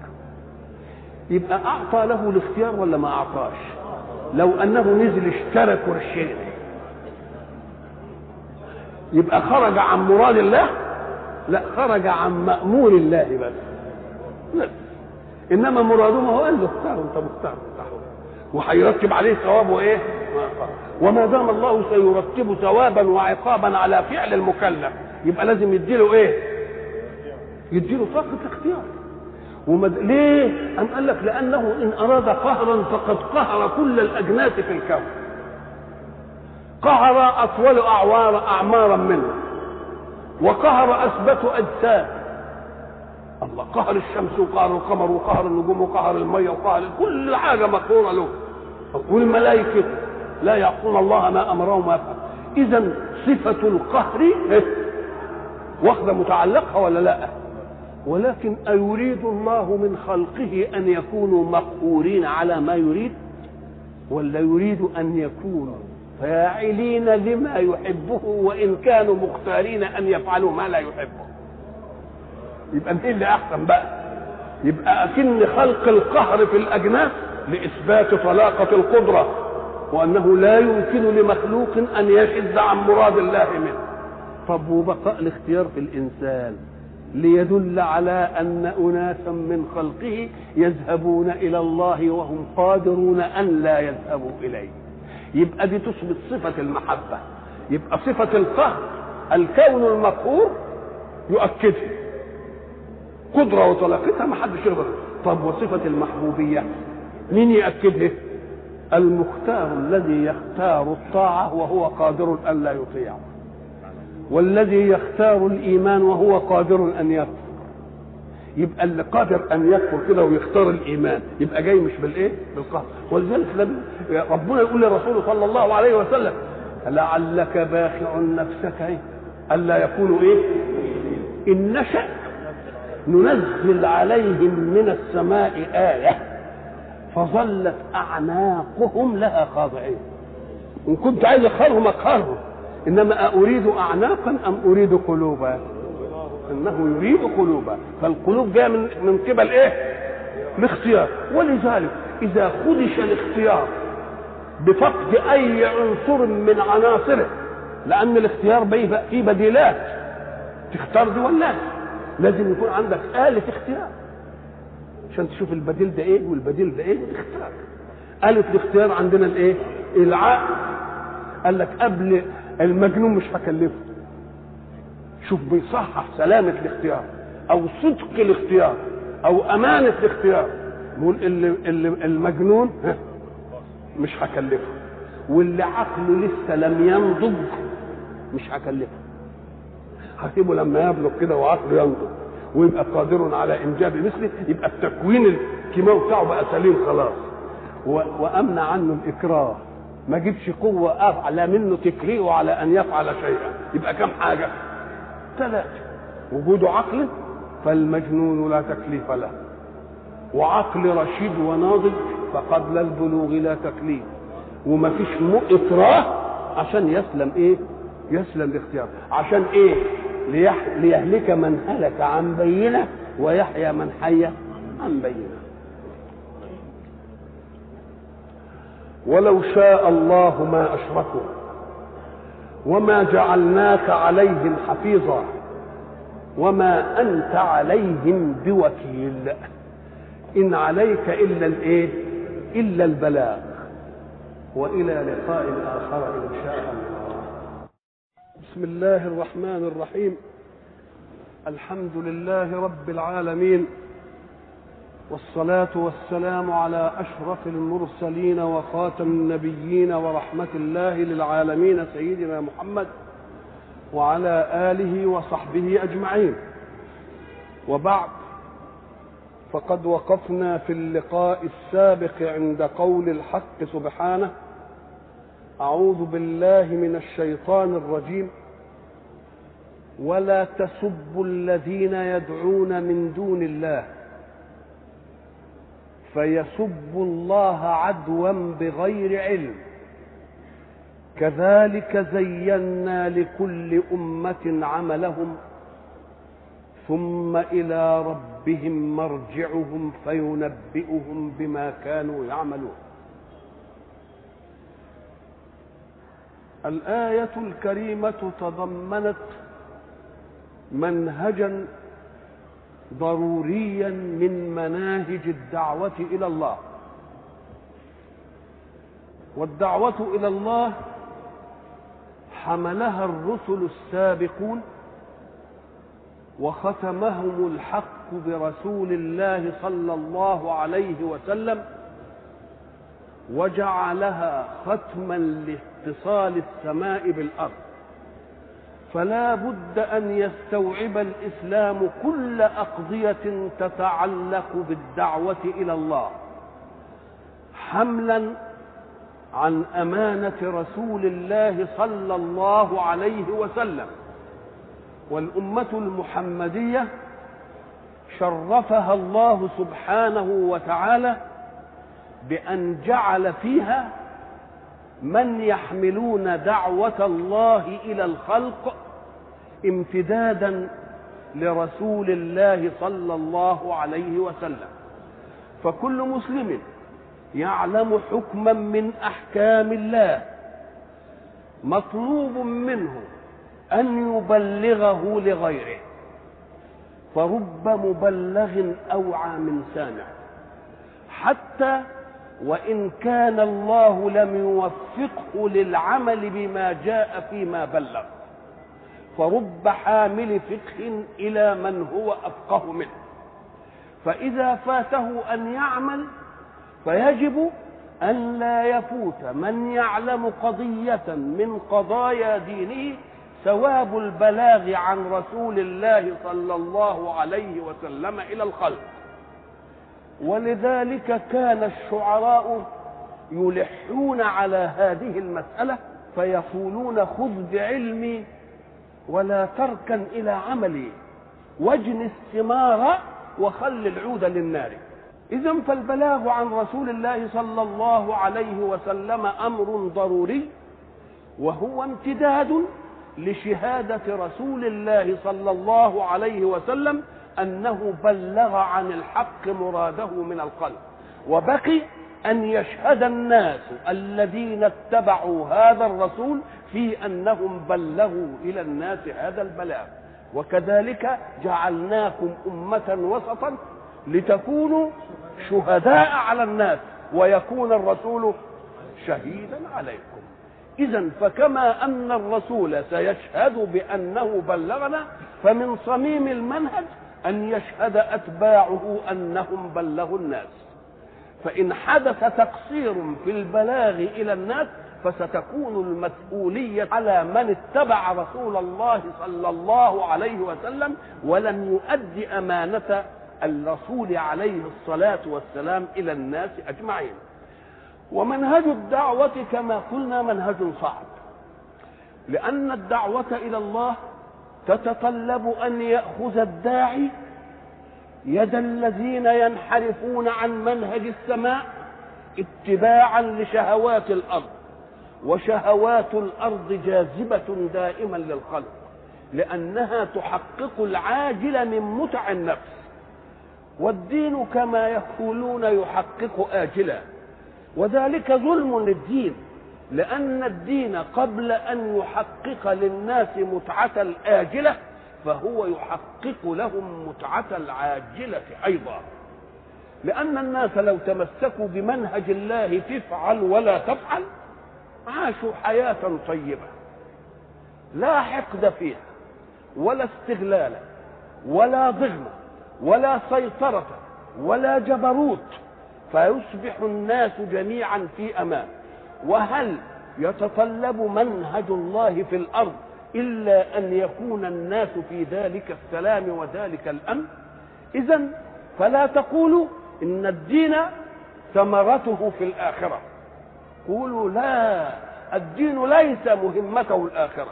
الدين مهمته الدنيا والآخرة ثواب على النجاح في هذه المهمة.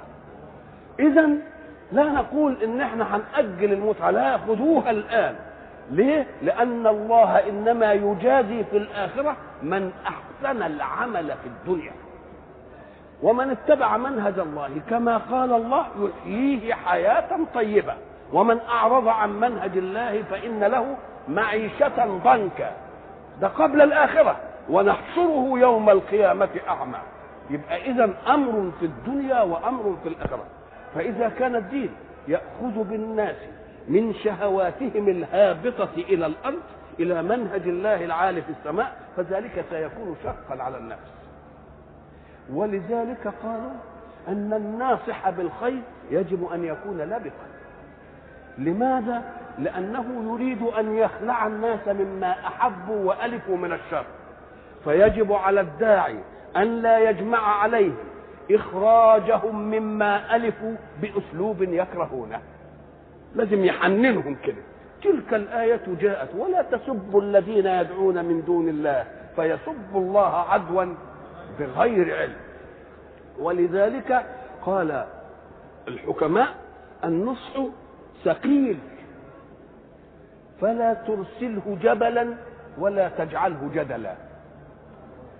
والحقائق مرة فاستعيروا لها خفة البيان. خليك تنصح كده بخفة علشان تألف قلوب المنصوح لأنك أنت حسبه منك أن تخلعه عما ألف وأحب إلى ما لم يتعود. فلا يكن خلعه مما ألف بأسلوب عنيف. الحق سبحانه وتعالى يعلمنا هذه القضية للدعوة خصوم. وهؤلاء الخصوم يتخذون من دون الله أندادا. وقلنا أنهم اتخذوا مش إلحاد عملوا اله غير ربنا لا جعلوا الله معه شركاء. ليه؟ لأن إحنا قلنا إنهم تأتي لهم ظروف عصيبة. لا تقدر أسباب الأرض على دفعها. فمن مصلحتهم أن يكون لهم إله قادر ينجيهم مما هم فيه. فهم لا يكذبون إيه؟ أنفسهم. فيقول الحق سبحانه وتعالى بعد أن أنزل إنكم وما تعبدون من دون الله حصب جهنم. أنتم لها واردون. حصب جهنم أي أن الأصنام التي كانوا يعبدونها ستكون وقودا للنار التي يعذبون بها. يقوموا الحجار كده اللي كانوا بيعبدوها يشوفوها إيه؟ هم يظن إحنا بعض الناس السطحيين يظن إننا ده عذاب للأحجار.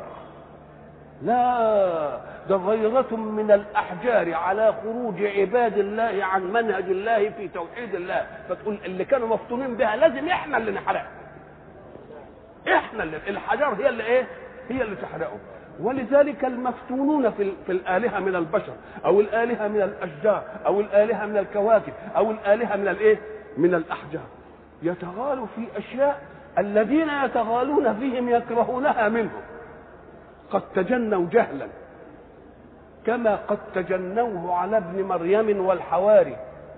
وقالوا ابن الله ده, ده هذا يسر المسيح؟ أهذا يسر عزير أن يقول عليه أنه ابن الله؟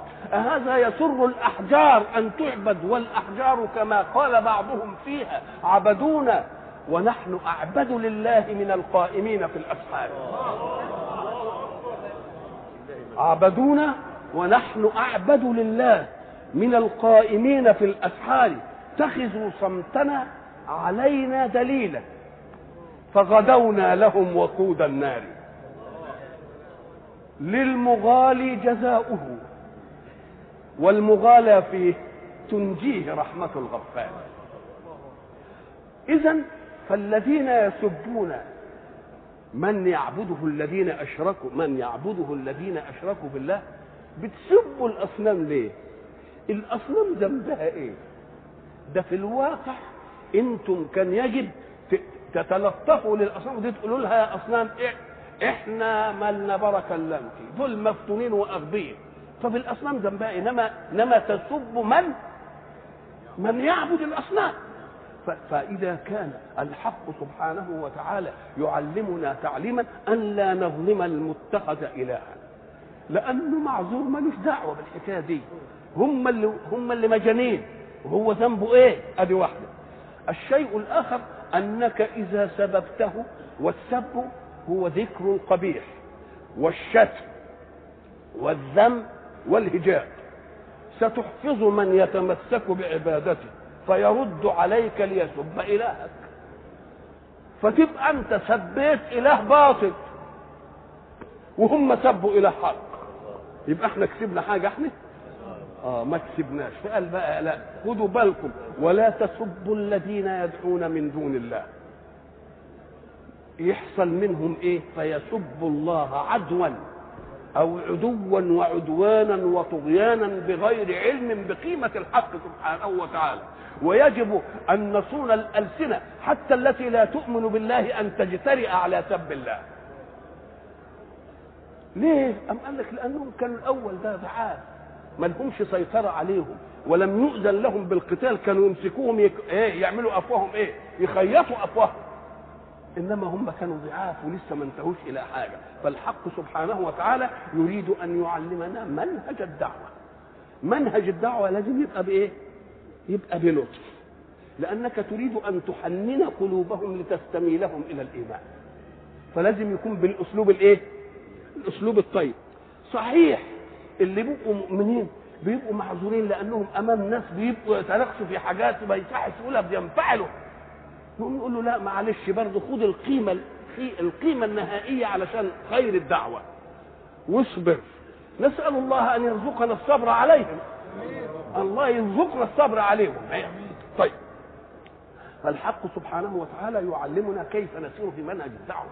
منهج الدعوة أوضحه الحق سبحانه وتعالى مع إنسان طال عمره الرسالي مع خلق الله. شوف سيدنا نوح بقى اللي لبث في قومه ألف سنة إلا خمسين. وظل يدعو ويتحنن في الدعوة إلى أن كان آخر المطاف. قالوا له إيه؟ أنت تفتري هذا الكلام من عندك. فماذا علمه الله أن يقول؟ قل يعني يا نوح اللي قعدت ألف سنة إلا خمسين عام. قل إن افتريته فعلي إجرامي. وأنا بريء مما تجرمون. لا ده سيدنا نوح قال وأنا بريء مما تجرمون. سيدنا رسول الله ده هيجي بأسلوب تاني بقى بأسلوب أرقى. أسلوب يعني يناسب الختم الرسالة يناسب نهائية الرسالة. قل إن افتريته فعلي اجرام وأنا بريء. الأسلوب ده علشان نفهمه. هم بيقولوا أنت افتريت. يبقى يقول إيه؟ كان علي إجرامي وأنتم براء من إيه؟ وإن ما كنتش افتريته. يبقى أنا بريء وأنتم المجرمين هكذا قال نوح. متى قاله انتهى ضاق ضاق صدره. ولذلك قال الحق بعدها على طول وأوحي إلى نوح. أنه لن يؤمن من قومك إلا من قد آمن. فلا تبتئس بما كانوا يعملون الحق سبحانه وتعالى يدينا الفرق بقى في حنان ال- ال- ال- البلاغ المحمدي. يقول إيه لرسول الله صلى الله عليه وسلم؟ قل من يرزقكم من السماوات والأرض؟ يعني اللي مديكم قوام الحياة. ساعة ما تسألهم سؤال يناقض ما هم عليه هم كلهم هيقولوا الله.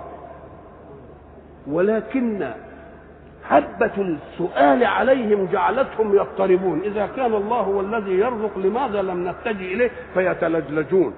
فيسعف الله رسوله يقول قل لهم أنت كل من يرزقكم من السماوات والأرض هيطلبكم لأن الجواب مش في مصلحة سلوككم. كل الله كل الله. وإن أي رسول الله ومن معه أو إياكم يا كافرين به لعلى هدى أو في ضلال مبين. ما قال لهمش أنا على هدى؟ وانتوا اللي على ضلال. قال منهجنا ومنهجكم ما يتحدوش الاثنين. لازم واحد على هدى وواحد على ضلال.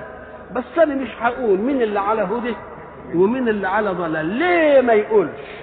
قال لأنه واثق من أنهم لو أداروا المسألة على عقولهم وعلى بصائرهم فلن يجدوا جوابا إلا أن رسول الله على الهدى وأنهم على الضلال. فسابهم هم يقولون. بقى الرسول اللي جاي هذا يقول وأنا أو إياكم لعلى هدى أو في ضلال مبين. يقول له دي بتتعجبها طب ده هو عملها هنا بالتسوية. طب شوف الثانية دي. قل لا تسألون عما أجرمنا ولا نسأل عما ما قالش تجرمون. خلى الجريمة ويمين لا تسألون عما أجرمنا. خلاص؟ ولا نسال كان بس على الأقل المساواة تقتضي قال ولا نسأل عما تجرمون. لا ما قالش كده. لا تسألون عما أجرمنا. نسب الإجرام لهم آه. ولا نسأل عما تعملون. إيه الأدب العالي ده واللطف؟ أما قال لك لأنه يريد الحق سبحانه وتعالى أن لا يترك لغرائزهم مكانا للإيباء عليه. ما يجدوش وسيلة علشان ينفروا من الدعوة. فالحق سبحانه وتعالى يعلمنا بهذا الأسلوب ولا تسبوا الذين يدعون من دون الله فيسبوا الله عدوا بغير علم. ولذلك تجد كما قالوا لنوح أم يقولون افتراه برضه هيقولوا لرسول الله أم يقولون افتراه طيب إذا كنتم علمتم أنني افتريت هذا القرآن وعرفت الفزورة إنني جايبه من عندي وبنسبه لله كذبا مش عرفتوا الحكاية دي طب آه طب فأتوا بعشر سور مثله مفتريات. طب ما تفتروا أنتوا رقيه طب ما دام عرفتوا إن أنا افتريت. خلاص افتروا إيه؟ ومش بقول لكم أنتوا بس. وادعوا من استطعتم. وتكتلوا جميعا علشان تجيبوا عشر إيه؟ عشر سور. فإن لم يستجيبوا لكم فاعلموا أنه أنزل بعلم الله. إذا ما استجابوش بقى وقعدوا ويا بعض كده وجمعوا بعض كده وجابوا بقى عشر آيات اعلموا أنتم أن هذا نزل بمين؟ بعلم الله. ولا تسبوا الذين يدعون من دون الله فيسبوا الله عدوا بغير علم. طب هي مقاطعة؟ لا. انقل إلى لطف الجدل. خلي الجدل إيه؟ لطيف. الجدل اللطيف يقول مثلا إيه؟ إن الذين تدعون من دون الله عباد أمثالكم. الذين تدعون من دون الله عباد أمثالكم. وإن كنتوا عايزين تشوفوا الحكاية دي طب ما تقولوا لهم تعالى استجيبوا لنا واعطونا اللي لنا عايزين. مش هتلاقوهم لا يجاوبوا لأن لا أرجل لهم يمشون عليه. أدي واحد ولا لهم أيدي يبطشون بها ولا لهم أعين يبصرون بها ولا لهم آذان يسمعون إيه؟ يسمعون بها. طيب إن الذين تدعون من دون الله لن يخلقوا ذبابا ولو اجتمعوا له. في أقل من الذباب في عرفكم لن يخلقوا ذبابا إيه؟ ولو اجتمعوا له. ومش بس خلق الذباب لا وإن يسلبهم الذباب شيئا لا يستنقذوه. طب خليك قاعد تاكل كده عسل وبعدين الذبابة جت وقعت على العسل وخدت في رجلها شوية من العسل وطارت. إن كنت بقى دبر وفتوه امسك الذبابة وخد منها العسل اللي خدته. شوف الضعف إيه؟ ضعف الطالب والمطلوب. يبقى إيه الحكاية؟ إن الذين تدعون من دون الله إيه؟ لن يخلقوا ذبابا ولو اجتمعوا له. وإن يسلبهم الذباب شيئا لا يستنكر. ما يقدروش يردوه. ضعف الطالب والمطلوب أدي الإيه؟ أدي الجدل. الجدل اللي هو يخلي المجادل يخجل من نفسه. لكن إذا شتمت وهبلت وبتاع اهدي طب ما أنت جعلت جعلت له عذرا في الحفيظه عليك وفي الانصراف. بس إحنا بنقول نسأل الله ان يدينا طولة البال ولا تسبوا الذين يدعون من دون الله فيسبوا الله عدوا يعني عدوانا. ليه؟ لأنكم أنتم من سبتوا تبقى بتسبوا آلهة باطلة. إنما هم من سبوا يسبوا اله إيه؟ يبقى عدوان ولا مش عدوان؟ نعم.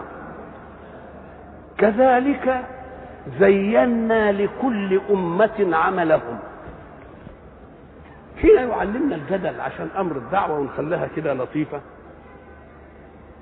قال ذلك تزيين للدعوة؟ الدعوة في ذاتها جميلة أوي بس بقي أن يكون عرضها جميل. التاجر يبقى عنده بضاعة يمكن كويسة أوي أوي أوي أوي إنما إيه؟ منعكشها وعامل ومش عارف إيه وحاطط ده على دي وملخبطة ومكرمشة وبتاع. إنما واحد تاني يمكن بضاعته أقل وإيه؟ وعامل لها الفترينة كده وجايب ناس يا مش عارف. أو ده التزيين. التزيين هو إيه بقى؟ تصعيد الحسن. يعني حسن إنما إيه؟ إيه؟ ولذلك سميت زينة المرأة زينة ليه؟ المرأة من أساسها أناس أنوثة جميلة تقوم تزين نفسها تزين نفسها بإيه؟ بالحلي بقى والجواهر واللبس وتنضف بس لما يترازلوا بقى ويزينوها أكثر من اللازم ويبقوا مسخة ادي بقى البواخة بقى دي أهدي الإيه؟ البواخة ولذلك كان العربي حين يمتدح امرأة بقمة جمالية يقول إيه؟ يقول هذه غانية يقول لك غانية غانية يعني يعني استغنت بجمالها عن أن تتزين له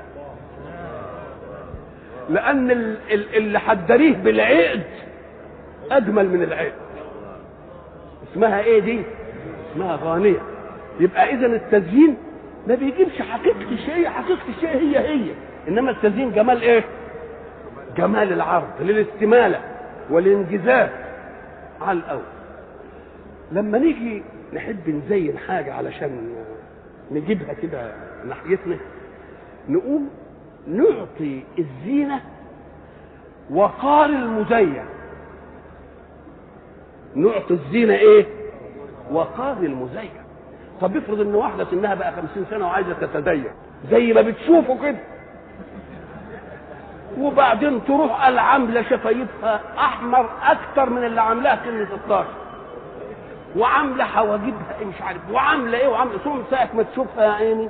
الزينة ما تناسبش ما تناسبش وقار المزين ويمكن ساعة ما يراها الإنسان يقرف منه. وهي قال تبقى ما إيه؟ تبقى مبسوطة من الحكاية دي. يا شيخة دي كلها مش هيصلح فيك شيء. ده أنت لو خليتي الشيخوخة بوقار الجمال فيها تبقى جميلة لما تشوف لما تشوف المرأة الكبيرة كده التجاعيد وبعدين عليها سمت الصلاح والوقار وليش عاملة في نفسها البليات اللي عاملاها دي يوم انت إحنا كنا نشوف جداتنا في القرى كل ما يكبروا كل ما يزدادوا رونق وجمال وجلال وتبص تلاقي سمت طيب يبقى لازم الزينة تناسب إيه؟ تناسب وقار الإيه؟ وقار المزين وكذلك زينا لكل أمة عملا. ما هي الأمة؟ الأمة هي الجماعة التي لها انتماء يجمع أفرادها أمة عربية يبقى عرب. مش كده؟ أمة إنجليزية يبقوا إنجليز. لكن إحنا عندنا أمتنا ملهاش لا وطن ولا لها لغة ولا لها جنس ولا لها لغة.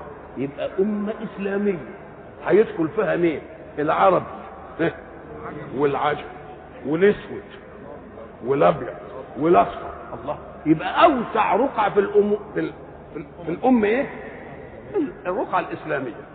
زينا لكل أمة عملا فإن كانت الأمم السابقة زينت لتناسب عصرا محدودا وزمنا محدودا فإحنا بنزينكم تزيين يناسب كل أذواق الدنيا.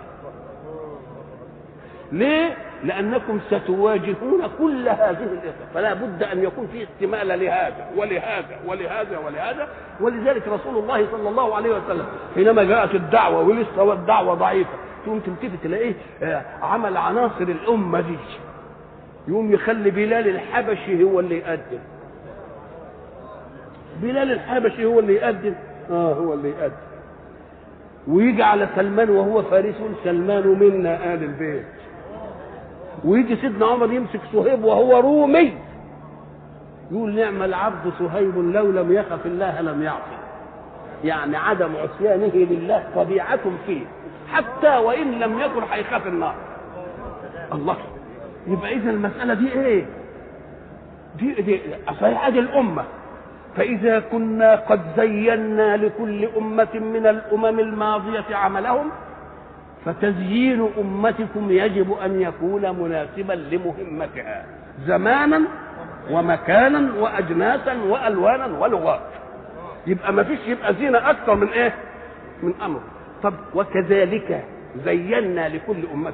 يعني كما أردنا أن نزينكم بحسن أسلوب منهج الدعوة لأن الأسلوب ملوش دعوة بالدعوة بقى.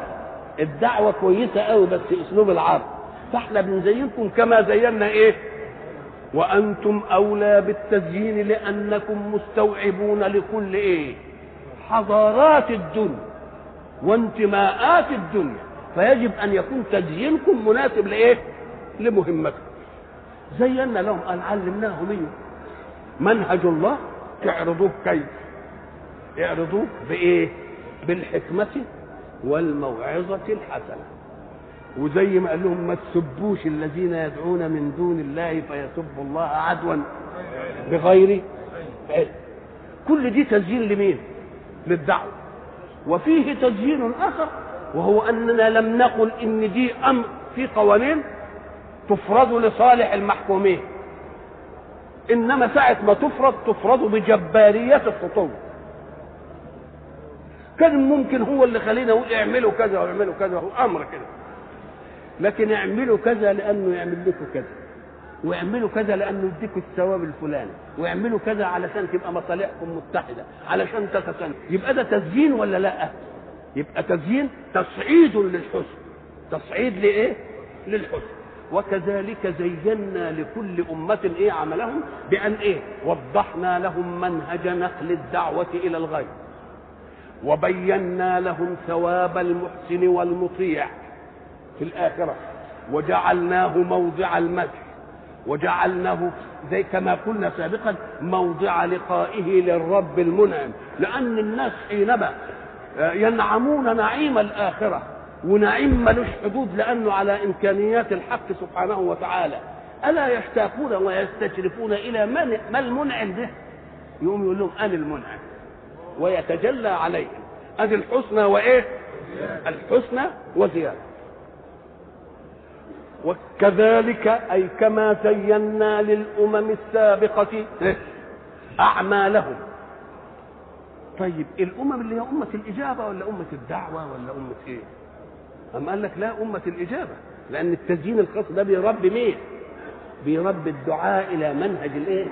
إلى منهج الله. إحنا زينا لهم أعمالهم طب وغيرهم؟ أم قال لك غيرهم لو فطن لوجب أن يبحث لنفسه عن عمل. ككائن حي. ليه؟ قال لك لأنه لو استقرأ الوجود الذي بين يديه وخلفه وعن يمينه وعن شماله لوجد أن لكل كائن مهمة. اللي تعب الدنيا دي كلها إيه؟ أن الصانع صنع الإنسان ويريد الإنسان أن يقنن عملا لنفسه. هذا اللي تعب الدنيا. لكن لو أننا أخذنا أعمالنا المطلوبة منا ممن صنعنا فتبقى الله. طب إيه مهمتنا ما خلقت الجن إلا ليعبدون يعني إيه؟ يطيعون. افعل كذا ولا تفعل ولا. ادي عملك. إذا قيل لإنسان انظر التلميذ في المدرسة. يبقى مهمته إيه؟ إنه في مواعيد المدرسة يذهب إلى الدرس وفي غير المواعيد يجي ياكل له لقمة ويقعد إيه؟ يذاكر. الواد قاعد وطيره يرمي الكتب ويطلع إيه؟ يوم يقول له يا أخي بص لعملك شوف عملك إيه؟ الله يبقى في عمل متفق عليه إنك أنت تلميذ وبتروح تحضر الجماعه عشان تاخد الشهادة هذا العمل. طب إذا قال الحق كذلك زينا لكل أمة عملهم. يعني بينا له العمل ومش بس بينا العمل بفوائده وزيناه له وحببناه قلنا إيه؟ قال لك ظواهر الوجود المظاهر اللي إحنا بنشوفها تخليك. إذا ما كان لإنسان تميز عليك ما تحقدوش على هذا التميز. لأن التميز ده هينفعك أنت. ده خيبتك أنت هي اللي هتعود عليه. إنما شطارة الخصم هي اللي هتعود على مين؟ فلما يكون واحد متفوق عليك في حاجة طب لما يكون النجار بينجر لي نجارة كويسة ومش عارف إيه وبتاع وحاجات زي دي إن كان كويس في صنعته هتعود على مين؟ علي أنا. وإن كنت أنا خايب خياطه وخايب هخسر له هدومه. يبقى من مصلحة كل إنسان أن يكون المتفوق غيره. من مصلحة كل إنسان المتفوق يكون إيه؟ غير. يبقى إذا الواحد لما يشوف واحد متفوق عليه يحمد ربنا ليه ده متفوق لأن خيره هي إيه؟ هيعود عليه. وإن كنت أنا خايب ومش متفوق خيبتي هتعود على ده يبقى هو يزعل اللي أنا خايب. وأنا أفرح اللي هو شاطر. شوف لي مجتمع بقى. شوف لي مجتمع بهذا الشكل. يبقى إيه نظامه دي؟ يبقى مجتمع راقي قوي مجتمع راقي يعمل امه أمم مثالية. إحنا كنا ضربنا مثل زمان علشان نوضح المسألة نقول اليمنى تزاول بها الأعمال. الأعمال الشريفة واليسرى بيزاول بها الأعمال اللي إحنا بنقول عليها يعني خسيس. مش كده؟ بناكل بدي ونسلم بدي لكن متمخط بالشمال طب مش كده ولا لا؟ طب هات بقى إحنا عايزين نقص ضوافرنا بقى اهو. وتمسك المقص بايدك اليمين القادرة على الحركة وممرنة تقوم تقص الإيد الشمال طب تعالى بقى لما تقص الايد اليمين. شوف الشمال بقى هتقعد تعمل فيها إيه. إيه هتقعد تتعب يا عين. الله اذا المتفوق في شيء يجب أن لا يحقد عليه مجتمعه. لأن خير تفوقه هيعود على مين؟ هيعود علي أنا. والخيرة بتاعت الخايب هتعود علي يبقى من مصلحة الكل إن الكل يبقى متفوق ولا لأ؟ شوف أول حاجة اتنزعت من قلوب الناس وعملت استطراق اجتماعي واستطراق أدبي في المجتمع كله. فإذا قال الله وكذلك زينا لكل أمة عملهم يبقى لنا عمل في الحياة. وربنا زينه قال انت بس مش هتعمله عشان ينفعك في الدنيا دي ده هينفعك كمان في الايه؟ في الآخرة. وتأخذ ثواب الله عليه. قاعد يزين إيه؟ يزين لنا شيء. فالذي يأخذ التزيين يقبل على العمل. واللي ما ياخدش التزيين بيعمل إيه؟ أم قال لك هو بياخد تزيين برضه. بس تزيين عاجل. تزيين إيه؟ إحنا كنا ضربنا مثل وقلنا اثنين تلامذه إخوات أبوهم وأمهم واحد. وبعدين واحد منهم بيصبح الصبحية ربنا هديه ويقوم ان كان يعني في سن التكليف بيقوم يصلي وياكل له لقمة وياخد كتبه ويذهب إلى إيه؟ المدرسة وقاعد أمام المدرس مؤدب كده مستقبل كويس وبعدين يجي هو وبعدين نجح آخر السنة وجاب مش عارف إيه وطلع الأول. الله. قام شاف ثمرة إيه؟ طب وأخوه الثاني؟ يجوا يقوموه من النوم ما يقومش. يضربوه ويقوموه بالعافية. يطلع من الدار ويروح يلعب في الحارة ولا يقعد على قهوة ولا يعمل مش عارف إيه. آه. اهو دك في إقباله وجده زين له عمله. وده في لعبه زين له لعب بس التزيين هنا إيه عاد والتزيين هناك إيه نسيبهم كده عشر سنين. يطلع ده صعلوك من صعاليك المجتمع ها ودك رجل مرموق مش عارف إيه. يبقى المسألة إذا كل واحد إيه بيزين عمله على مقدار إيه؟ على مقدار الطموح بتاعه، الطموح بتاعه الذهني. وفهمه لإيه؟ للحقائق، تيجي مثلا تلتفت تلاقي مثلا واحد دخله قد كده. فتح على نفسه أبواب من الترف أكثر من من اللازم. ولا يدخر شيئا. هو إزاي بيحقق المتعة. شاف مش عارف إيه جاب وشاف ده جاب وشاف ده جاب. يقول لك إيه؟ أنا ببسط نفسي أنا ببسط عيالي. والتاني جاب الضروريات كده في الأول وقعد يحوش إيه؟ شوية. بعد كم سنة كده التفتنا لقينا اللي قاعد يحوش شوية بقى عنده سكن كويس أو بقى عنده عربية كويسة. آه. يبقى ده زين له عمله وده زين له إيه؟ عمله. إنما كده خبطه لازم ولا بأمور مقننة؟ أم قال لك أيوه الدين قال لنا إياك أن تنظر إلى الشهوة العاجلة ولكن انظر إلى ما تعطيه أو الجدوى اللي تأتي منه. فساعة تنظر إلى إحنا قلنا الإنسان الذي نقول له لا تسرق. ما تسرقش. يمكن يزعل منا لاننا بنحدد بنحدد حريته في الخاص إحنا عايزين إيه ليه كده بيعمل الحق؟ أما لك لأنه إن تعود أن يأكل وينعم بدون عرق منه مستحيل يقدر يشتغل بعد كده. فلازم تعوده إن هو ما ينعمش بشيء إلا بكد وعمل. ولذلك حتى قوانين العالم لما تيجي في بطالة بطالة يعني دائرة الأعمال ما تتسعش للعاملين. يبقى في بطالة يقول لك اعمل إيه يا أخوي؟ الدولة تأكلهم؟ أم قال لك لا الدولة تقترح تجيب أعمال كده ملهاش لازمة. تقول لهم اقعدوا ابحثوا البتاع دي هدوا دي نعملوا دي وبعدين إن شاء الله يبنوها ويهدوها. ليه؟ أم قال لك عشان ما تعودهمش أن يأكلوا بدون عمل. أهو الإسلام قال كده احفر بئرا وطمها. يعني احفر بير واردمها وأعطي الأجير اجره قال لك طيب ما يديله اللي هيحفره ده ويديه له قال لك لا ستعوده إيه؟ تعوده الإيه؟ الكسل. يوم لما يعرف وياكل كده من من من على إيده كده ومش عارف إيه يوم يعشق الشرف. ويعشق الكرامه ويعشق ان ما فيش واحد أحسن منه. اشمعنى اللي هيديني أحسن مني؟ طب وأنا ليه ما الله تبقى اذا كل دي بتعمل إيه؟ تزيين للإيه؟ للأعمال. فالذين يقفون عند حكمة المزين للعمل هم دول اللي بينجحوا. اوعى أنت تزين العمل أنت. تقول زنت كذا وزنت كذا لا شوف اللي, اللي شرع العمل. هو اللي قال إيه؟ قال لك زينه بكذا زينه بالإتقان زينه بالإخلاص زينه بالحب. كل كل حاجة حطها بمقاييس مين؟ بمقاييس الحق سبحانه وتعالى. لأن مقاييسنا بتغلط ولا ما بتغلطش؟ مقاييسنا بتغلط. ثم إلى ربهم مرجعهم. وما دام المرجع لمن أوجد العمل منهجا تفعل ولا تفعل ولا تفعل. والمرجع لمن وضع التزيين يبقى علشان ناخد الكرامة منه ناخد المنهج منه. على مقدار ما أخذت من منهجه تأخذ من من كرامته. واقسموا بالله جهد أيمانهم. اقسموا بالله. يبقى عندنا قسم. وعندنا مقسم به. وعندنا مقسم وعندنا مقسم عليه. طب المقسم به هو مين؟ الله.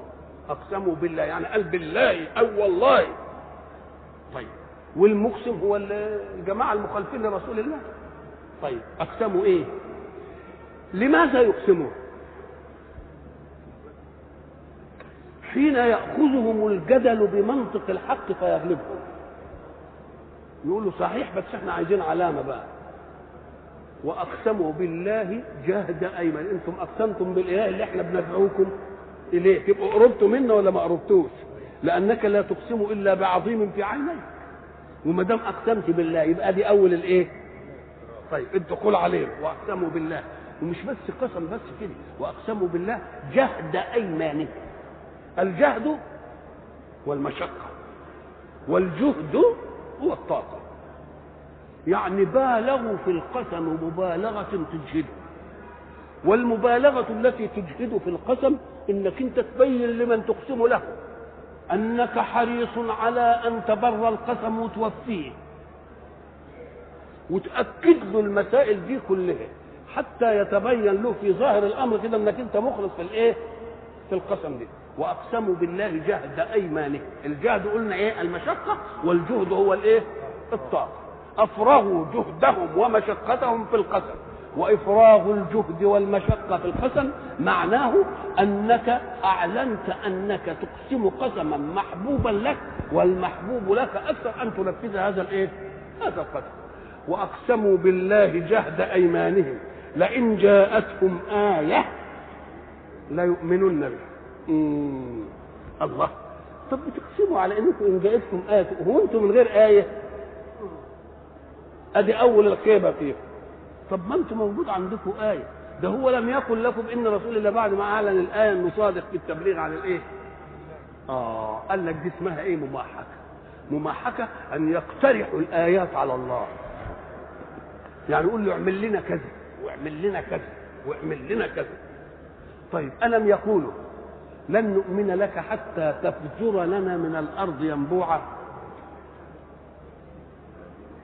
أو تكون لك جنة من نخيل وعنب فتفجر الأنهار خلالها تفجيرا؟ أو تسقط السماء كما زعمت علينا كسفا؟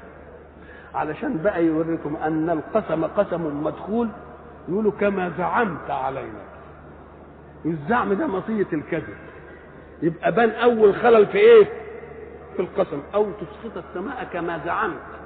أي في آيات التي نزلت إيه؟ ان نشأ إيه؟ نخسف بهم الإيه؟ الأرض. أو نسقط السماء عليهم إيه؟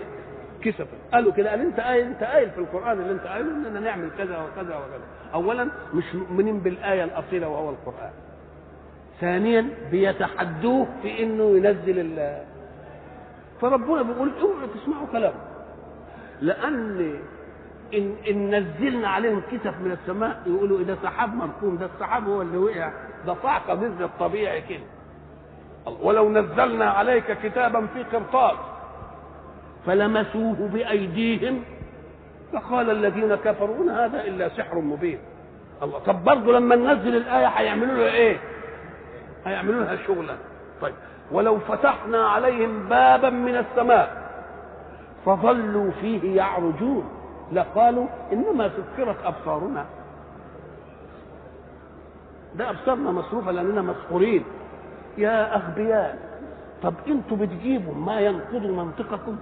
طب ما دام مسحورين من سحركم الرسول طب ولا ما سحركوش عشان تؤمنوا ليه؟ طب هو خد الناس دول قعد يسحرهم وجابهم بقوا مؤمنين بيه. طب مش من أنتوا حطيتوا عليه بقى؟ لو كان السحر ده يجيبكم جاب الناس كان يجيبكم أنتوا اخرين يبقى يبقى يبقى رد منقوض ولا مش منقوض؟ يبقى منقوض وقالوا لن نؤمن حتى تفجر لنا من الأرض ينبوعا. أو يكون لك جنة من نخيل وعنب فتفجر الأنهار خلالها تفجيرا أو تسقط السماء كما زعمت علينا كسفا أو تأتي بالله والملائكة قبيلا. وإلى لقاء آخر إن شاء الله. بسم الله الرحمن الرحيم. الحمد لله رب العالمين. والصلاة والسلام على أشرف المرسلين وخاتم النبيين ورحمة الله للعالمين سيدنا محمد وعلى آله وصحبه أجمعين. وبعد فقد وقفنا في اللقاء السابق عند قول الله سبحانه أعوذ بالله من الشيطان الرجيم وأقسموا بالله جهد أيمانهم لئن جاءتهم آية ليؤمنن بها. وقلنا إن الحق سبحانه وتعالى ذكر لنا في كتابه أن كل ما يقولونه في هذه المسألة مروق من الاستجابة إلى الدعوة لأنه لا توجد آية أعظم من الآية التي نزلت عليهم وهي القرآن. وكل الآيات التي اقترحوها لا تسمو على هذه الآية لأنهم أمة نعف وصرف وبلاغة وبيان وأدب فجاء لهم بالمعجزة التي تفوقوا فيها وهم لم يتفوقوا في أشياء التي ذكروها حتى نأتي لهم بمعجزة من جنس ما تفوقوا فيه. والمعجزات دائما تأتي على هذا الأساس. قوم تفوقوا في شيء فيأتي الله بشيء يتفوق عليهم ليثبت صدق الرسول في البلاغ عنه.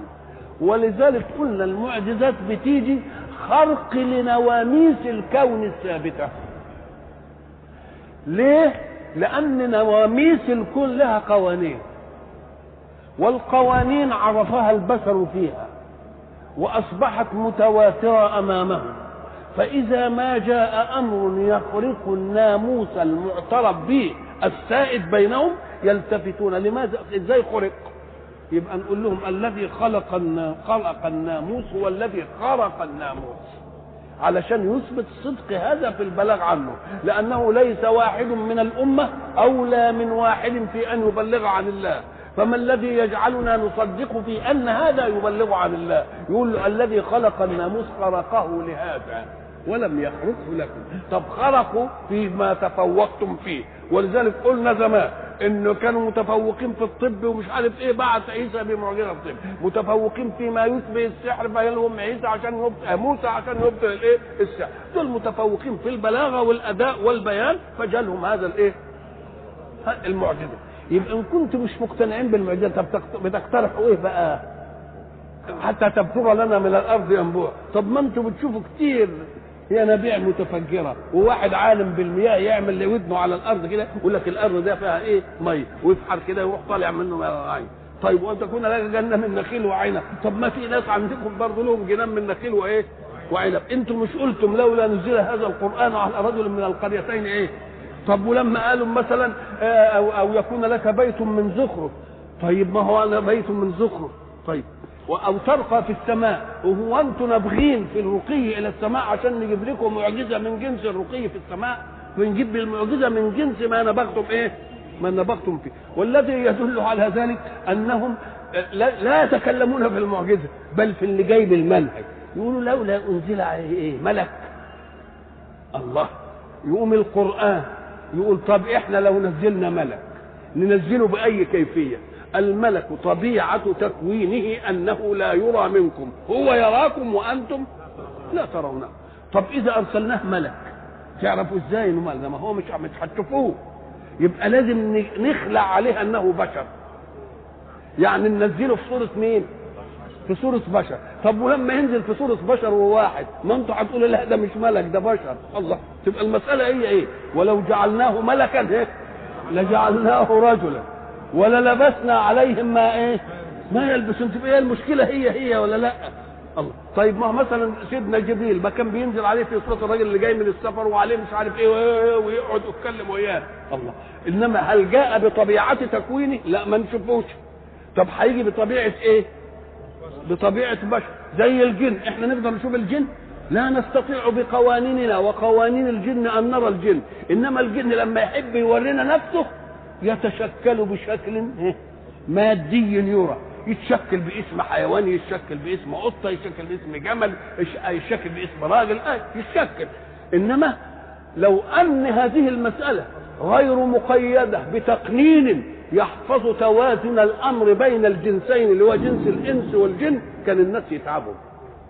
لأن كل ساعة بقى يطلع لي إيه؟ يطلع لي جن ويقف قدامي كده ويقول بعدين أبص ما لقيتش. يعمل يعمل في الناس إيه ده يجنن الناس ويرعبهم. فهم بيخافوا منه أكتر ما نخاف إحنا منهم. ليه؟ أم قال لك؟ لأن هو فاهم أن قانونه له. فإن تشكل بشكل إنسي أو شكل مادي حكمه قانون الإنس وقانون الجن.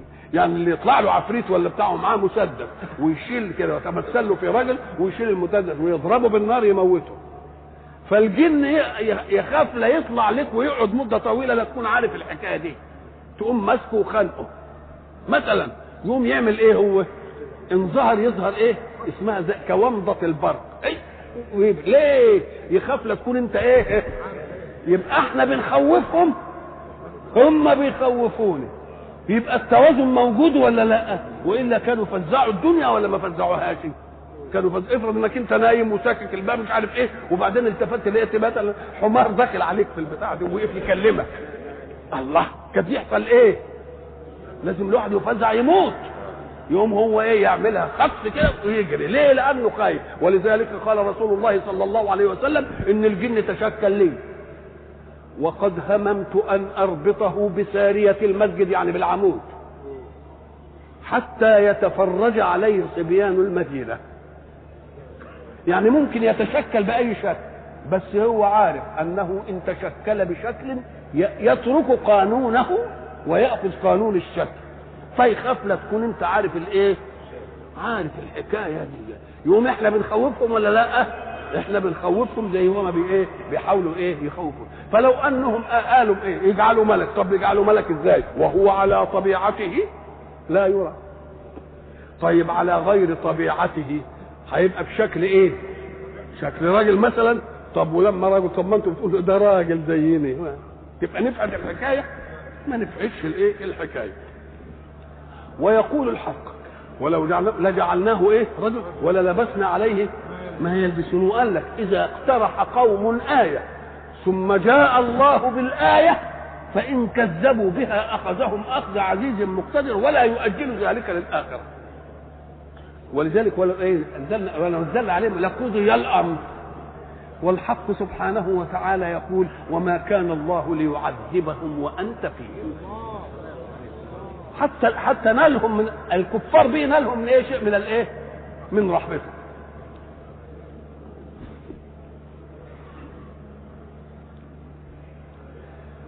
لئن جاءتهم آية ليؤمنن بها. قل إنما الآيات عند الله. هو أنا بقول لكم أنا اللي بجيء بالآيات.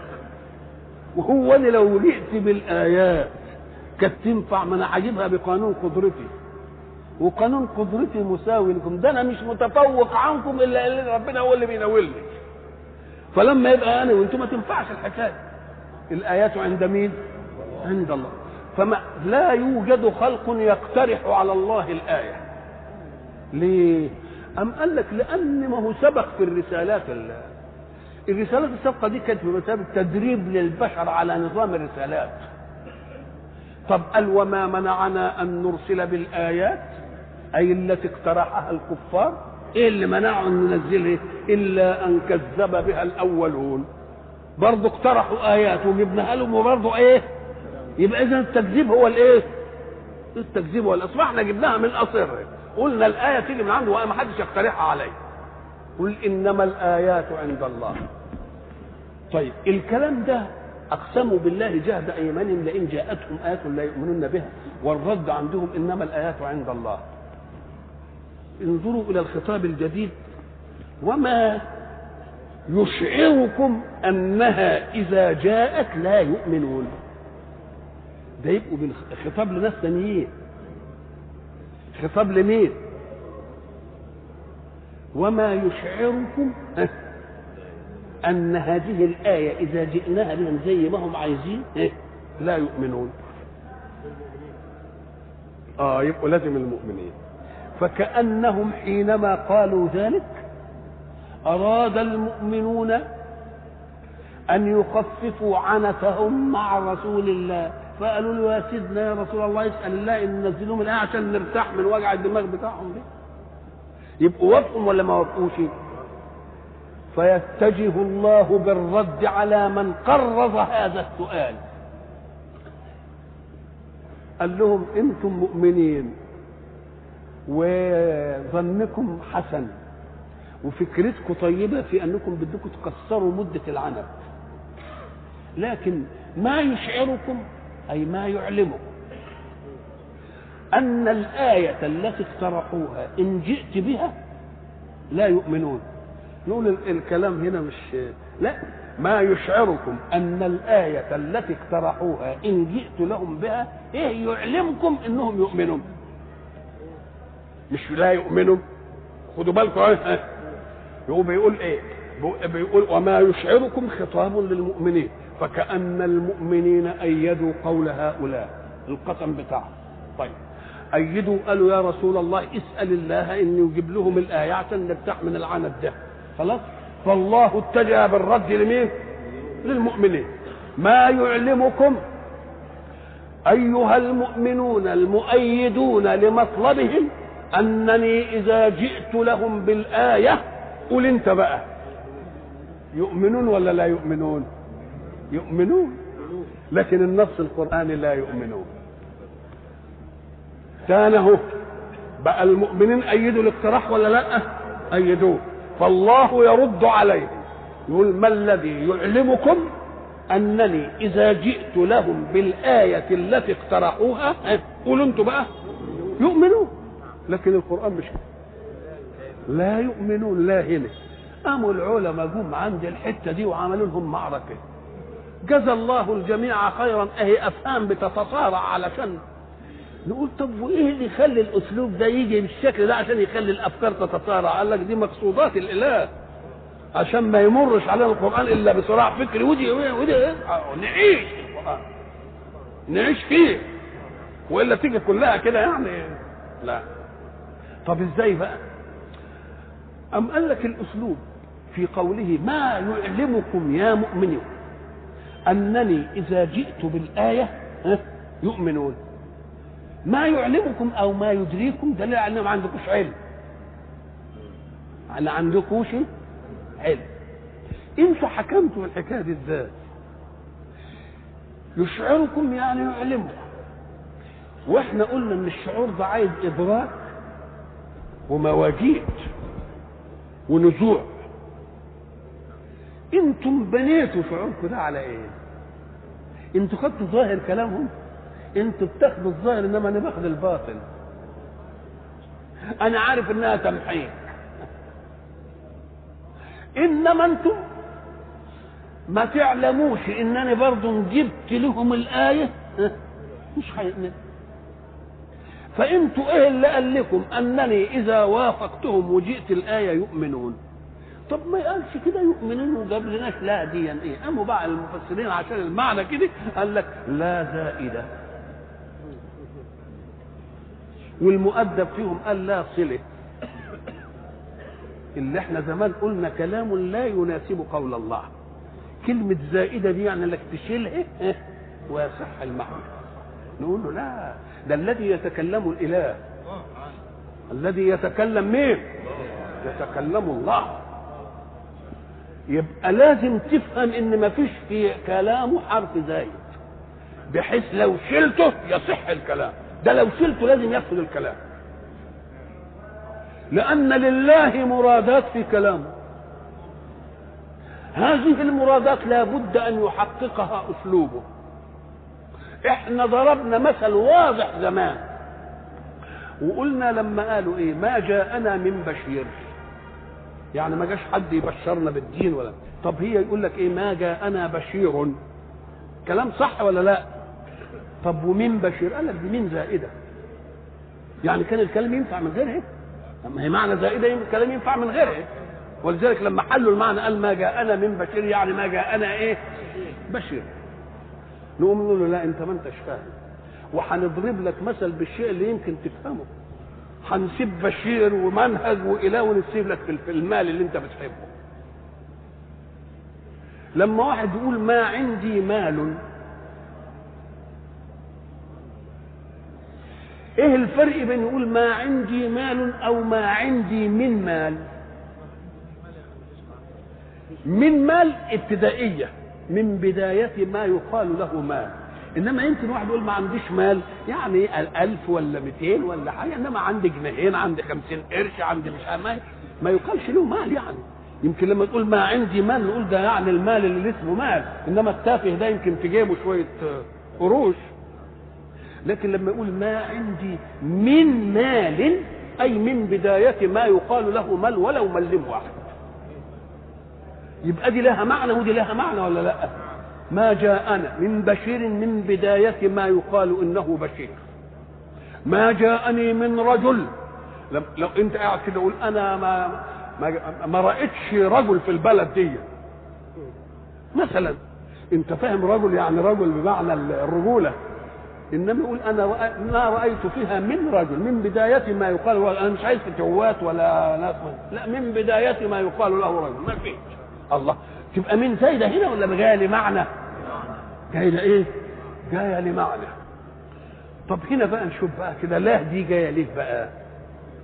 أم قال لك إذا قلت أن الحق يبدو يقول لهم ما يعلمكم يا مؤمنين أنني إذا جئت لهم بالآية يؤمنون فكأنه بينكر عليهم تأييد طلبهم. مش بينكر عليهم؟ واحد يقول لك إيه؟ والله إن إن إن, إن جئت لفلان في بيته يكرمك. وانت عارف فلان تقول له طب إيه يعلمك أنني إن جئت يكرمني؟ أنت بتاخد بظاهرية البسمة وظاهرية لهجة الدعوة أنا عارفه ده هو مثلا كذا كذا كذا. يبقى بتنكر عليه التأييد ولا لأ؟ أهي أهي. إن جئت إلى فلان في بيته إيه يكرمك. يقول لك وانت إيه اللي ذراك أو إيه اللي عرفك انني ان جئت له يكرم يكرمني. إيه اللي ذراك في القضية دي. دي قضية ما يصحش تقولها ابدا. يبقى كأنك تنكر علي هذا. والإنكار نفي. والإنكار إيه؟ ما كانش صح إنك أنت تأيد.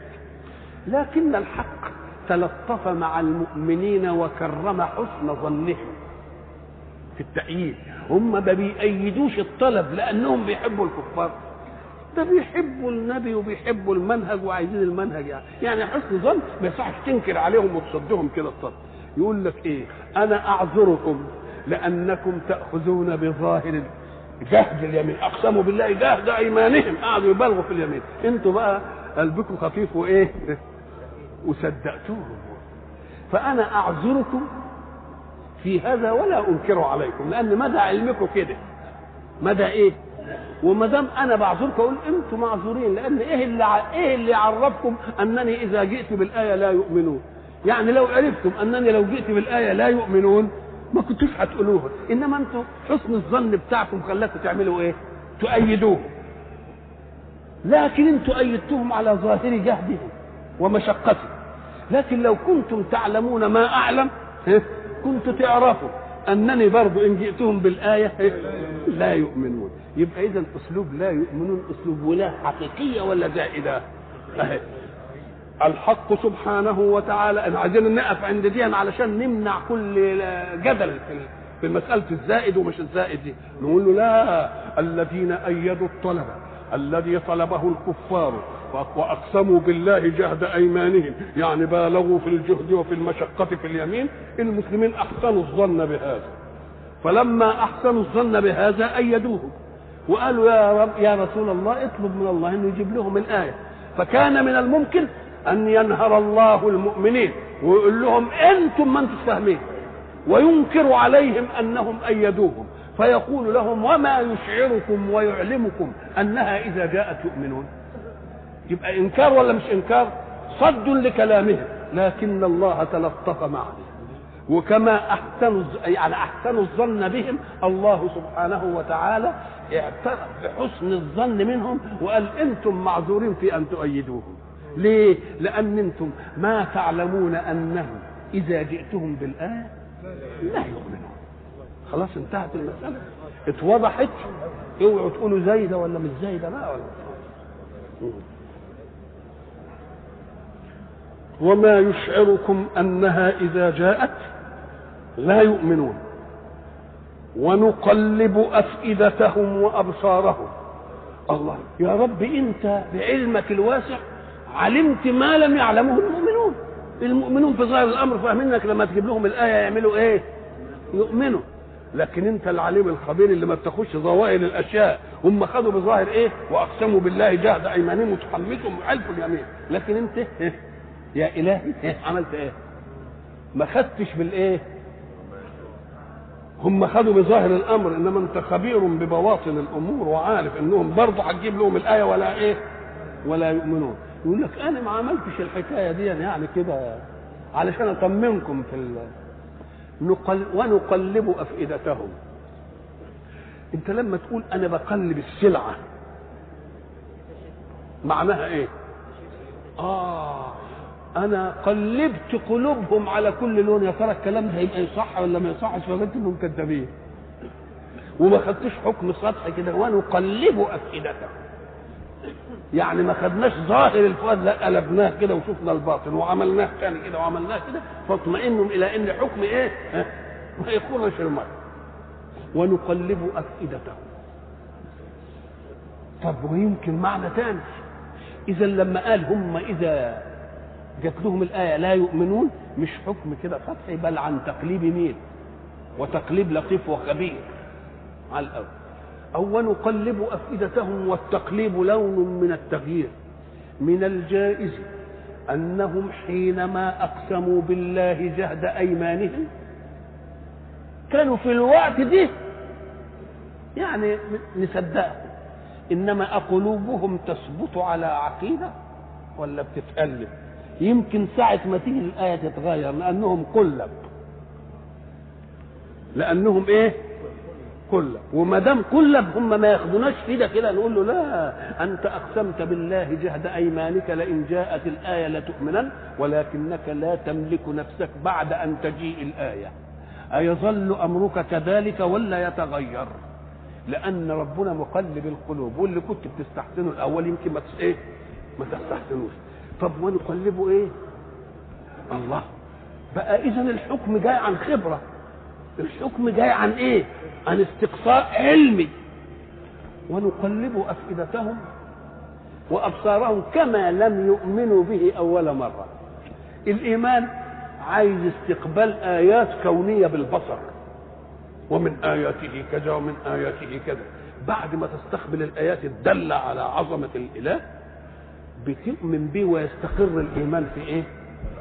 إحنا بنقلب أفئدتهم وأبصارهم. نشوف هل أبصارهم كده بتبصر بصر اعتبار واقتناع؟ ولا بس هو كده بيشوفوها كده وأفئدتهم فيها استقرار؟ وما دام بنقلب كما لم يؤمنوا به أول مرة برضه هتجي لهم الحالة اللي استقبلوا بها الإيمان إيه؟ يبقى أبصارهم قاصرة وقلوبهم إيه؟ قاصرة. ونقلب أفئدتهم كما لم يؤمنوا به إيه؟ أول مرة. اذا فهم لا يؤمنون. مش كده؟ وما يشعركم أنها إذا جاءت؟ لا يؤمنون. خلاص يبقى ده؟ دي إنكار ولا إعذار؟ لا ده إنكار كان يقول يؤمنون بينكر عليهم إنهم أيدوه. إنما دي إعذار للمؤمنين. أنا اعذركم لأنكم لا تعلمون حقيقتهم في أنهم إن جاءت الآية إيه؟ لا يؤمنون. كما لم يؤمنوا به أول مرة ما تغيروش. وتبقى ونقلب أفئدتهم جملة اعتراضية علشان يقول إن الحكم ده جاي عن إيه؟ عن خبرة وعن لطف التقليد. يبقى لا يؤمنون كما لم يؤمنوا به إيه؟ أول مرة. ونذرهم في طغيانهم ونذرهم في طغيانهم يعمهون. الطغيان تجاوز الحد وتجاوز الحد هنا في استقبال الآيات جات لك آية وعاجز أن تأتي بمثلها وعاجز أن تأتي بعشر سور وعاجز أن تأتي بسورة يبقى ما تطغاش بقى وتعود أكثر من كده لأن ده يبقى تجاوز إيه؟ تجاوز حد في طلب الاقتناع بصدق الإيه؟ بصدق الرسول نظرهم في طغيانهم يعمهون والعمه هو التردد والحيرة اما تشوف واحد كده عايز يمشي هنا ولا يمشي هنا ولا يمشي هنا يبقى عمال إيه؟ متردد. في طغيانهم يعمهون يبقى يترددون. آه يبقى معنى التردد أن فيهم فطرة تستيقظ نؤمن؟ ما نؤمنش؟ نروح من الناحية دي؟ ما نروحش نمشي كده؟ ما نمشيش. الله. يبقى إيه معناها إيه؟ إن فيه فطرة إيه؟ بتستيقظ. وإلا لو ما كانش فيه فطرة بتستيقظ كده كومضات البرق كانوا يفضلوا على طول ما يترددوش. أو نقلب أفئدتهم وأبصارهم في النار لأن البصر لم يؤدي مهمته في الاعتبار والقلب لم يؤدي مهمته في الفقه عن الله. فاحنا هنجزيهم من جنس ما عملوا. نبقى نقلب إيه؟ الأبصار بتاعهم والإيه؟ والقلوب في النار. طيب. ونقلب أفئدتهم وأبصارهم. كما لم يؤمنوا به أول مرة. يبقى في المرة الأولى وفي المرة الإيه؟ في المرة الثانية. ونذرهم في طغيانهم يعمهون. ولو أننا نزلنا إليهم الملائكة وكلمهم الموتى وحشرنا عليهم كل شيء قبلا ما كانوا ليؤمنوا. والساعة بقى هو قال مش هيؤمنوا. هم اقترحوا إيه؟ اقترحوا آيات كتير. الحق سبحانه وتعالى اختار عيون ما اخترع قال إيه؟ ولو أننا نزلنا إليهم الملائكة زي ما اقترحوا. طيب. أكانوا يؤمنون؟ وكلمهم الموتى.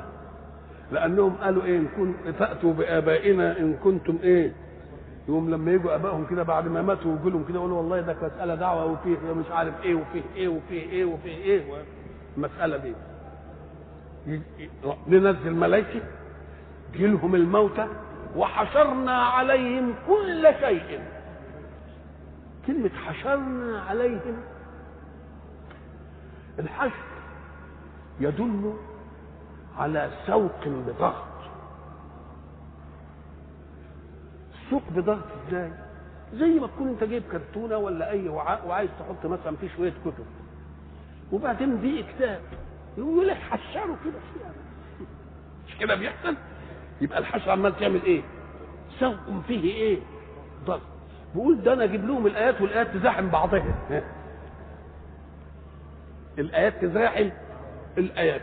قدرتي تجعلني أستطيع أن آتي بالآيات التي طلبوها جميعا.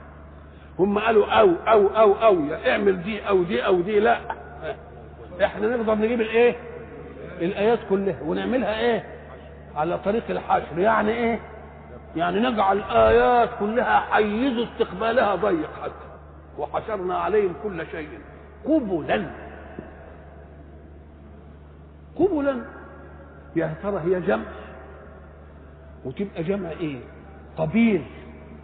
قبيل وقبل زي لما تجمع سرير وتقول إيه؟ سرر حشرنا عليهم كل شيء قبلا ما دام كل شيء يبقى فيه عموم. ودي آية ودي آية ودي آية فكأن الآية دي تمثل قبيلة والآية دي تمثل قبيلة والآية دي تمثل. أصناف وألوان ونجيب لهم بقى متعددات. أو قبلا معاينة. لأن يقول لك في شيء دبر وفي شيء قبل يعني أمام عين. دبر يعني من خلف حشرنا عليهم كل شيء مقابل معاين لهم كده. يبقى إن خدتها على المعنى الأول يبقى حشد للآيات.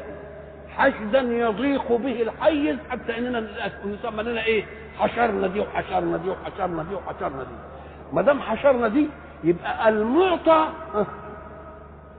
أكثر من المطلوب. ما دام حشرنا يبقى المعطى إيه؟ أكثر من المطلوب. هو جه قال لك مثلا الراجل والله أبويا باعت لي لك علشان تحط لي مثلا في الوعاء ده شوية مثلا آه سكر شوية مش عارف شاي شوية مش عارف إيه. فما قالوا الوعاء تقدر أنت تملاه تملاه مرة تعريش. مش كده ولا لأ؟ ومرار بقى تحب أنت تبالغ في الكرم شوية تروح زي بعد شوية ودي شوية ومدخل الله أنت بدك تدي أكثر من المطلوب. يبقى حشرنا عليهم يعني أعطيناهم إيه؟ أكثر من المطلوب. حتى إنها كقبائل. كل إيه بقبيله أدي إن أردت أن تجعل قبلا جمع لإيه؟ لقبيلة. وإن أردت أن تجعلها مواجهة. ما هم عايزين كده يشوفوا بعينهم. هنجيبها لكم مواجهة. قبلا يعني من ناحية إيه؟ من ناحية أمامكم. ولو أننا نزلنا إليهم الملائكة وكلمهم الموتى اللي قالوا إيه فأتوا إيه بآبائنا وحشرنا عليهم كل شيء طلبوه. خلاص؟ وفوق ما طلبوه بدلاله إيه؟ حشرنا. ما كانوا ليؤمنوا. طيب ما كانوا ليؤمنوا؟ دي بتحدد قدرية الله الحق. قال لك بقى إلا أن يشاء الله. طلاقة القدرة تخليهم بقى إيه؟ إيه؟ يرغمهم على الإيمان لكن الإرغام على الإيمان ده يدي اختيار وتكليف ولذلك مش قال له الآية اللي قال إيه؟ لعلك باخع نفسك ألا يكونوا إيه؟ مؤمنين إن نشأ ننزل عليهم من السماء آية فظلت أعناقهم لا خاضعين وإحنا قلنا الله لا يريد أعناقا تخضع وإنما يريد قلوبا تخشع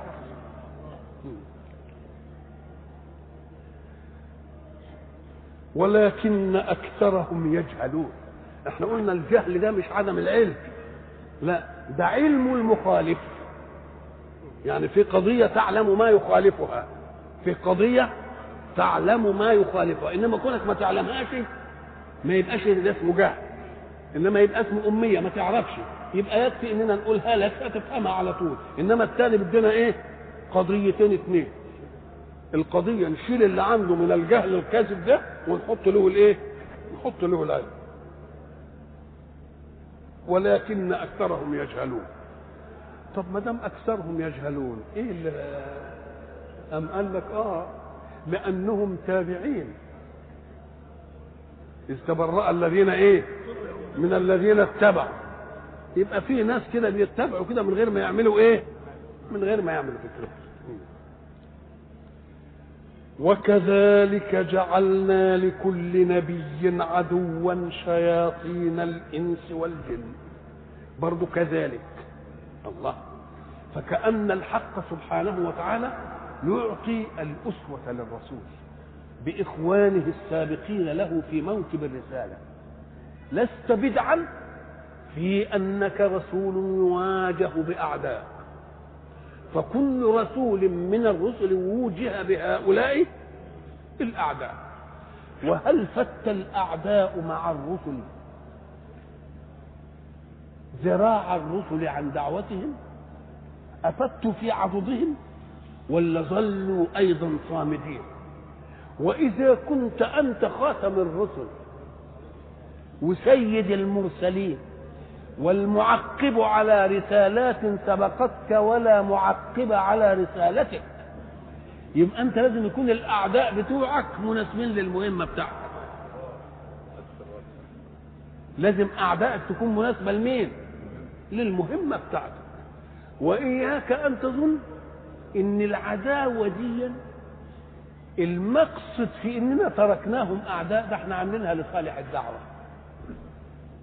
ليه؟ لأن الإنسان إذا ما كان في منهج خير وأهاجه شر يتحمس للخير.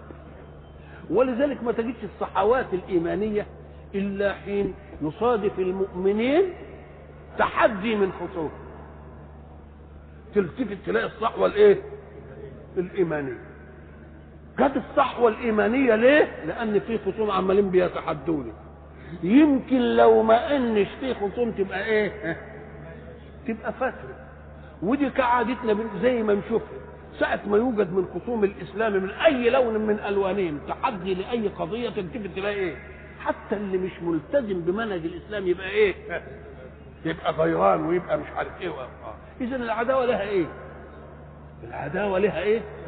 لها فايدة اوعى تفتكر إن في أي مظهر في الوجود يغلب الله على مراداته في كونه. الشر له رسالة. لأن لولا الشر الموجود والناس يصابون من اذاه ما كانوش الناس تحمسوا للخير. يبقى اللي خلانا نتحمس للخير إيه؟ وجود الشر. إحنا قلنا زمان الباطل جندي من جنود الحق. الباطل نفسه لأن الباطل لما يقعد يعض ويعربد في الناس يقول يا سلام كده الحق يجي ينقذني. آه بقى خليك تلتفت الحق إيه؟ وقلنا أنك ساعة ترى مريضا يتألم. اوعى تفتكر إن الألم ده جاي كده. ده الألم ده جاي من جند الشفاء. لأنه كأن الألم ده بيقول لك يا إنسان تنبه أن عصبا في هذا المكان. فتسارع إلى ولذلك أعنف الأمراض واشرسها وأخبثها هي الأمراض التي تأتي بلا ألم متقدم. ما تظهرش إلا بعد ما يستعصي شفائها يبقى الألم جندي من جنود العافية ولا لا؟ لما يكون لك عدو في الحارة ولا في البلد ولا في مش عارف الايه وقاعد مفتح لك كده تقوم تخاف أن تقع منك هنا. لا إيه؟ لا يشنع بك عليه. تبقى ماشي على الإيه؟ على الصراط المستقيم. ما تعملش أي حاجة. الله. لأنك أنت بدك ما تنصروش على نفسك. فاذا العدو عمال يعمل إيه؟ عمال بيخليك تحرسك وبنفسك تقوم أنت تقول والله لم الجدع أنا متفوق عليه. ما يعديك ولد في الفصل ولا بتاع ولا أي حاجة. تقول والله لو واخد بالي وطالع عليه الأول. ابن الإيه ده أهو. الله يقوم هو بيغريك ولا لأ؟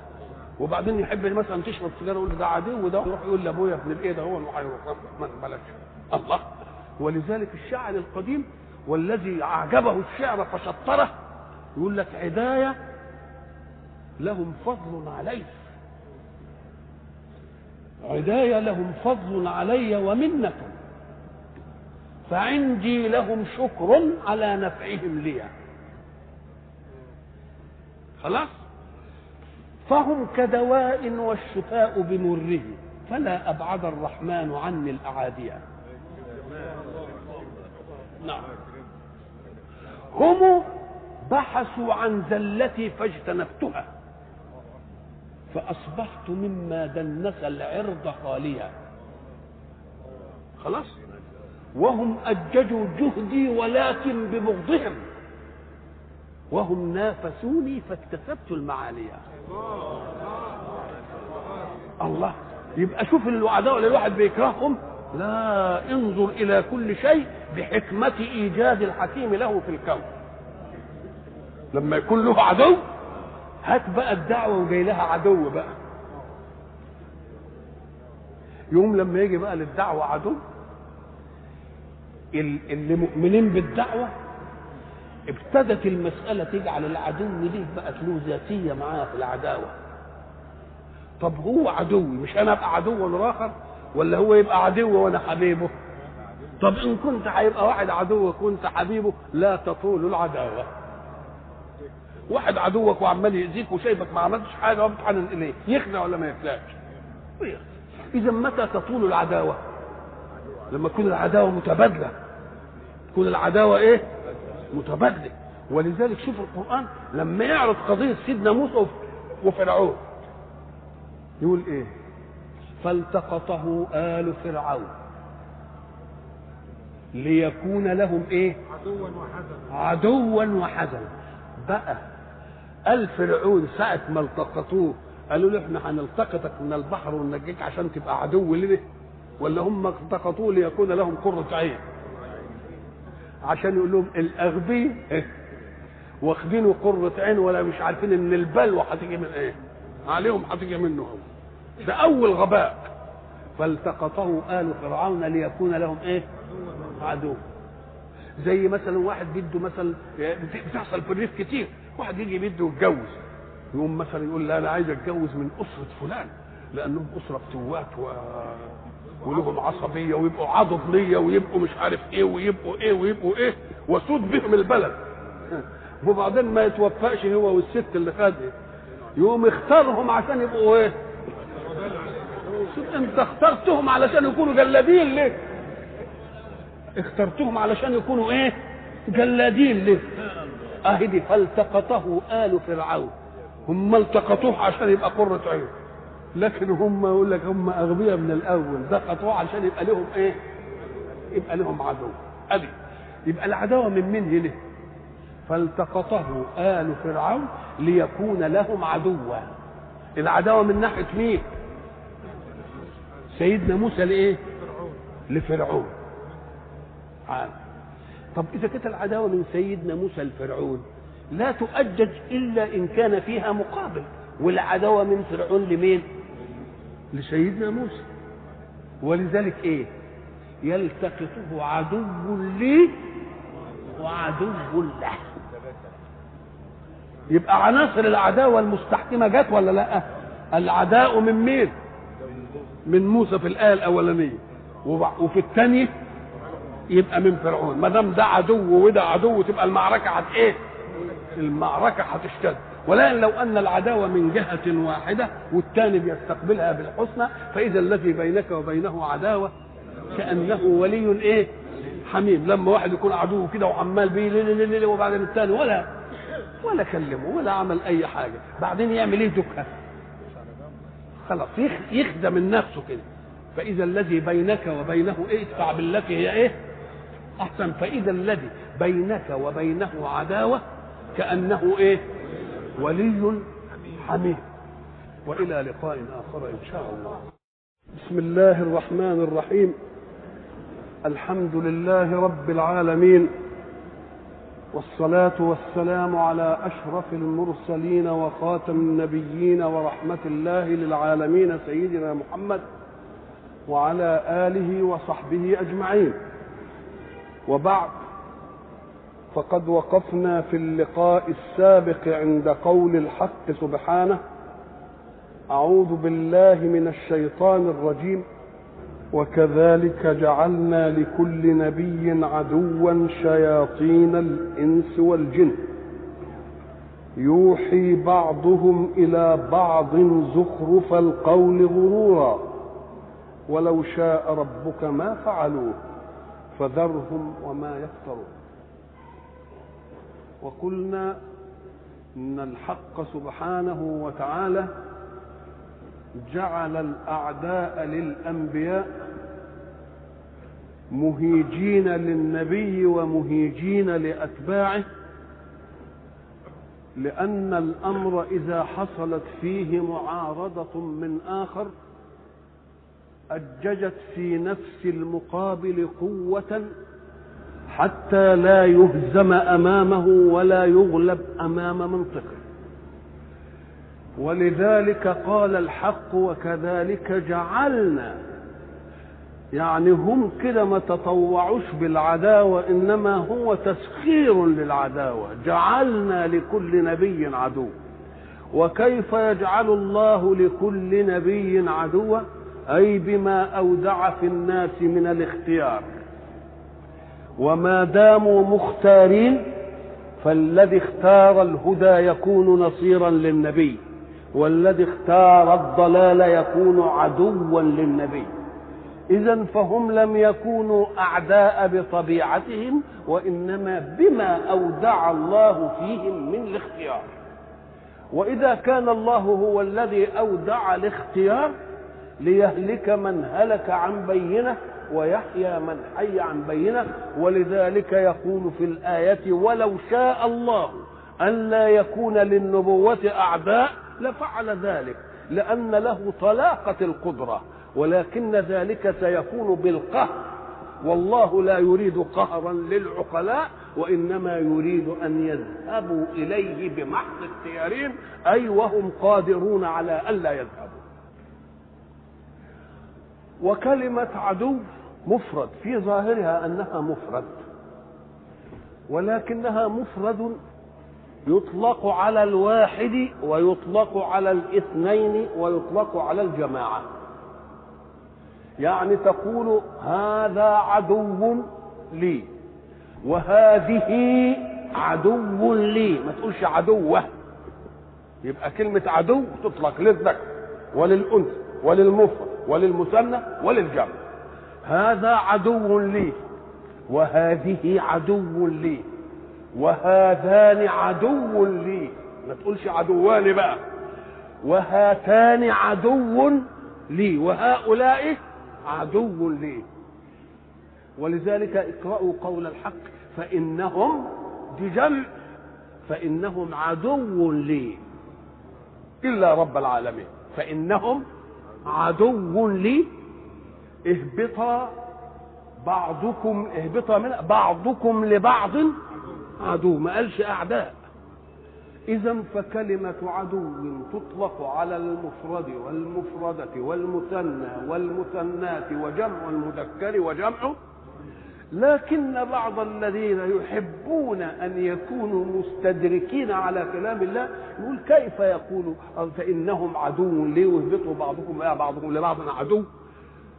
وبعد ذلك يقول ألم أنهكما عن تلكما الشجرة وأقل لكما إن الشيطان لكم إيه؟ هذا واحد أهو. الشيطان عدو وهم عدو. وبعد ذلك يقول الحق سبحانه وتعالى واذكروا نعمة الله عليكم إذ كنتم أعداء. فألف بين قلوبكم فأصبحتم بنعمته إخوانا. إذ كنتم عدوا. ما دام هيعمل العدو دي تطلق على الكل نقول له أنت فاتك اللي بيتكلم رب. والعداوة نوعين. إذا تعدد العدو وجمعته مصلحة واحدة في معاداة المعادة يكون وحدة في العداوة. لكن إذا تعددت أسباب العداوة يبقى ده عدو لأني مثلا شكل أحسن منه وده عدو لأني أذكى منه وده عدو لأن ده غني وده عدو لأن عنده مال فالعداوة أسبابها إيه؟ مختلفة شياطين الإنس والجن أكن أكن واحد قال العدو مين هم؟ فقال شياطين الإنس والجن يبقى شياطين الإنس والجن زي ما كما يقول النحاة بدل من مين؟ عدو. وشياطين الإنس والجن أم قال لك لأن معنى شياطين يعني إيه؟ الشيطان هو اللعين المطرود البعيد سواء كان من الإنس ولا من الجن. يوحي بعضهم إلى بعض زخرف القول غرورا. يوحي قال لك آه. ليه؟ الوحي هو إيه؟ الوحي كما قلنا سابقا إعلام بخفاء. أنت لما تتكلم مع واحد تقول له كده تعلمه بحاجة بكلام واضح يبقى بتعلمه بكلام إيه؟ لكن بتعلمه بخفاء. يعني افرض إنك أنت مثلا عايز تقوم تغمز بعينك كده إشارة كده. يبقى مش بتقول كلام إيه؟ كلام واضح. طب وليه بيوحي بعضهم إلى بعض؟ قال لك لأن غلبة الحق ما تجعلهمش ما تجعلهمش يتجاهروا. غلبة الحق ما تجعلهمش إيه؟ يقوموا يقعدوا يدسوا ويعملوا تآمر مع بعض وما مش عارف إيه. إنما الناس اللي محقين في قضية يبقوا متعالنين ولا لأ؟ يبقوا متعالنين. يوحي بعضهم إلى بعض. وقلنا بقى الوحي إعلام بخفاء. مين اللي بيوحي؟ مين اللي بيوحى إيه؟ إيه الموضوع؟ ملناش دعوة به يبقى مطلق الوحي إعلام بخفاء. إن كان إلهام في النفس عال قوي إن كان بالإشارة وبالدس إن كان بالوسوسة إن كان بواسطة رسول كده إحنا ما نشوفوش كل دي اسمها إيه؟ وحي وقلنا بقى ما دام الوحي إعلام بخفاء مرة يكون الموحي هو الله. الموحي هو الله. طب والموحى إليه؟ قال لك حاجات كتير قوي في الجماد يقول إيه؟ لأن ربك أوحى لها أعوذ بالله من الشيطان الرجيم. إذا زلزلت الأرض زلزالها وأخرجت الأرض أثقالها وقال الإنسان إيه؟ ما لها. يومئذ تحدث أخبارها بأن ربك لها هو يحيلها بقى ده يخاطب خلقه بأي شكل. خلاص كده؟ يبقى ده طيب وبعدين يقول وأوحى ربك إلى النحل مش كده ولا لا؟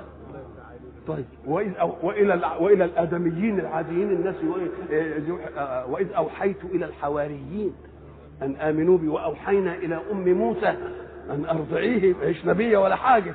فإذا خفت عليه آه يرجع ربك إلى الملائكة. مش كده؟ طيب آه و... الملائكة أني معكم فثبتوا الذين إيه؟ آمنوا. وبعدين يوحي للرسل. الله يبقى اذا الوحي إن كان من الله يبقى له إيه؟ صور متعددة. يوحي إلى الجمال يوحي إلى الحيوان يوحي إلى الع... الإنسان العادي يوحي إلى الأنبياء يوحي إلى مين؟ إلى الرسل إلى الملائكة. خلاص كده؟ طيب. وإذا كان الوحي من الشياطين يبقى هل يوحون إلا بشر؟ طبعا. والإنس شياطين الإنس يوحون أيضا بإيه؟ بشر. يوحي بعضهم إلى بعض زخرف القول. إيه زخرف القول؟ قال لك لأن هم يدخلوا على المسائل بالتزيين يزينوا للناس الشهوة. يزينوا للناس الإيه؟ الشهوة. ساعة ما يزينوا للناس الشهوة لذلك ربنا سماها وسوسة. إشمعنى وسوسة يعني؟ قال لك إن المعاني حين يؤخذ لها الفاظ تؤخذ من الألفاظ الحسية. اهي الوسوسة دي صوت الحلي صوت الذهب لما يرن على بعض. شوف ربنا اختار لها اللفظ الموحي لأن وسوسة الحلي كده تغري بالايه بالنفاسة والبتاع. يقوم يوسوس لهم الايه الشيطان. الوسوسة دي لها كلام طبعا بس هي بطرف خف. فوسوس إليه الشيطان. قال يا آدم هل أدلك على شجرة الخلد ومش عن وملك لا يبلى. الله. يبقى الوسوسة طريقها هو الخفي. إنما تؤدي مدلولات الكلام ولا ما تؤديش؟ تؤدي مدلولات الكلام طيب يوحي بعضهم إلى بعض. ما دام هم شياطين إنس وشياطين جن يبقى إنسي يوحي لإنسي. يزين له المعصية يزين له الشهوة وكثيرا ما يقع. خلاص. جني يوحي لجني. خلاص؟ ما هو الجن راح مكلف طيب. جني يوحي لإنسي. يوحي بعضهم إلى بعض زخرف الزخرف. هو إيه؟ الشيء المزين ظهره إنما بطنه فاسد. بطنه إيه؟ فاسد. ولذلك إيه وزخرفا وإن كل ذلك لما متاع الحياة الدنيا. حاجة مزخرفة كده إنما بعدين ما لهاش عمر ولا لهاش بقاء ولا لهاش نفس ولا لأي حاجة. يوحي بعضهم إلى بعض زخرف القول. غرورا. يعني إيه؟ ليغروهم بالمعصية. وهي المعصية دي ما كنتش تجيب لها بقى ألفاظ تزخرفها وتزينها ما تقدرش تدخل بقى على الناس. تقوم تجيب ما إيه ما يعني المحاسن بتاعتها في ظاهر الأمر. يتمتع إيه مش عارف إيه. إنما تيجي تقول لواحد اذني علشان تاخد مرض سري. ما تقدرش تقول له كده. يقول له لا عشان تستمتع بالجمال وعشان تاخد لك ساعة مش عارف إيه وعشان الله الله. يبقى يجيب الايه المحاسن والإيه؟ والمزينات زخرف القول غرورا أي ليغروهم. ويغروهم معنى انك تغره يعني إيه؟ تقول له على حاجة تديله فايدتها وتذكر عنه عنه إيه؟ عنه مضرتها يوحي بعضهم إلى بعض زخرف القول غرورا. ولو شاء ربك ما فعلوه كأن الحق سبحانه وتعالى هو الذي أعطى خلقه اختيارا في أن يكونوا مؤمنين أو أن يكونوا كافرين مهديين. ضالين في نور في ظلمه علشان إيه؟ علشان يبقى لما يجي يسيب ويعاقب يبقى بيسيب ويعاقب بإيه؟ إنما أيرغمهم على فعل ثم يعاقبهم عليه؟ مش معقولة دي تنافي الإيه؟ تنافي العدالة ولذلك الواقع كانت تقول لك هل يقع في, في الكون الا ده في كل حاجة فعل ربنا قول له أيوه هي فعل الله لأن سبب الاختيار من الله سبب خلق الاختيار ده من مين من الله. هو ما يقدرش ابدا. هل الكافر يقدر يؤمن؟ ما يقدرش. إنما مطلوب منه أن يؤمن ولا لا؟ هي ان طبيعته إيه؟ صالحة للاثنين. أنت مثلا تجيب لي الساعة في البيت تقدر إيه الساعة صالحة إنك تدورها عربي وتدورها أفرنجي. لا اندرت عربي تعصى ولا اندرت افرنجي التلفزيون جبته في البيت. انت اللي جبت آلة الاختيار ولا لا؟ وحطيته في البيت. يبقى الولد لما يشوف برنامج يبقى شافه غصب عنك. ثم انت اصلك اللي جبت اللي بتاع. انما انت تقول له اوعى تفتح دي يبقى خالف محبوبك. خالف مين؟ خالف محبوبك. يبقى اذا خلق الله الإنسان مختارا في أن يفعل أو لا يفعل في بعض الأمور ده من الله ولا لأ؟ فالذي ينظر إلى أن كل فعل من الله أي ليس بطاقة من العبد نقول له صح واللي يقول ده من العباد نقول له صح لأن ربنا خلق الشيء صالحا لأن يحصل منه كذا ويحصل منه كذا. فإن أردت الحقيقة كل فعل يجي من مين؟ من الله. هل أنت دلوقتي اللي خلقت القوة للإيد لترتفع هكذا؟ أو خلقت القوة إلى في الأصابع لتنقبض هكذا؟ أبدا. طب قل لي إذا أردت أن تقبض يدك ما هي العضلات التي تفعلها علشان تنقبض؟ إيه هي؟ طب العيل الصغير اللي مش عارف كلمة عضلة ولا عصب ولا مش عارف بيقبض ايده ولا ما يقبضش ده بمجرد إرادة أن يقبض يقبض. طب بيحرك إيه؟ ما تعرفش. أه هو الذي خلق هذه القوة؟ مش هو اللي خلق القوة دي. إنما قال لك اسمع بقى ما تضربش بها حد ولكن امسك بها فأس واعزق. تبقى صالحة لدي وصالحة لدي ولا لا؟ إنما أخلقت أنت فيها الطاقة. ما خلقتش الطاقة. الانفعال لإرادتك أنت خلقته ما خلقتوش. ولو شاء ربك ما فعلوه. أي لو شاء عدم فعله لقدر. ليه؟ لأن طلاقة قدرته يخلي ما حدش يقدر يخرج عن مراده أبدا. طب ما هي السماء والأرض وكل ما دون الإنسان. مسخر ولا لا؟ طب وليه هنبعد السماء والأرض والمش عارف الإيه والنبات والجمال. لا الحيوان لا. روح لنفسك. طب ما أنت نفسك فيك أشياء مالكش سيطرة عليها ولا اختيار لك عليها. ألك اختيار أن تمرض؟ ألك اختيار أن يقع عليك حجر وأنت ماشي؟ ألك اختيار في إن واحد سواق أهبل كده يروح جاي لك كده وعامل لك مش عارف إيه. ألك اختيار في أن تموت أو لا تموت. طب الإنسان نفسه ربنا جعل فيه الاثنين. القهرية التي تثبت القدرة وطلاقتها والاختيار الذي يثبت صحة التكليف. فذرهم وما يفترون لأن افتراءهم لن يغير من حقيقة الأمر شيء وهم يرون أن افتراءهم دي يعوق الدعوة. لا افتراءهم وكذابهم وعداوتهم للنبي مهيج للدعوة. ليه؟ لأنه زي ما بنقول بيأبد ضعاف الإيمان. وإذا أبد ضعاف الإيمان يبقى إيه؟ بيخلصها من إيه؟ يخلص قوة الإيمان من. أنت لما تيجي لأي معدن من المعادن وتضعه في النار. تضعه في النار ليه؟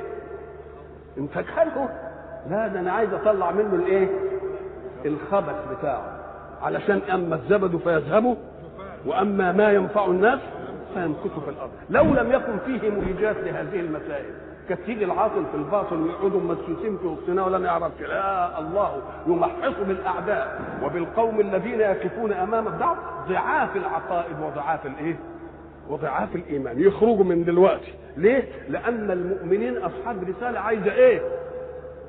عايزة خلوص لله. وعايزه صدق جهاد. فاللي فيهم شيء من الضعف دول ربنا ينقيهم بواسطة مين؟ بواسطة الأعداء وينفيهم ويبعدهم إيه؟ ويبعدهم عنا. ولذلك قال لو خرجوا فيكم ما زادوكم إلا خبالا. فأنا من من من, الحكمة اللي خلتهم يعمل إيه؟ آه لو أرادوا الخروج لأعدوا له إيه؟ ولكن كره الله بعثهم فثبطهم وقيل اقعدوا مع الإيه؟ قاعدين طيب يوحي بعضهم إلى بعض زخرف القول. وما دام زخرف القول ده يبقى ده لون من الأداء. قل يعني كلام ولون من الأداء. له سميعة ولا ملوش سميعة؟ له سميعة. اللي بيسمعوا دول مرة يسمعوه فما يأثرش في قلوبهم ولا في نفوسهم. ومرة يسمعوه كانت عندهم ميل وما عندهمش عقيدة ثابتة راسخة كده يميلوا. شوف بقى الآية جابت المظاهر الشعورية الثلاثة بقى زخرف القول غرورا. ليه؟ عشان يعملوا إيه؟ ولتصغى إليه أفئدة الذين لا يؤمنون بالآخرة. الله أكن اللي يؤمن بالآخرة الزخرف ده ما يجيش عنده أبدا. إن زين له معصية يوم اللي يؤمن بالآخرة يقول الله طب والمعصية دي هيفضل في لذتها قد إيه؟ دقيقتين ساعة شهر. طب وبعدين؟ ويوم القيامة اللي ملوش نهاية دي. الله. إذا اللي بيؤمن بالآخرة يعمل إيه؟ لا تتقبل أذنه ولا فؤاده. هذا الزخرف من القول. إنما مين اللي يتقبله؟ اللي ما يؤمنش بإن في آخرة. طب ما هو ده كلام صحيح. إن كان لا يؤمن بأن هناك آخرة ما فيش آخرة وما فيش إلا الدنيا. طب بقول لك اتمتع في الدنيا وخلاص ما دام ما فيش يبقى الكلام ده يمشي عنده ولا لأ؟ يمشي عنده إنما اللي فاهم إن فيه إيه؟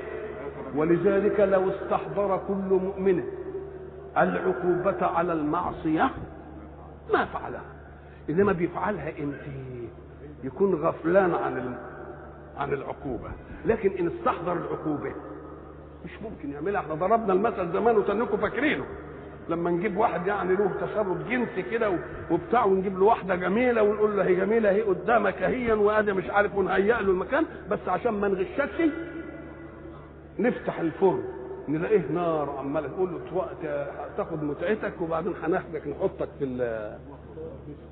إيه اللي يحصل؟ اذا الذي يغري الناس بالمعصية ما هو؟ غفلتهم عن عقاب الآخرة أما إن تذكر الإنسان عقاب الآخرة وما فيه من فوق في العقوبة يعني عقوبة بقى رب ده إحنا بنخاف عقوبة بعضنا لبعضنا وقدراتنا في العقوبة محدودة. فإذا كانت قدرة رب في العقوبة بقى ده تبقى حاجة يعني حاجة كبيرة قوي طب أدي المسألة. وبعد ذلك زمن الزمن بتاعها إيه؟ ده زمنها ملوش نهاية. وهنا الموت عليها الايه فالذين يجعلون الآخرة على ذكر من نفس وبالهم إذا عرضت لهم أي معصية يقوم يقارنها بإيه؟ بالعقاب. التلميذ اللي بيجتهد كده وبتاع ده خايف شبح السقوط. وشاف إن ولد من جيرانه ولا أخوه سقط قبل كده فشاف احتقار البيت واحتقار المجتمع ومش عارف إيه فخاف من شبح إيه؟ فإن تذكر حكاية السقوط والنجاح دي يقوم يجتهد ولا لأ؟ إنما اللي جاي مش في باله الحكاية دي يعني يعمل إيه؟ يلعب ولا يلمته ولتصغى الإصغاء هو ميل الأذن إلى المتكلم. لأن في واحد يتكلم وبعد ذلك لما يتكلم آه نسمعه صحيح. إنما من غير إصغاء. الواحد يمشي في الشارع وبيسمع حاجات كتير ولا لأ؟ إنما هل بيعمل ودنه كده عشان يشوف إيه؟ آه اللي يعمل لها ودنه دي ويقف عشان إيه؟ ولذلك يسموه التسمع مش السمع. السمع ده يجي لك ال ال الكلام إنما التسمع اهو ده الاصغاء ولذلك يقول لك النبي عليه الصلاة والسلام يقول لك من سمع رانيه يعني واحدة بتغني بخلاعة كده ويسمعها يحصل له كده وكده. ما قال قال من من سمع ولا من تسمع؟ من تسمع. إنما أنا ماشي كده والراديو ما والبتاع عمال بي بي بيهبد وبيقول وبتاع. هسمع ولا؟ لأن لأن في في آه في آلة إدراك انطباقية وآلة إدراك مفتوحة. آلة إدراك الانطباقية مثلا زي العين. تقدر تشوف وتقدر ما تشوفش. عندك آه جفون. إنما هل الأذن لها جفون؟ نقول لها ما تسمعيش دي ما تسمعها ما فيهاش. يبقى اذا السمع مالش إنما التسمع هو اللي ليا فيه اختيار. التسمع هو اللي ليا فيه إيه؟ ولتصغى. يبقى إيه؟ آه بيتسمع بقى. ولتصغى إليه أفئدة. أوه أكن فيه شيء ينبع طلب السمع فيه من الفؤاد. يعني موافق اللي إيه؟ اللي جواي. موافق اللي إيه؟ اللي جواي. إنما واحد سمع حاجة يمروا بالله ومروا كرامة ولا هو ولا هو كده طيب. ولتصغى إليه أفئدة الأفئدة القلوبيه القلوبية اللي بتصغى ولا الآذان؟ آه كأن النفس مستعدة للعملية دي لأنها ما بتؤمنش بإن في آخرة. فعندها استعداد إنها تاخد لذة الدنيا دي ومفيش حاجة إيه اللي يجرى يعني؟ الله. ولتصغى إليه أفئدة. فنقل الإصغاء من الأذن إلى إيه؟ طب وإذا صغت إليها الأفئدة؟ إيه اللي يحصل؟ هذا إدراك. هذا إدراك. ولي إيه؟ ولتصغى إليه أفئدة الذين لا يؤمنون بالآخرة. هات المرحلة الثانية بقى. وليرضوه. يمكن واحد يصغى وبعدين تتنبه نفسه اللوامة يقول لك يا شيخ ما نعرف ده مش عارف إيه. ولير المرحلة الثانية. إصغاء وإيه؟ وإنه يرضى. يرضى؟ يعني وجدانه يستريح له. طيب وبعد ما يصغى تصغى إليه الأفئدة. ويرضاه. ينزع للعمل ليقترف الاثم يبقى كم مرحلة اهي ها؟ ولتصغى إليه. خلاص؟ أفئدة الذين لا يؤمنون بالآخرة. وبعدين المرحلة الثانية. يرضوه ينبسطوا وبعدين إيه؟ يقترفوه يرتكبوا الإسم. دي المسألة حددت لنا المظاهر الشعورية اللي علماء النفس قعدوا بقى يشوفوا وظائف الأعضاء ومظاهر الشعور إيه؟ قال لك الإدراك والوجدان والنزوع. الإدراك إيه؟ والوجدان والنزوع. الإدراك اهي اللي تصغى الوجدان ليرضوه. النزول يختلف مش كده؟ يبقى ثلاث كم مرحلة؟ وده طبعا قبل ما يجي علم النفس ولا ما حصلش الكلام ده إنما القرآن جايب الإيه؟ جايب الطبيعة البشرية في تكوينها بوسائل إدراك فوجدان فنزوع. وده ضربنا لها مثل زمان إن كنتم فاكرينه قلنا أنك إذا رأيت ورده ورده يعني اللي بتنشم أهو إدراكك لها ده رأيتها ادركت فاعجبت بها. يا سلام الورده شكلها جميل وطبيعي مش عارف إيه. اسمه ده الوجدان اللي وجدته في نفسك من ناحية إيه دي ليرضوا بقى الإدراك في لتصغى والوجدان ليرضوا قمت مديت إيدك عشان تفهم. نقول هذه عملية نزوع بقى. الشرع يتدخل فين بقى؟ أقال لك الشرع لا تنظر إلى وردة؟ لا. ادرك زي ما أنت عايز وأعجب بها زي ما أنت عايز لكن لما تيجي تمد إيدك لا الشرع يتدخل. يقول لك مش بتاعتك. يبقى الشرع بيتدخل عند أي مظهر من مظاهر شعور المرء. عند النزوع. خلاص؟ فإذا لم يمكن فصل النزوع عن الوجدان وعن الإدراك يتدخل الشرع من أول الأمر. وذلك لا يوجد إلا في نظر الرجل للمرأة. طب ليه قال لك انظر؟ وخلي تجد في نفسك تحبها تعشقها تفتن فيه. قال لك لا. إنما نحرم عليك النزوع تيجي تقدم ناحيتها نقول لك لا. قول له لا. ما يمكنش فصل العمليات العمليات دي. لأنه إن أدرك وجد وإن وجد نزع فقال لك من أول الأمر مش عايزين إيه؟ ندرك. كل المؤمنين يغضوا إيه؟ من أبصارهم. وكل المؤمنات يغضضن. يبقى منع الإدراك ولا لا؟ ليه ما استناش لحد النزوع؟ قال لك ما يمكنش فصليه ليه؟ لأن الإدراك الجمالي في كل شيء يختلف عن الإدراك الجمالي في المرأة.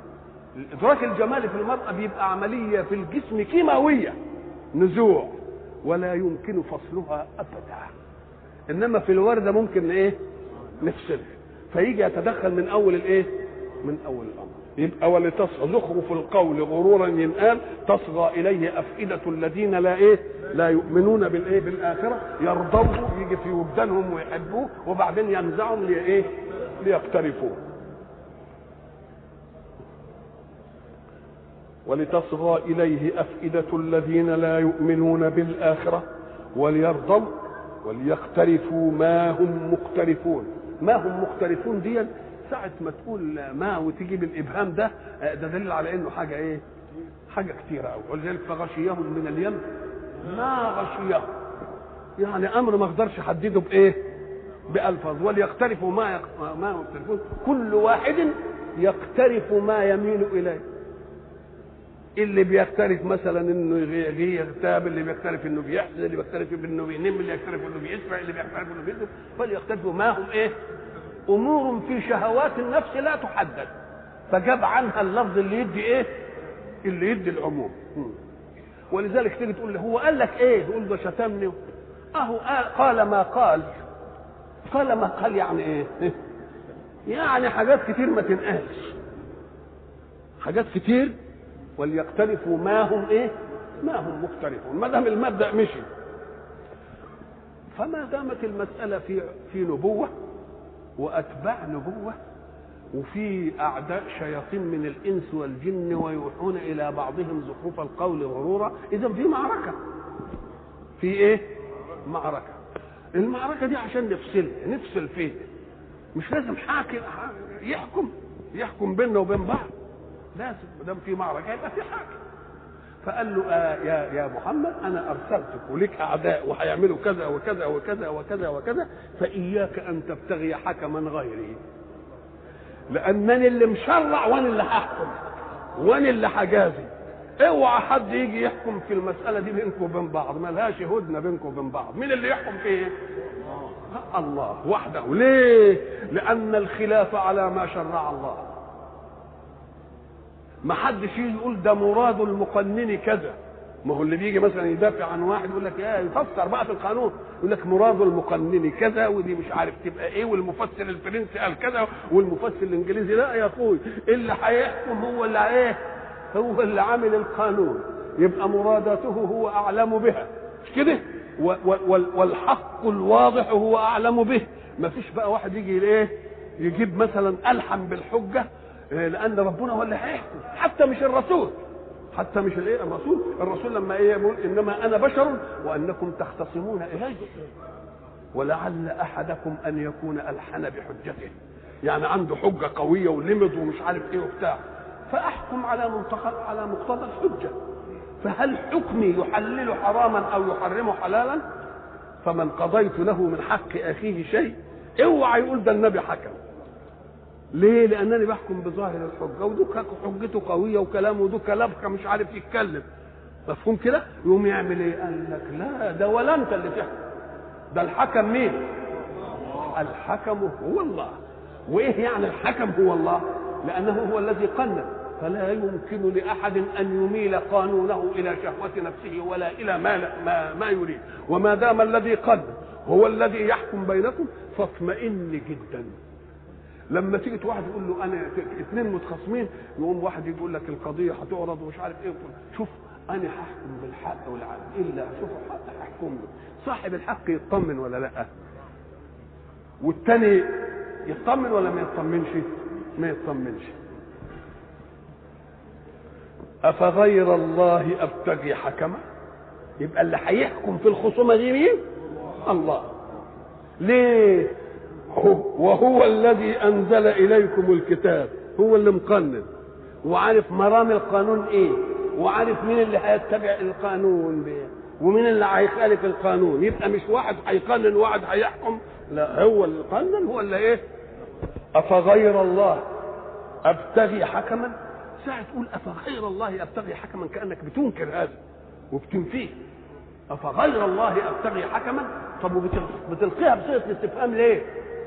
لأنك واثق أن مجيبك لن يقول إلا لك إلا إيه؟ لا تبتغي حكما إلا الله. أفغير الله اكنه أكنه بيطرحوا سؤال أهو أفغير الله أبتغي حكما؟ أغير المجد أكافئه؟ وأنا واثق من إن الجواب هيكون إيه؟ هيكون كده لازم كده. أفغير الله أبتغي حكما وهو الذي أنزل إليكم الكتاب مفصلا شوف افغير الله قال نبتغي حكما ولا أبتغي حكما؟ يبقى مين اللي بيتكلم؟ الرسول عليه الصلاة والسلام. وبعدين يقول إيه؟ وهو الذي أنزل علي الكتاب. لهو الذي أنزل إليكم الكتاب. الله أكن العداوة مش ليا. ده العداوة لكل أمة الإيمان كلها. والحكم لأمة الإيمان كلها. ومع أن القرآن نزل عليه اولا ولكن مهمته بلاغ إلى الناس فالغاية منه مين؟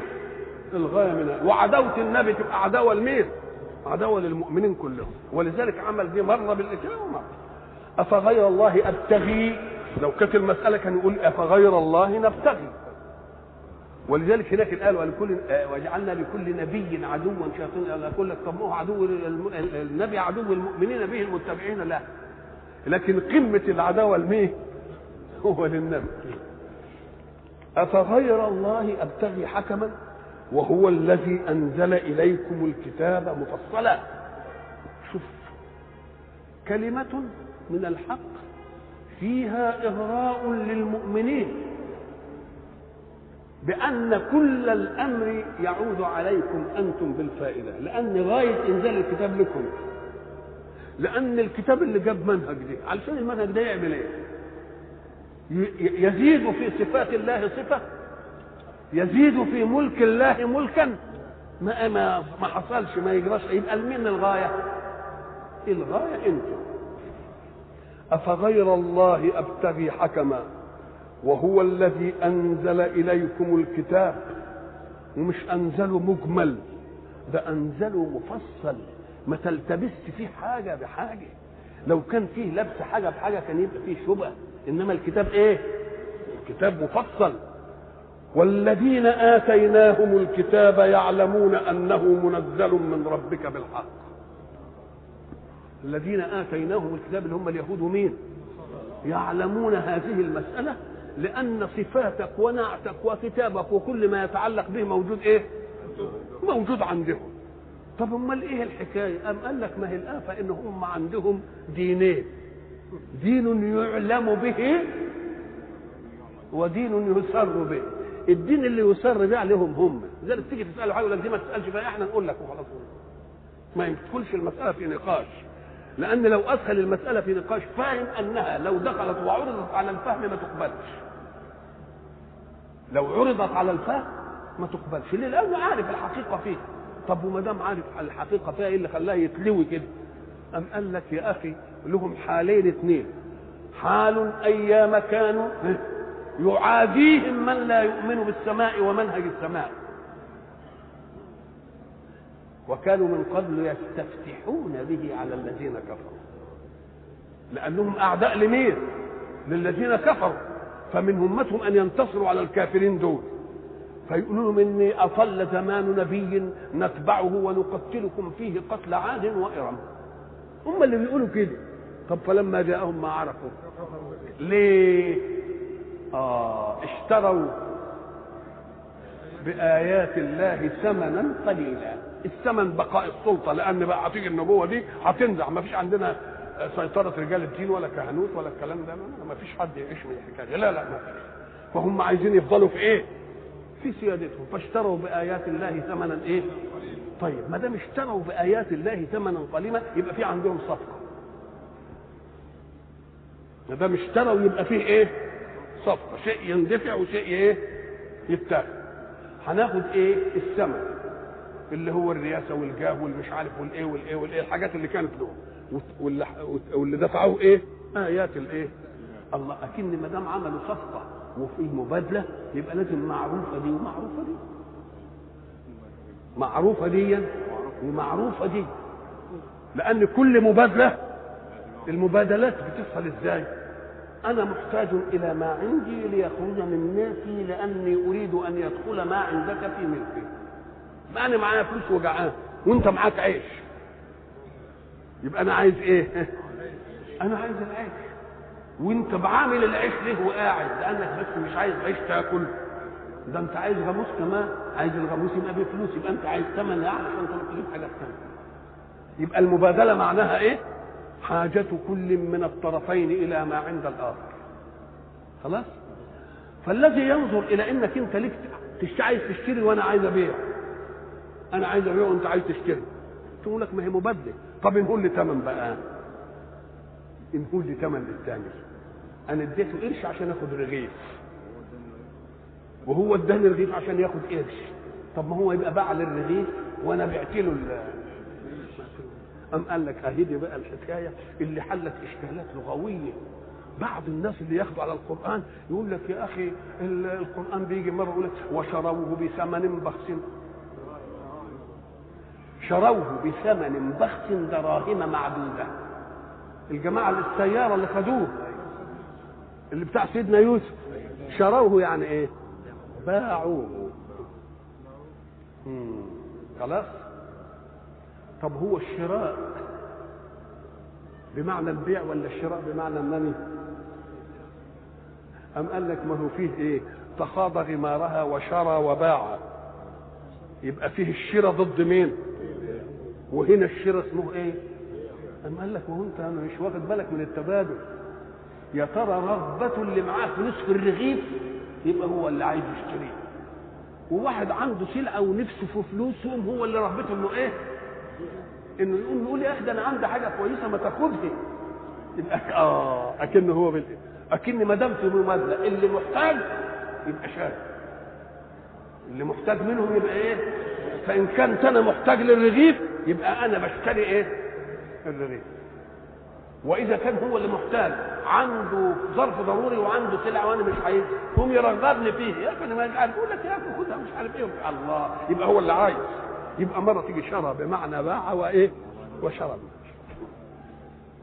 والذين آتيناهم الكتاب يعلمون أنه منزل من ربك بالحق وجحدوا بها واستيقنتها إيه؟ أنفسهم ظلما وعلوا. فلا تكونن من الممترين طيب نقول إيه؟ نشوف خد بالك كويس. والذين آتيناهم الكتاب يعلمون أنه منزل. قال لك مش مجرد علمهم. يعلمون أنه منزل بالحق وإلا فمن علمهم الذين يشيعونه أنه باطل. يبقى في علم بينهم وبين إيه؟ نفسهم. إنما حاجة من التانيين لا يعلمون أنه منزل من ربك بالحق. فلا تكونن من الممترين لا تكونن من الممترين خطاب للنبي صلى الله عليه وسلم كما خاطبه بقوله اتبع ما يوحى اليه والنبي متبع ما يوحى إليه. قلنا إذا إذا طلب المخا... المتكلم من المخاطب امرا هو هو فيه يبقى المراد المداومة عليه والزيادة. طب وبيجيبها ليه؟ لأن في حاجات يمكن تزلزل. يقول له لا خليك زي إيه؟ أو هو إهاجة له. أو هو تسلية للمؤمنين إذا قال لهم لا تمتروا. يقول لهم ده بيقول للنبي يا أخي إيه اللي مزعلك؟ فلا تكونن من الممترين الذين يشكون في أن أهل الكتاب يعلمون أن ذلك منزل بالحق. وتمت كلمة ربك صدقا وعدلا. كلمة تمت يدل على إن لها بداية ولها خاتمة. فما المراد بالكلمة التي تمت؟ أهي كلمة الله هي العليا؟ بنصر الإسلام بقى وانتهاء أمره؟ أو هو تمام أمر الرسالة أتممت عليكم دينكم وأتممت عليكم نعمتي ورضيت لكم الإيه؟ الإسلام دينا. ما هي دي؟ أكملت إنما أتممت في النعمة أتممت في النعمة خلاص كده؟ وتمت كلمة ربك أو كلمة الله هي قرآن. ومعنى تمت استوعبت كل أقضية الحياة إلى أن تقوم الساعة. فليس لأحد أن يستدرك على ما جاء في كتاب الله حكما من الأحكام لأن الأحكام غطت كل الأقضية. أدي معنى تمت طب كلمة ولا رواية؟ أما قال لك ما هي كلمة كلمة؟ هي مفردة صحيح إنما تعطي معنى الجمع. ألم تسمع كده في اللغة اللي بتسمعها كده؟ ثم ألقى فلان كلمة طيبة قوبلت بالاستحسان والتصديق. وهو قال كلمة ولا؟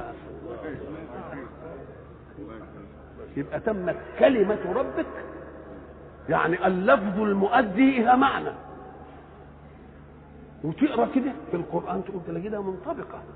أعوذ بالله من الشيطان الرجيم. بسم الله الرحمن الرحيم. الحمد لله الذي أنزل على عبده الكتاب.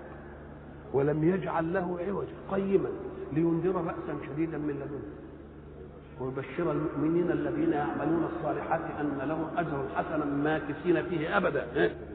وينذر الذين قالوا قالوا إيه؟ اتخذ الله ولدا. أهي كلمة أم كلمات؟ ده كلمات.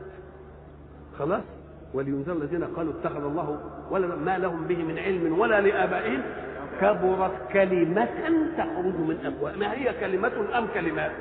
إنها كلمة ولكنها فيها كلمات. وإلى لقاء آخر إن شاء الله. بسم الله الرحمن الرحيم.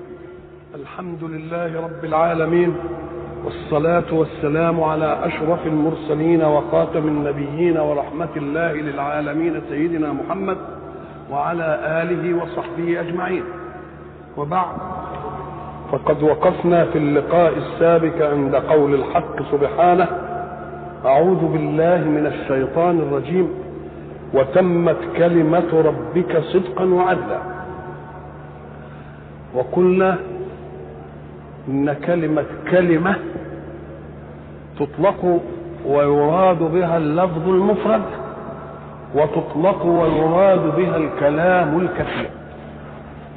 وإحنا زمان كنا تعرضنا إلى كلمة كلمة وكلمة كلام.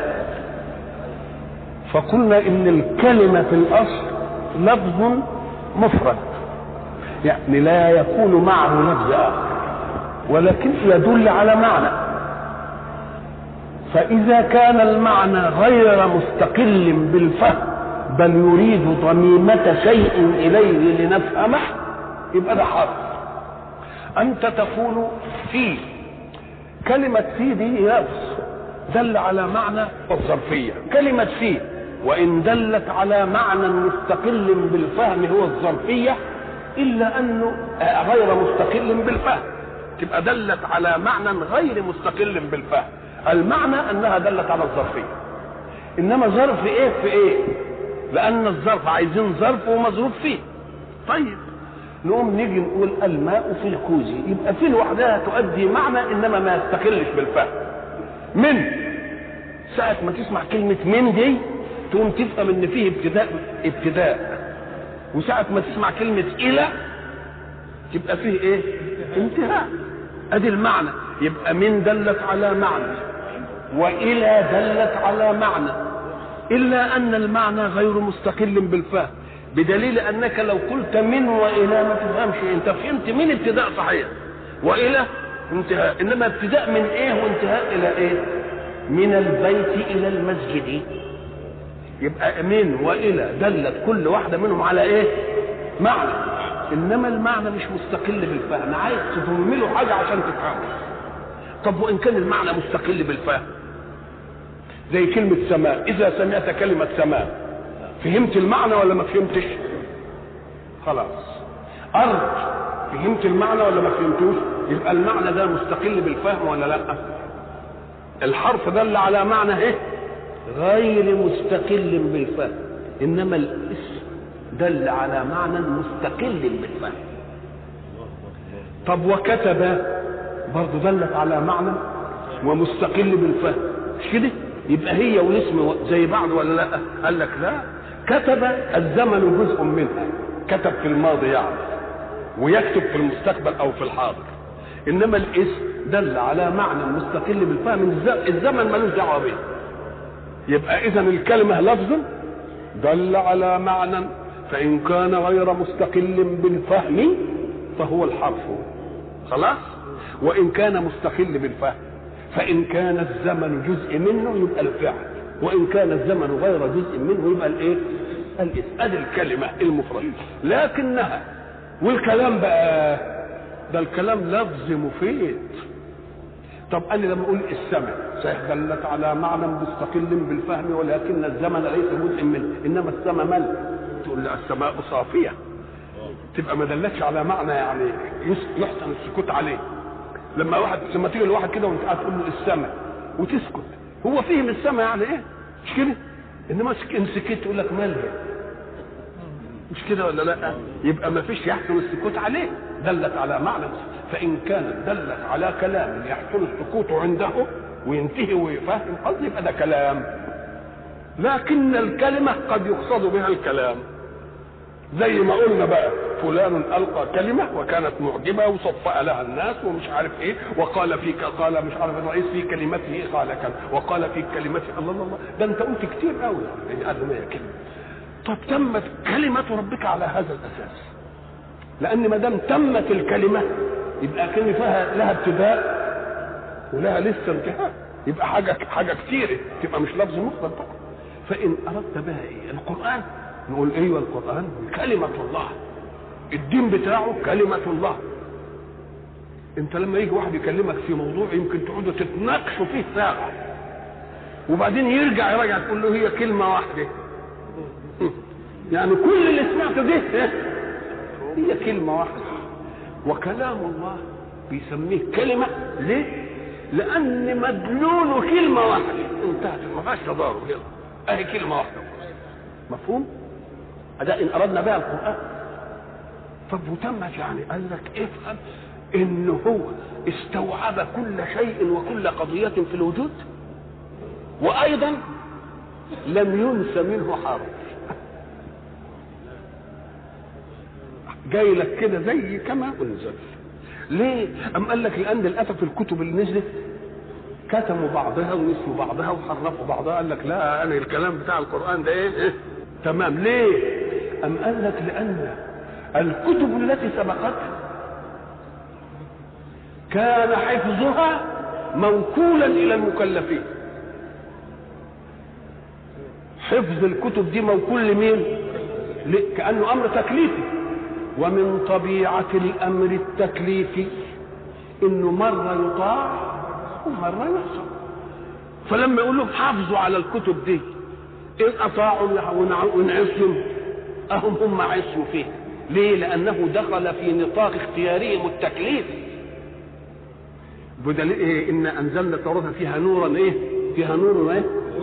هدى ونور. يحكم بها النبيون الذين أسلموا للذين إيه؟ هادوا والربانيون والأحبار. شوف بقى النص بما استحفظوا من كتاب الله.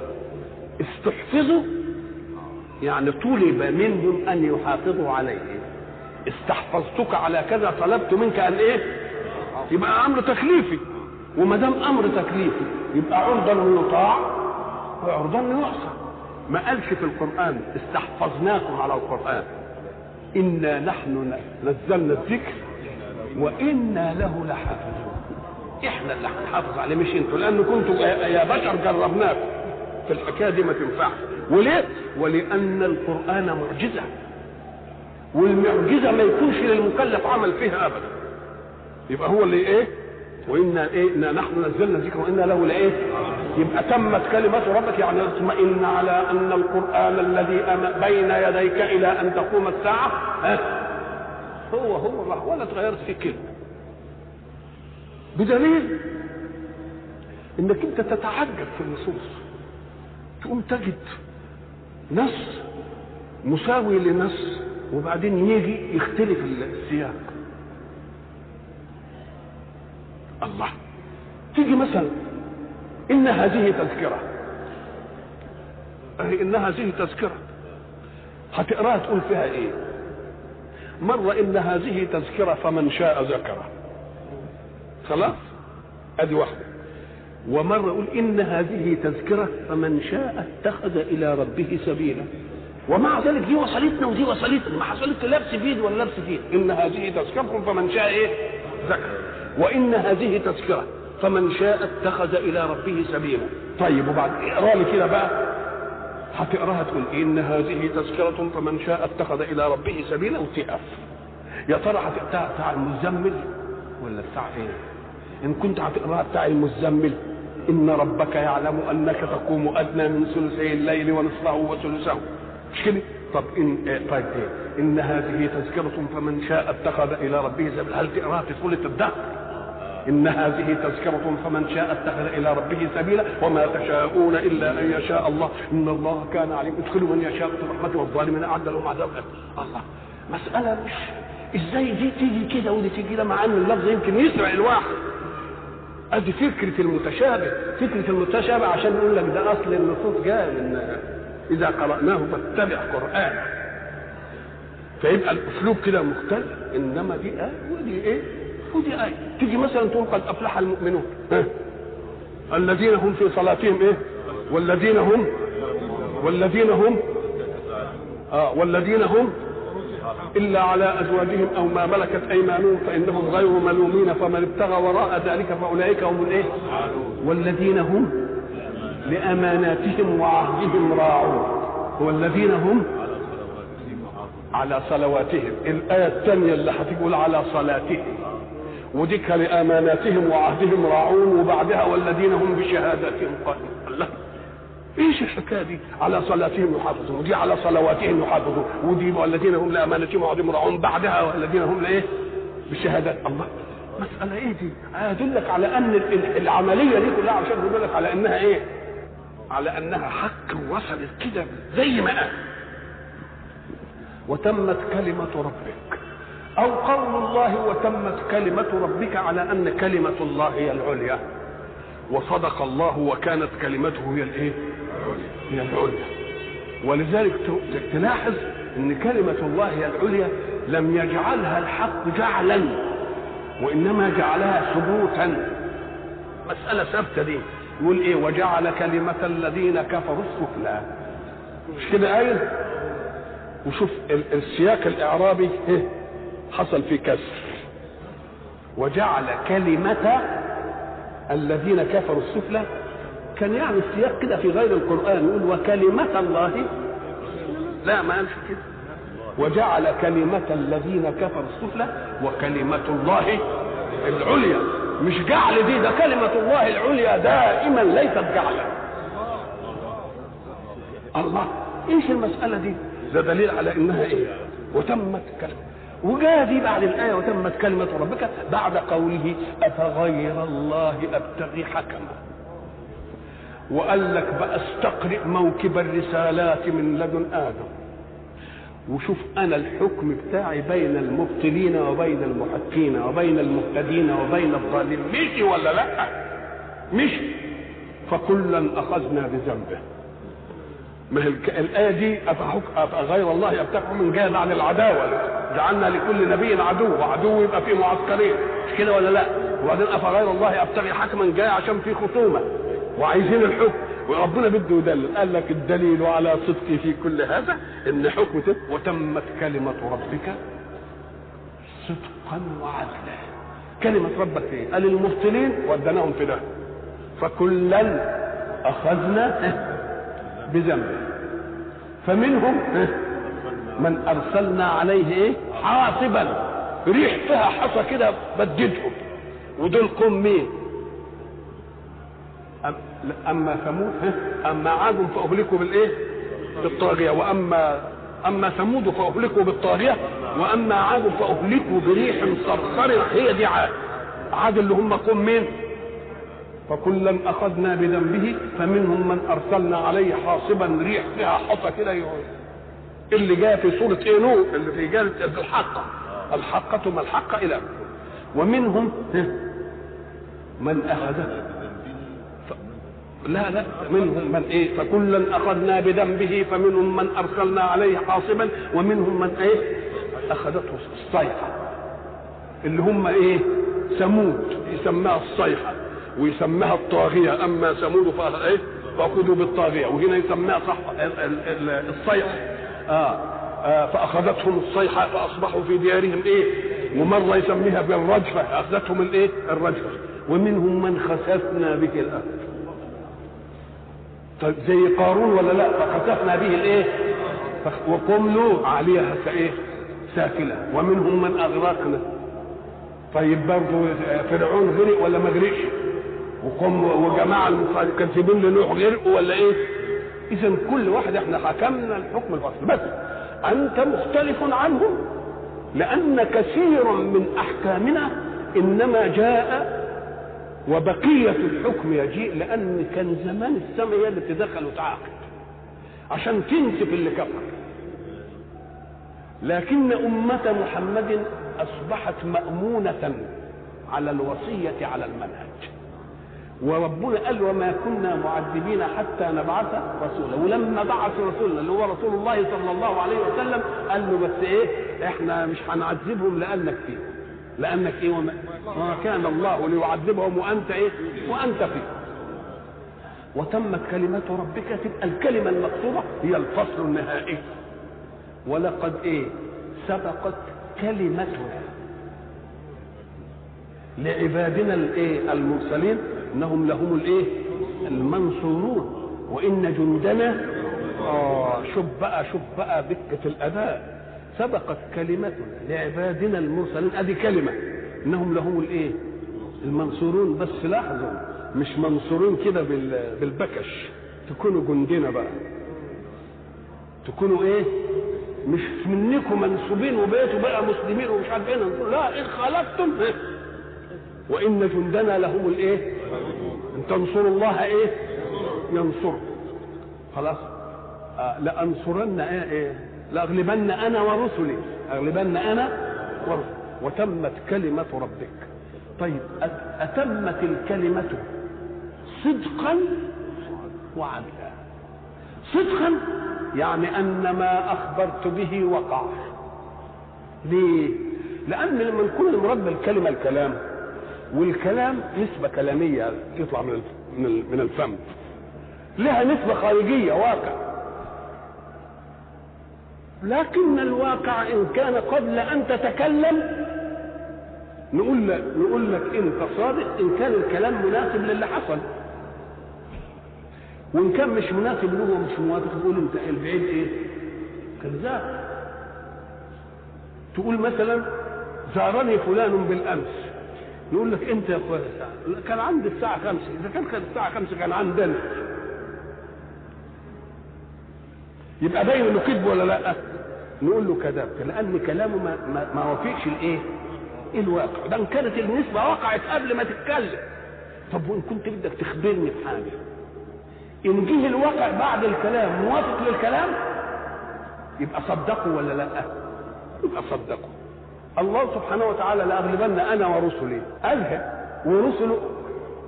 وصحيح دي حصلت ولا لأ؟ هل قالها في الزمن الماضي غلبت أنا ورسلي؟ ولا لأغلبن أنا ورسلي. يبقى قال كلاما واقعه لا يزال إيه؟ هيجي فجاء الواقع مطابقا يبقى الواقع صدق الكلام. لكن إذا كنت بتخبر عن حاجة حصلت قبل الكلام الكلام صدقه الواقع. وتمت كلمة ربك صدقا أي وافق الواقع الكوني ما قال الله به. طب قد يوافق إنما ما يبقاش عدل يا أخي. فيه موافقة ما تبقاش عدل. هي صدق صحيح إنما مش عدل. أم قال لك لا ده هي صدق وإيه؟ وعدل. إزاي يعني صدق وعدل؟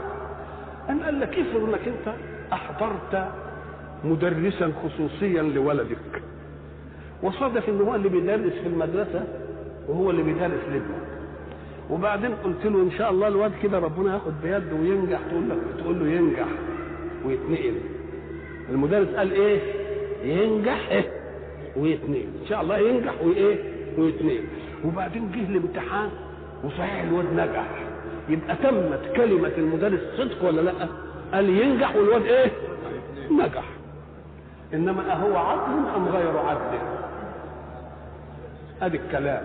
طب ما يمكن هو اللي وضع الأسئلة وكده لمح له بالأسئلة؟ مش عادل هي صدق ولكنها ليست عدلا لكن كلمة الله تجيء مطابقة لما قال واقعها مطابق لما قال وعدل ولا مش عدل؟ مش جبروت وقهر بقى وبتاع؟ لا لا. وتمت كلمة ربك صدقا وإيه؟ وعدلا. ليه؟ قال لك لأن لا مبدل لكلمات الله. ما فيش إله تاني هيعارض ويقول لك لا دي تنفع كذا ودي تيجي كذا. اللي قاله هو اللي قاله خلاص. لأن الذي قال له طلاقة القدرة في الا يوجد أحد وإيه؟ يعارض ولذلك قلنا المستقبل بالنسبة لله مستقبل بالنسبة لنا هو اللي صحيح ما نقدرش نحكم بيه إنما المستقبل بالنسبة لله يحكم بيه ولا ما يحكمش؟ مش كده؟ لما قال سيهزم الج... ما قالش يهزم الجمع. سا. سيهزم ده يبقى لسه في إيه؟ في مدة. ما إحنا عارفين دي تبقى تدي مدة بس قريبة. وسوف تدي مدة بس بايه فسوف يأتي الله بقوم يحبهم ويحبونه إنما سيهزم الجمع طب الكلمة الآية دي نثبت والصحابة لا يقدرون على حماية أنفسهم ولذلك قلنا إن سيدنا عمر ساعة ما سمع الآية قال أي جمع هذا؟ إحنا قادرين نحمل السنة يبقى تمت كلمة ربك وهزموا في بدر ولا لأ؟ وسنسمه على الخرطوم اتحققت ولا لأ؟ تبقى صدق وإيه؟ صدقا وايه؟ يبقى المستقبل هو مستقبلنا عندنا لأننا لا نملك طلاقة قدرة كما يملكها الله. نقول يمكن ما يحصلش. نقول يمكن إيه؟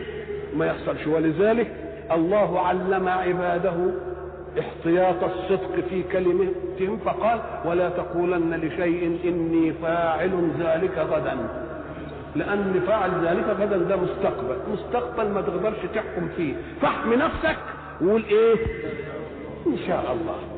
لا إن ما حصلش تقول ربنا ما شاءش يبقى حمل الإنسان أن يكون كاذبا ولا لا؟ وجعل الإنسان صادقا يتكلم على وفق ما عنده من إيه؟ من قوانين الفعل وعدم الفعل. لأن لما تقول أفعل ذلك غدا. طيب إيه إيه تفعل إيه غدا يا سيدي؟ سأقابل فلانا غدا لأكلمه في الأمر الفلاني. نقول له يا سلام كأنك ضمنت وجودك غدا. أنت لا تضمن نفسك. يبقى ادي عنصر ضاع منك. طب واللي هتقابله؟ ضمنت أن يكون موجود؟ يبقى ادي عنصر تاني برضه ما تملكوش. طب السبب اللي أنت من اجله هتروح له أنت ضامن إنه ما يتغيرش؟ يجي لك واحد يقول لك أنت كنت هتقابل فلان ليه تقول له عشان كذا وكذا قول له انتهت المساله ما نقابلوش خلاص؟ طيب افرض كل دي موجود وبعد ذلك جاء شوية مرض. الله. تبقى أنت عناصر الفعل كلها ما تملكهاش. تقول إزاي سأفعل؟ لكن الله إذا قال سأفعل. تبقى طلاقة قدرته تبقى حق. ولذلك اذكروا أننا عند قوله سبحانه وتعالى أعوذ بالله من الشيطان الرجيم. أتى أمر الله. اذكروها أتى أمر الله. أتى يعني فعل ماضي يعني جه خلاص. فلا تستعجلوه. الله. طب ده كلمة فلا تستعجلوه يدل على أنه لم يأتي. يبقى أتى ولا تستعجلوه؟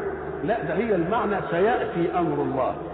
بس ما تتعجلوش لأنه له أوان وله ميلاد. طب ليه جاب ساب يأتي وسيأتي وقال أتى؟ قال لك إذا قال هو سيأتي ما فيش حد يقول لا ما يجيش يبقى أتى. احكم بأنه أتى. انتهت المسألة. وتمت كلمة ربك صدقا وإيه؟ وعدلا. لا مبدل لكلماته وهو السميع العليم. الله لأن ما دام من الكلمات هتتحقق والحكم هيصدر الحكم ده هيصدر إيه؟ لأنه سامع لما قالوه في عداوتهم وعليم بما دبروه في الإيه؟ لأن هناك قال يوحون إلى أوليائه ويوحون يعني أعلمهم بإيه؟ بخفاء. فإن كان كلام ظاهر يبقى مسموع وإن كان بخفاء يبقى إيه؟ يبقى معلوم وهو السميع العليم. وإن تطع أكثر من في الأرض يضلوك عن سبيل الله. وإن تطع أكثر من في الأرض يضلوك عن سبيل من في الأرض؟ طبعا المكلفين لأنهم هم اللي لهم أوامر. لأن ما دون الإنسان لا أمر له على شيء. وإن تطع أكثر من كلمة أكثر مش ضروري تفيد إن اللي مقابله قليل. لأن ما دام أكثر ويمكن الباقيين كتير برضه بس يبقى إيه أكثر؟ يبقى قريبه ولا مش قريبه ويمكن ده أكثر وده أكثر. بس أكثر بتديله كميته في ذاته مش منسوبة إلى غيره يقول لك كتير. ولذلك كنا نسمع يقول لك إيه؟ ده مكتوب على محطة مصر أو على المطار أو على الميني يا داخل مصر منك إيه؟ كتير. يا داخل مصر منك كتير يعني إن كنت راجل طيب هتلاقي. وإن كنت راجل بقى شرير ولا بتاع برضه هتلاقي. هل يقصدوا إن ده كتير وده قليل ولا هتلاقي كده كتير وكده؟ ولذلك هناك ولله يسجد من في السماوات وإيه؟ والأرض. الشمس؟ في السماوات والشمس والقمر والنجوم والجبال والشجر والدواب. كل دي بالإجماع لأنها خاضعة مقهورة مسخرة. خلاص؟ طب وعند الناس؟ انقسمت لأن لهم اختيار. في ناس وافقوا الطاعة وناس راحوا للمعصية. ما قالش والناس؟ قال وكثير من الناس. كان المفروض يقول وقليل حق عليه العذاب ألا وكثير من الناس وكثير حق عليه العذاب. يبقى دول كتير وإيه؟ يبقى إن نظرت لهم في ذاتهم فهم كتير. والتانيين برضه تنظر إليهم تلاقيهم إيه؟ كتير. ليه بقى إن تطع أكثر من الأرض يضلوك عن سبيل الله؟ ليه؟ أم قال لك لأن ما معنى الطاعة؟ الطاعة استجابة الأمر فافعل. والنهي فيه لا تفعل. يبقى فيه افعل ولا؟ إذا قال لك إنسان افعل كذا يبقى أنت صالح أن لا تفعل. وإن قال لك لا تفعل أنت صالح أن تفعل. لأن إن كان في شيء ما تقدرش تعمله هيقول لك إيه؟ اعمله. يبقى إذا ما دام يقول افعل يبقى أنا صالح أن لا وإن قال لا تفعل يبقى أنا صالح أن إيه؟ أن أفعل. والإنسان عادة حين يأمر أو ينهى إنما يأمر أولا وينهى لاتباع مصلحته فإن لم يوجد أمام مصلحة معارض من منهج إلهي يبقى تابع مصلحته ولا لا؟ تابع مصلحته فالحق سبحانه وتعالى يقول من رحمتي أن جعلت لكم تشريعا. لأننا لو تركنا الناس إلى أهوائهم فسيأمر كل واحد من الناس بما يوافق هواه وسينهى كل واحد من الناس بما يخالفه هواه. يبقى نعصم الحكاية دي وهنتضارب هوايا هيجي ضد هواك. هنتضارب ولا ما نتضاربش؟ يبقى من مصلحة الخلق أن يوجد إيه؟ أن يوجد مطاع واحد لا له ويوجد منهج يقول للجميع افعلوا كذا ولا تفعلوا كذا. لأن الجميع حين يقول افعلوا كذا ولا تفعلوا كذا فسيأتي الاستطراق لنفعهم جميعا. زي ما قلنا زمان إذا قال لي لا تسرق هو بيقولها لي لوحدي يبقى حرم علي إن أنا أسرق من جيب ده ومن جيب ده. وحرم على الناس جميعا أن يسرقوا مني. يبقى حمى الناس من فرد ولكنه حمى الفرد من جماعة. يبقى المنهج إنه يبقى في صالح مين؟ يبقى في صالح كل واحد. لكن لما يجي أهل الأرض بقى كل واحد يمسك هواه هيأمر باللي يحقق له مصلحة. وينهى عما يجي عما يأتي منه إيه؟ عما يأتي له ضرر يبقى من حكمة الله إنه لازم يجيب إيه؟ إنه لازم يجيب منهج. فإن ترك الناس بلا منهج أم قال لك فجأة إيه وإن تطع أكثر من في الأرض يبقى برضه في ناس برضه. قال لك آه اللي فطرتهم سليمة بطبيعتهم. يبقى إذا الخير له فطرة. يبقى التشريع جاي عشان إيه؟ ينمي في صاحب الفطرة السليمة فطرته أو يؤكدها له. ويعدل في صاحب الفطرة السيئة لتكون إيه؟ لتكون فطرة إيه؟ حسنة. وإن تطع أكثر من في الأرض يضلوك عن سبيل الله. ليه؟ إن يتبعون إلا لأن ما بيتبعوش إلا الظن. هو يظن أن هذا ينفعه. أي الآن إنما إنما غائب عنه إيه؟ ما يجر عليه من الوبال فيما بعد ذلك. إن يتبعون إلا الظن والظن قلنا هو القضية في أمر ما انتش حاكم فيه بس رجحان واضح. اللي بيرجحوا إيه؟ اللي بيرجحوا الهوى. إن يتبعون إلا الظن وإن هم إلا يخرصون. إن مرة تيجي الجزمة إن تفعل كذا تلقى كذا مثلا ومرة تيجي نافية. ما هن أمهاتهم؟ إن أمهاتهم إلا اللائي ولدنهم يعني إيه؟ ما أمهاتهم؟ يبقى إن هنا إيه؟ نافية. إن يتبعون إلا الظن أي ما يتبعون إلا الإيه؟ إلا الظن. طيب يا سيدي. وإن هم إلا يخوضون. الله. يبقى هم يا يتبعوا الظن يا يخوضوا. يخرصون. وإنهم إلا يخرصون. يخرصون يعني إيه؟ الخرص كما تقول أنت هذا يتكلم مش بالحقيقة. إنما يتكلم يتكلم تخمينا يخمن. تيجي تقول له مثلا بالله يقول لي كده الكوم القمح ده يطلع كام؟ يوم يقول لك أهو يطلع 10 دي ب 12 13 14 يبقى بيخمن تخمين بلا دليل عليه. أو يقول كلام ملوش معنى دقيق. ملوش معنى. يقول لك ده بيخ... لا لا كلام افتراء ملوش مش صدق كده. يبقى يخرصون من الخرص. والخرص أن تخمن تخمينا بلا مقاييس ثابتة وأدلة يقينية. اذا الناس إذا اتبعتهم هيضلوك. ليه؟ لأن ما عندهمش إيه؟ لا دليل علمي ولا حق يقين. بل يتبعون الظن إن كان الأمر راجحا ويخرصون إن كان الأمر مرجوحا نعم.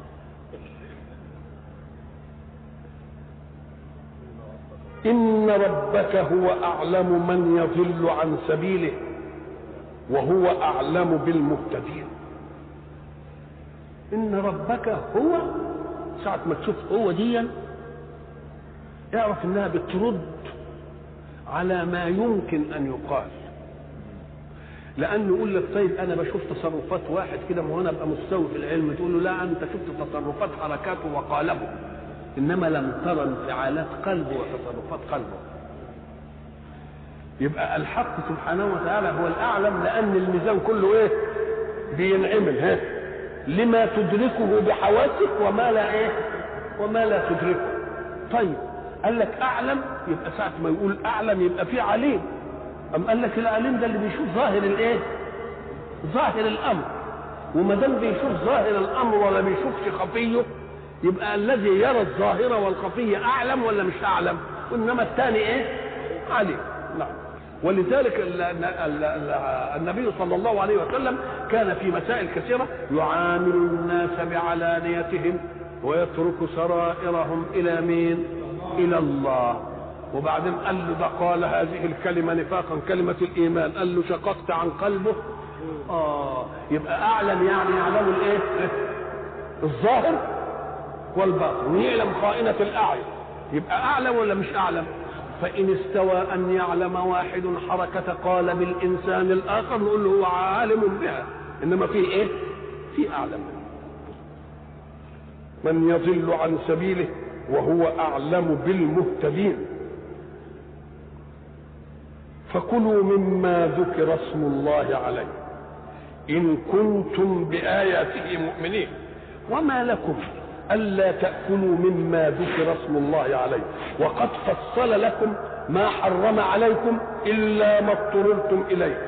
وإن كثيرا ليضلون. بأهوائهم بغير علم. إن ربك هو أعلم بالمعتدين. إيه الحكاية اللي دخلت في السياق كده. قال لك الحق سبحانه وتعالى تكلم عن إن في أعداء للنبي. والأعداء للنبي يلتمسون ثغرة في منهجه ليتكلموا فيه ما دام أعداء وقلنا إن دي مهمتهم ولهذا جعلهم ليه؟ أم قال لك علشان هم يقولوا الاعتراضات والمنهج يرد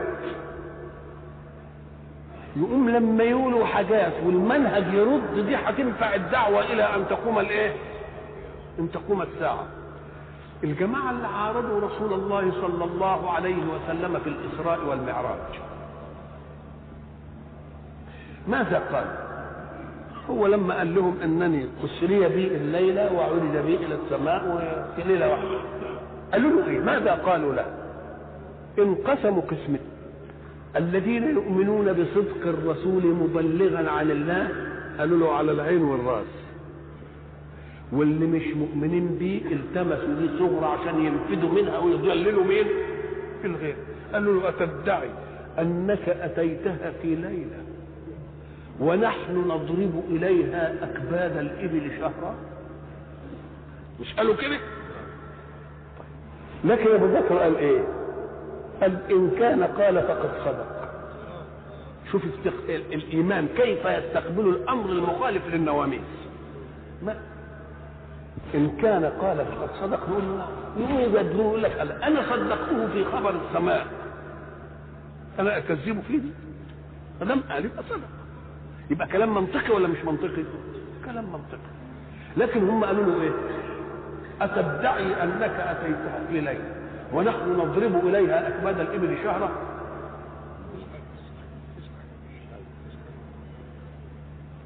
فادالهم الأمارات والعير اللي في الطريق وقالوا وصفوا ووصفوا ومش عارف إيه وبتاع.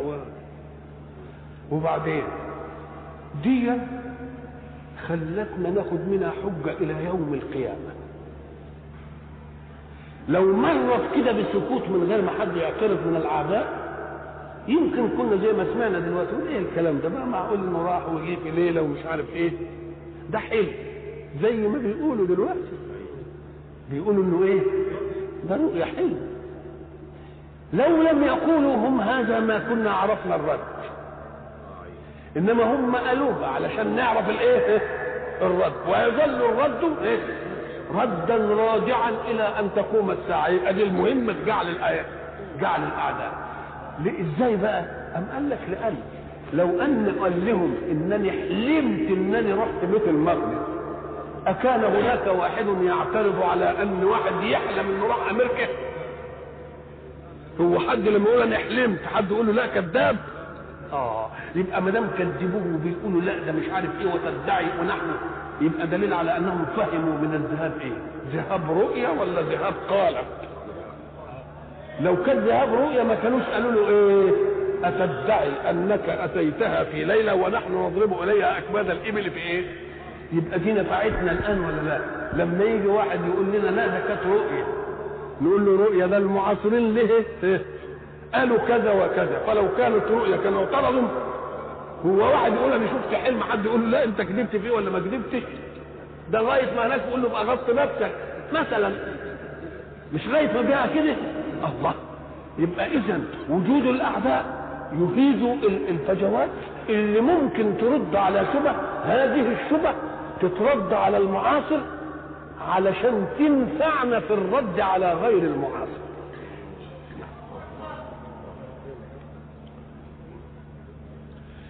فكلوا مما ذكر اسم الله عليه إن كنتم بآياته مؤمنين وما لكم ألا تأكلوا. دي لها قصه بقى الأعداء يشوفوا أي حاجة كده ويروحوا إيه؟ شابطين فيها عشان يناقشوه. قالوا إيه هم؟ قالوا لهم يا أخي النبي يقول لكم إن الميت لا تأكلوا منها واللي تموتوه بإيدكم وتذبحوه كلوا منه. فاللي تموتوه أنتوا تاكلوه واللي يموتوا ربنا ما تاكلوش أنتوا أكتر من ربنا. أتأكلون ما قتلتم ولا تأكلون ما قتل الله؟ أدي ال- ال- الشبهة اللي إيه؟ اللي قالوها. اولا دي مغالطه في الأساليب. لأن الميتة غير مقتولة. المذبوحه صح قتلناها وذبحناها إنما هل الميتة مقتولة؟ يبقى حتى الاعتراض اللي بده نقش مناقشة فقهية أو علمية يبقى باطل. أنتوا بتقولوا أتأكلون ما تقتلون ولا تأكلون ما قتل الله؟ وهو ربنا قتله ده موجود. وفرق بين الموت والقتل. إحنا كنا قلنا زمان الموت اخذ للحياة بدون سلب البنية. البنية زي ما هي إنما القتل تسلب البنية اولا فتزهق الروح. هل اللي حاصل عندهم كده؟ مش اللي حاصل. يبقى نفس الاعتراض ما هوش واقعي ما هوش حقيقي. ثم هل المشرع وهو الرب الأعلى بياخد الحكمة من نحن ولا الحكمة عنده هو؟ الحكمة عنده هو. وبعدين إيه تبين إيه دلوقتي؟ الناس اللي حتى مش مؤمنين ب... ابتدوا يهتدوا إلى أن الميتة كل الفضلات الضارة فيه ليه؟ أم قال لك لأن التكوين الجسم الإنسان والحيوان زيه. بيتغذى الإنسان ثم ينهضم الغذاء يعني يتمثل زي ما بيقولوا وبعد ذلك يمتص وبعدين يتكون الإيه؟ الدم.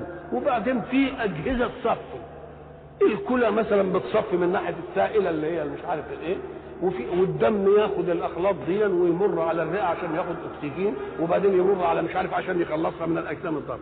أخ... ال... ال... ال... أوعية الدم في, ال... في, ال... في الإنسان والحيوان فيها الدم الصالح والدم الفاسد.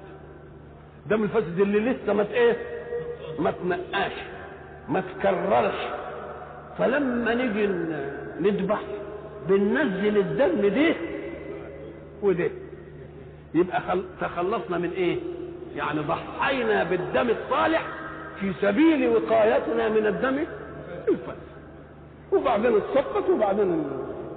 فلو أنها ماتت كده يبقى إيه اللي الدمين الاثنين موجودين. يبقى فيه بقى فيها أشياء فضلات مثلا يجب أن يتخلص منها موجودة ولا مش موجودة. ده الكلام اللي إحنا بنقوله بالعقل. إنما هل أنا لي مع الحق سبحانه وتعالى تعقل في شيء إلا في توسيخ الحكم منه؟ إنما هو ده كان جدلهم أنتم أكل تأكلون ما قتلتم ولا تأكلون ما قتل الله فأنتم إيه؟ عاملين نفسكم أحسن من مين؟ أحسن من الله. عادة اللي بتموت خلاص انتهى ما بنذكرش عليها اسم الله. لكن اللي. اللي بنذبحها بنذكر عليها اسم مين فكأن الحق سبحانه وتعالى بيقول إيه؟ فكلوا مما ذكر اسم الله عليه يعني غير الميتة. غير الإيه؟ يبقى الكلام في الميتة وغير إيه؟ الميتة وغير الايه غير الميتة. فكلوا مما ذكر عليه مما ذكر اسم الله عليه. إن كنتم بآياته مؤمنين لأن تلقي أي حكم من الحق ما بيبحث تعليله أولا ثم نؤمن به. إنما بنوثق أنه من الله الذي آمن به. فما دمنا مؤمنين بالإله نبقى ناخذ اللي قاله ولا لأ؟ ناخذ اللي قاله مش نبحث في الحكم أولا وهو صح ولا مش صح. فإن كان صح نبقى آمنا به. يبقى أنت إن فعلت ذلك تبقى أنت ابن دليل الحكم. إنما هو مش عايزك كده إحنا انت عايزك مؤمن فإذا كان الحق سبحانه وتعالى قال كلوا مما ذكر اسم الله عليه ده أمر طبيعي لأن هو بيخاطب مين؟ بيخاطب مؤمنين والمؤمن حين يبتدئ بأي شيء يبتدئ باسم الله ولا لأ؟ كل شيء يبتدئ باسم مين؟ باسم الله ليه؟ لأن إيه اللي سخر لك الجمل الكبير عشان تقعد تذبح فيه؟ ده هو سبحانه جلت قدرته. يبقى لازم تيجي عند اللي حلل لك ده هو إنك أنت إيه؟ تذكر لأنه هو الذي سخر وإلى لقاء آخر إن شاء الله. بسم الله الرحمن الرحيم. الحمد لله رب العالمين. والصلاة والسلام على أشرف المرسلين وخاتم النبيين ورحمة الله للعالمين سيدنا محمد وعلى آله وصحبه أجمعين. وبعد فقد